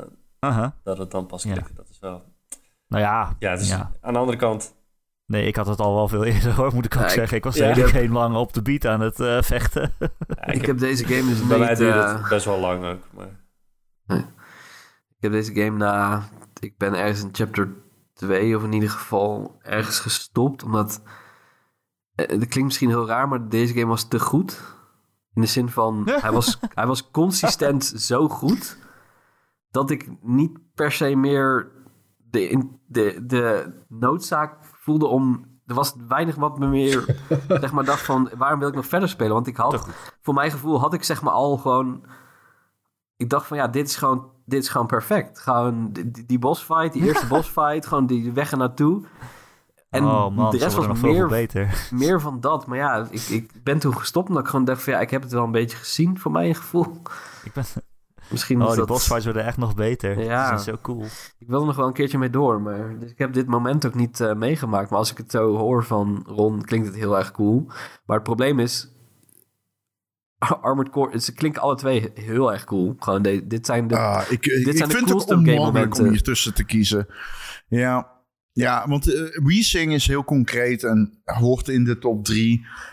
de kantine is heel concreet, Armored Core 6 is heel concreet. En de Depths is redelijk algemeen. Is het vals spelen om eh, de kantine en Armored Core 6 op een gedeelde derde plek te zetten? Is dat vals spelen? Ja, Oké. ja, dus we moeten kiezen. Ja, geen idee. Ehm, maar je kan ook zeggen, ja, de Depths zijn cool, maar eh, ze zijn te algemeen. Nee, Nee, vind ik niet. Nee. Nee. Ik vind Die zijn er de allemaal zo enthousiast over. De, de Depths vind ik eh, eigenlijk wel de winnaar, eerlijk gezegd. Ja. Maar dat ben ik. Ik vind het ook de winnaar. Ik probeer te zoeken naar een oplossing. Want ik vind alle. Ik vind de High en Armored Core, ja. Jezus, ja, dat zijn mijn. Dat voelen als mijn kinderen. Nou, dan haal je, dan haal je Alan Wake er lekker uit, toch? Nee, Ja, prima. nee, Let's nee. go. Nee, oh, dat kan echt niet. Nee, ik vind het voorbeeld van Wake vind ik ook... ik. Ja, ik vind het voorbeeld, hoe jullie het omschrijven, vind ik ook te uniek om het niet mee te nemen. Het is zo uniek, ja. Het is zo cool. Het maakt Ja. me ook eigenlijk niet zoveel uit. Wil je graag Nou. Armored Core, Marcel? Nou ja, wat, ik, wat wel is, zeg maar, de, de kantine klinkt wel interactiever dan Armored Core. Want Armored Core is vooral iemand anders die dat hele coole moment heeft. Oh, dat in is een waar, game die ja. verder... Dus dan zou ik nog kunnen zeggen van ja, dat, dat is niet, niet per se wat je zelf doet. Dat is meer je kijkt toe en het is fantastisch geregisseerd, zeg maar, hoe dat moment in beeld wordt gebracht. Maar het is niet verder... ehm, Je doet Weet het je wat, zelf doet of zo. Marcel. Maar Armored Core 6 is wel een beter, concreter, heftiger, meer impactvol moment, vind ik. Maar, eh, als ik dan even... Oké, dat doen ik we heb ze, Armored Core. Ik heb Armored niet mee. gespeeld, maar dat moment zou ook cool zijn als het een film was, bijvoorbeeld. Ja, niet per se cool omdat het een game is. En we zoeken het beste game moment. Oh, maar dat geldt ook. Pardon. Dat geldt ook voor uh, Hi-Fi Rush, denk ik. Nou, je bent dat wel echt aan het spelen, ja. Je zit helemaal in de flow. Nou ja, maar alleen dat is gewoon de gameplay op dat moment waar ik mijn best. Ik focuste me op de gameplay omdat ik het nummer zo tof vind. Ja. Ehm, eh, de, de, de sequentie waarin, die eraan vooraf gaat, waarbij je door het raam vliegt en landt in de kantine, is een cutscene. Hmm. Ja, weet je wat Maar dat is niet het coole eh, stuk, toch? Het, Jawel, dat is het, het coolste stuk is dat ehm, Chai kijkt naar de kantine en de kantine kijkt terug naar hem. En de kantine kijkt, hij kijkt weer naar de kantine en de kantine kijkt terug naar hem. En dat, dun, dun, dun, dun, dun, dun, dat je weet van, oh fuck, we gaan de Prodigy horen nu. Ja. En we gaan vechten. Ehm, dat is denk ik het coolste eraan. De sequentie aan zich, zeg maar het gevecht in de kantine, is cool, maar niet per se anders dan de andere arenas in die game. Het is wel bij, bij een Armored Core 6 is dit wel het moment in de game dat je ook beseft van oh shit, ik ben op deze, op deze, om deze mensen gaan geven. Als in, eh, we zijn een soort van, deze personages die, die zijn tot me doorgedrongen. Want ik vind het nu heel cool dat we dit nu samen doen. Terwijl je dat daarvoor is het een, nog een semi-klinische game. Je merkt al wel dat er wel wat meer characterization in zit van... oh, oké, dit zijn toch ook wel mensen met hun eigen belangen, et cetera. Je bent niet gewoon missies aan het doen. Maar dat moment komt het wel samen. Op een hele coole manier. Omdat je ja, dan ik gewoon denk denkt, eigenlijk holy shit... eh, Ehm, holy shit, Rusty, hij, hij, he's got my back. Als in, I won't miss. Dat je denkt, oh yes, we doen dit samen. Ehm, dus het is een heel ja, ik denk dat moment voor de game. achteraf. Ja, ik, En ik, toch dat ik- we voor ik gaan. aan. Ja, ja. Dan doen we dat. En Zelda willen jullie op één, neem ik aan? Ja, ik heb hem niet gespeeld als enige. Ja, ik, eh, Ik ik denk- denk het ja, wel, denk het maar wel ja, eigenlijk, Weinig over ja. Ik ook. Ik, ik sta daar volledig achter. het is ook Marcel? zo'n eh, gigantisch onderdeel van de ervaring. Sorry. Eh, en Marcel ook? Ja, nee, het, het, het, het is, ehm, hoe zeg je dat? Ja, zeg het maar. Ja, Diepgaand. dat Nintendo dit durft te doen. Op die manier. Het is echt hardcore ook. Qua, qua dat je je helft daar op een, op een andere manier terug moet verdienen. Dat het zo donker is. Dat je eigenlijk geen map of iets op, op een... Ja, het is gewoon het is bizar dat zij dit gedaan hebben. Het en is op echt zo'n heel manier. donker. Ja, het is echt... Ik weet niet of mensen beseffen hoe donker het daar is. Ik heb wel gewoon... het is echt, je eh, ziet niks. ik heb wel gewoon alles licht gemaakt. Maar op dat moment was ik ook wel klaar mee. Toen hoefde ik niet nog verder te ontdekken. Maar Oeh, dat is wel echt veel werk. ja, dat is wel hardcore. Alright, de beste game momenten van 2023. Op 3 I Won't Miss van Armored Core 6. Op 2 We Sing in Alan Wake 2. En op 1 The Depths als algemene ontdekking en het ontdekmoment dat je erachter komt wat het allemaal is. In eh, Zelda Tears of the Kingdom. Moeten we de rest ook nog even noemen? Wat is de rest? Oh, de andere top 3's. Tuurlijk. Ja. De grootste teleurstellingen op 3. Jill in Final Fantasy 16. Op 2 Sony in zijn algeheel. ja, En op 1. dat is echt lullig dit ook. ja. Op 1 de vele ontslagen in het afgelopen jaar. Ehm, de allerbeste games die ondersneeuwden. Eh, ja, dat is toch een gedeelte tweede plek. We konden toch niet kiezen. Eh, voor Bramble, The Mountain King en Risk of Rain Returns. En nummer 1 is Turbo Overkill. En de beste personages uit 2023. Volgens dit eh, panel. Op 3 Sid van Final Fantasy 16. Op 2 Karlach uit Baldur's Gate 3. En het allerbeste personage van dit jaar is... Je moeder. Uit Starfield. Hey, applausje voor je moeder. Ik vind het een mooie lijst, jongens. Een applaus voor je Ja. moeder. Ja, ga je moeder wel eh, ik vond het leuk, Geweldig. deze, deze manier, zeg maar. Dus we hebben op een, toch op een net wat Ja, ik andere manier games eh, besproken... en wat dieper erin op in kunnen gaan, denk ik... zonder dat we Ja. het hele jaar moesten bespreken. Maar we hebben toch het hele jaar Ja. besproken, eigenlijk, effectief. Ja, precies. Ja. Our best one yet, zou ik zeggen, denk ik. ja, allemaal, jullie allemaal eh, bedankt voor het meedoen. Michel, Thijs, Marcel. Yo. Graag gedaan. Erik en ik, wij gaan eh, op Patreon eh, nabespreken. Oh, jezus. En eh, ja, gewoon niet. het- over het algemene, over het algemene reflecteren. Niet per se op de keuzes, maar gewoon het algemeen. Pierre van Hooijdonk die komt vertellen wie het beste heeft aangevallen en Ja. zo. En dan eh, volgende week, dan eh, volgen Ron en Erik met hun eigen top 10, zegt hij in derde persoon. Ja, Plus die van de community. Ja. En dan de week daarna. En overigens doen we dan op Patreon doen we de nummer 20 tot en met 11. Die nemen we eerst op. En daarna doen we 10 tot en met 1 in deze podcast. Dus als je de 10 tot en met 11 wilt horen, abonneer je op de Patreon. En dan een week daarna, dat is op 1 januari, nieuwjaarsdag. Want um, de, de, de eerstvolgende is op uh, de eerste kerstdag. Dan de tweede uh, is onze. Um, uh, most anticipated in 2024. En dan doen we opnieuw de nummer 20 tot en met 11 van Erik en mij op, uh, uh, op Patreon. En dan 10 tot en met 1 in de normale podcast. Heel veel zin in. Zeker. Kan niet wachten. allemaal bedankt voor het luisteren. Oh, wat is de vraag? Ik ja. heb vraag. Mag ik er meedoen aan die community? ja. Ja, ja. Je mag ik moet dat ei toch ergens kwijt. Ja, alleen iedereen die er Ja. luistert is te laat moet met inderdaad wel ergens met top 10 dumpen. Oh willen, jullie, oh, willen jullie nog je Game of the Year vertellen? Ik vind het eigenlijk wel dat het wel mag. Toch? Dat hebben we helemaal Ja. uitgenodigd. Thijs, wat is volgens jou de beste game van het jaar? Dat was Zelda. Oh, dat is maar. Gewoon geen uitleg, spannend. alleen de titel. Alleen de titel gewoon. Mar Marcel, Ja. wat is jouw Game of the Year? ja, toch ook zelden. Ah. Michel, wat is jouw Game of the Year? Ja, als ik heel eerlijk ben, toch Zelda. Oh, Oké. Oké. Was Nou, jullie ook mogen allemaal saai stemmen, geworden. inderdaad. Jullie mogen nu nog stemmen, maar iedereen die luistert is al te laat inmiddels. Ehm, ja, bedankt allemaal voor het luisteren. Tot de volgende week. Goatee is back, baby! The Ron and Eric Podcast.